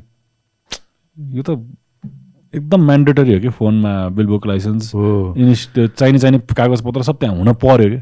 किन नागरी एप भनेको सरकारको एप हो होइन? त्योभन्दा अथेन्टिकेट केही हुनसक्छ? सक्दैन नि। र त्यो नागरिक एपमा राखेको लाइसेन्स भनेको जो मान्छेको फोनबाट रजिस्टर छ र जुन लाइसेन्समा नम्बर छ त्यहीबाट त्यो मान्छे नै आउने हो। भनेपछि नागरिक एपमा भएको लाइसेन्स कहिले डुप्लिकेट हुनै सक्दैन। होइन? तर प्रिन्टेड हामी कसैले धेरै त डुप्लिकेट कपी पनि त बोकेर हिँड्छ नि मान्छेले नि अर्काको लाइसेन्समा पनि बोकेर हिँडिरहेको हुन्छ। त्योभन्दा त बढी अथेन्टिकेट त के थियो? हाम्रो ड्राइभिङ लाइसेन्स त हाम्रो फोनमा भएको एप्समा थियो नि। त्यही नै हटाइदिएर लाइसेन्स बिलबुक चाहिने चाहिने कागजपत्र त सबै फोनमा भयो। आनन्द हो नि। आनन्द हो नि। कसले बोकिरहन्छ कि बिलबुक अब कहाँ बोक्ने? अब त्यो सबै थियो त्यहाँनिर। पासपोर्ट छ सबै कुरा छ हो। पासपोर्ट हामी विदेश जानु पऱ्यो पासपोर्ट रियलै देखाउनु पर्छ आफ्नो ठाउँमा छ। तर त्यो सरकारले राखेको आफ्नै एप्समा आफ्नो अथेन्टिकेसनलाई नै डिलिट गर्नु भनेको चाहिँ सरकारी एपमै खोड छ चाहिँ देख्छु कि म चाहिँ यहाँ। एन्ट्री गर्न सकेन स्योर एप बनायो बजेट सजेट आयो एपको बनायो एन्ट्री गर्न सकेन। एन्ट्री त कहाँ ढड्डा लाइसेन्स थियो त। तिन दिन त भन्यो चार दिन त भन्यो हटाएको। सबैजनाको थियो? सबैजनाको आउँथ्यो लाइसेन्स म त डिओटिएम भन्ने वेबसाइट छ। त्यहाँ चाहिँ देखाउँछ कि। ए इमर्जेन्सीमा चाहिँ डिओटिएममा गयो। हेर्नुहोस् यहाँ लाइसेन्स भन्ने देखाउँछ हो त्यो देखाउने भनेको सरकारी साइडमा गएर देखाउने भने त त्यो अथेन्टिक हो नि। डुप्लिकेट लाइसेन्स त त्यो देखाउँदैन नि त्यसमा नि के चिज गर्छ? त्यो अब गफ हानी हानी गर्नुपर्छ कि? म युट्युबर हो। हेर्नुहोस् त्यो बेला चाहिँ चिन्नुहोस् जस्तो लाग्छ। त्यो त त्यो त प्रिभिलेज लिएको हो नि त। अब तर प्रिभिलेज नहुने मान्छेलाई त। अथेन्टिकेट त योभन्दा राम्रो त केही पनि छैन नि। भाइको लाइसेन्स बोकेर त कोही पनि हिँड्दैन नि त फोनमा त। नागरिक एपमा त। तर अब मसँग छ होइन। मसँग मसँग अहिले लाइसेन्स छैन। होइन? तपाईँको नौ महिना दस महिना भइसक्यो रिन्युमा छाडेको आउँदै आउँदैन। मेरो त लाइसेन्समा भएको फोटो खुइलिएको छ मैले एउटा भिडियो पनि बनाएर हालिदिएको थिएँ। अँ त्यसको त्यो पनि निस्किन्छ त्यो। चिप चिप त निस्किन्छ निस्किहाल्छ। पहिलाको पहिलाको चिप्स निस्कियो। त्यसपछि बनाएको अहिले काम पनि छैन। फोटोमा कसैले चिन्दैन म को को कालो यसो उडेर गइसकेको छ। त्यो त्यो फोकटै हो कि त्यो चिप? कहिले कहिले युज भयो त्यो? होइन त्यो चिप्स भएपछि लाइसेन्स चेक गर्ने बेलामा पुलिसलाई पनि त्यो चिप्स हाल्ने ठाउँ दिनु पऱ्यो नि मेसिन दिनु पऱ्यो नि। त्यो हावा हो त्यो। अब अनि पो ती इन्स्ट्यान्टली थाहा हुन्छ यसले कति गऱ्यो। अनि कर पनि ती तिर्न लगाइदिनु सकिजान्थ्यो क्युआर कोड स्क्यान पनि फाइन तिरेर जा बाबु छाड्दैन, भन्ने। छाड्दैन, छाड्दैन। फेरि हामी फस्छ। फस्छ हामी। ल ठिक छ। धेरै कुरा गर्न सक्दैन। होइन अलिकति टेक वर्ल्डमा छौँ नि त हामी। नेपालको ट्रेक देखेर चाहिँ अलि- अलिकति अलि- गरेको पनि छ केही नराम्रो कुराहरू पनि छ। गर्न सकिरहेको पनि छैन। गर्ने ठाउँ अझै धेरै थियो होइन? अब गर्ला नि अब। होपफुली होपफुली नेक्स्ट पडकास्ट गर्ने बेलासम्म अरू केही भयो नभए पनि यात्री बाइक चाहिँ रेजिस्टर्ड भइसक्यो होस् नेपालमा बेच्नलाई। सो दाई thank you so much for coming thank you so much तपाईँको टाइम. दिनुभएकोमा। अब आई थिङ्क हामी एन्ड एन्डतिर आयौँ। वी कुड टक अझ अझ नेक्स्ट टाइम अलिकति अर्को पाटो जम्ला यो यो पालि चाहिँ what we wanted to do what we want people to hear is that नेपालमा बनेको यस्तो राम्रो बाइक छ। लाइक म त त्यो बाइकको फर एभर फ्रीमा सपोर्टर हो। अल द टाइम मलाई चाहिँ मेरो सपना थियो क्या लाइफमा म चाहिँ सिक्सटी सेभेन्टी इयर ओल्ड हुन्छु होला जस्तो लागेको थियो कि म नेपाली बाइक कहिले प्रमोट गर्न पाउँछु। किनकि हामी टु विल्स एकदम धेरै प्रमोट गर्छौँ। यति छिटो आउँछ। टु थाउजन्ड नाइन्टिनमा नै बन्यो। त्यतिखेर नै मलाई एउटा ड्रिम आफ्नै ड्रिम पुरा भयो जस्तो लाग्थ्यो। And to see that registered पनि नभइकन त्यस्तो लथालिङ्गमा छोडिएको देख्दाखेरि चाहिँ साह्रै दुःख लागेर मैले चाहिँ यसको लागि was the best person to talk with भन्दाखेरि लोकेश दाई आई थिङ्क उहाँले राम्रो राम्रो फ्याक्ट पनि ल्याउनु भयो होइन। So thank you for your time I think hopefully यो हाम्रो हाम्रो अटेम्प्ट कहीँ गएर यो सुनिदियोस् भनेर सुनिदियोस्। किनभने म पनि हेर यो इलेक्ट्रिक भेहिकल प्रमोट होस् भनेर लाग्नेमा एउटा मान्छे म पनि हो? एकदमै र म जति पनि अहिले पनि भिडियो बनाएको छु कसैसँग एक रुपियाँ पनि मैले ल्याएको छैन। प्रिभिलेज कोहीसँग पनि ल्याएको छुइनँ कोहीसँग केही मागेको पनि छुइनँ आफ्नो मनले गर्छु। त्यसमा पनि यात्रीले नेपालमा बाइक बनाउन सुरु गर्यो भने यति म जति खुसी कोही पनि थिएन होला। तर उसलाई धेरैचोटि मागेर बल्ल बल्ल उसले मलाई गाडीको भिडियो बनाउनु दियो होइन। मैले बनाएँ होइन। अब यो पछि यो जुन अस्ति मैले भने जुन अर्थ डेको दिन जुन मैले न्युज हेरेपछि मैले सहनै नसकेर त्यो आफ्नै व्यक्त गरेको कि एउटा मैले कमेन्ट पनि हेरेको थिएँ। फर्स्ट टाइम चाहिँ मैले लोकेसरलाई स्याड देखेँ यो भिडियोमा भनेर एकजना कमेन्ट पनि गरेको थिएँ कि। किनभने त्यो बाई हट नै थियो क्या त्यस कारण यस्तो गजबको चिज नेपालमा बनेको छ नेपालमा सुरु गरेको छ नेपाली युवाले नेपाल विदेशबाट फर्किएर आएर यस्तो कुराको लागि चाहिँ सरकारी निकायले सरकारमा बस्ने मान्छेले ब्युरोक्राट्स होस् या कुनै पनि क्षेत्रको मान्छेले चाहिँ यसलाई चाहिँ एकदम मजाले प्रमोट गर्नुपर्छ। यो भनेको एउटा नजिर बन्न सक्छ किनभने भोलि पर्सि भविष्यमा अरू यस्ता धेरै कुराहरू आउन सक्छन् होइन? यसले गर्दाखेरि चाहिँ मान्छेलाई काम गर्ने वातावरण सहिलो होस् विदेशबाट आएर फर्किएर देशमा केही गर्छु भने मान्छेलाई सहयोग पुगोस् भन्ने भावले नै आज हामीले यो सायद यो पडकास्ट पनि गरेको होइन? र यसमा हामी सबैको सहयोग चाहिन्छ। अब हामी दुईजनाले मात्रै करारहरू पनि हुँदैन र यसमा सम्बन्धित ठाउँमा पुगोस्। पुगोस् भन्ने मात्रै कुरा हो छ नि दाइ म धनगढी सरी अलिकति फेरि तन्का धनगढी जाँदाखेरि there is always some one कि बाइक बनाउँछ नयाँ? अँ, आफै। सत्र अठारको वर्ष बच्चा। अस्ति मैले भ्लगमा हालेँ छटकले गाडी बनाएको छ। धनगढी धनगढीमा एउटा कलेज छ कि त्यो कलेज त यस्तो छ कि जहिले फन्ड गरिदिन्छ यस्तो इन्करेजिङ छ त्यो कलेज बग्गी पनि चढेको छु म। हामी यहाँ के अरे सफ्टवेयर कलेजमा त्यो बनाएको थियो त्यस्तै खालको होइन? हो त्यस्तै खालको। त्यहाँ त धनगढी धनगढीमा एउटा के कलेज छ कि एस तल प्लिज लेखिदिनु होला त्यो कलेजमा अब फ्युचर छ क्या मान्छे एउटा सत्र अठार वर्षको बच्चाले गाडी बनाइसक्यो कि दाइ? भने इलेक्ट्रिक त केही होइन। If we produce in our own country तपाईँले बिस तिस लाखमा इलेक्ट्रिक गाडी कम्युटको लागि मात्रै हो नि। लोकल लोकल चलाउनलाई तिमीलाई मजाले पुग्न सक्ने चान्सेस हाई छ क्या कुरामा कुरा जोडिहाल्छु। म पनि गाउँकै मान्छे हो होइन? पहिला घाँस काट्न जानु पर्थ्यो कि। घाँस काट्दा हामी डोकोमा हालेर लिएर आउँथ्यौँ होइन? डोको चाहिँ मैले अलिकति चेन्ज गरेको थिएँ। यहाँ नाम्लो लाग्ने हुन्थ्यो। अनि यहाँबाट फिता पनि मैले डोकोमा राखिदिएको थिएँ कि जसले गर्दा चाहिँ बोक्न सजिलो होस् भनेर होइन? त्यो चाहिँ कहिलेकाहीँ हामीले चाहिँ अब मेन्डेटरी सर्भिसमै पर्थ्यो किनभने काम गर्ने मान्छे कहिले हुँदैन थियो। अब अब धेरै वस्तु हुन्थ्यो कहिले गाई बिहा हुन्थ्यो के हुन्थ्यो होइन? एकदम भएको बेलामा जानु पर्थ्यो आफ्नो घाँस काट्नको लागि। छुट्टी भएको बेलामा हामीले टाइम दिनु पर्थ्यो होइन? अनि त्यो बेलामा हामीले चाहिँ घरमा त्यो काठको एउटा ठेला बनाएको थियो कि। त्यो साइकलको चक्का हालेर बनाएको थियो। त्यसले सजिलो भएको थियो।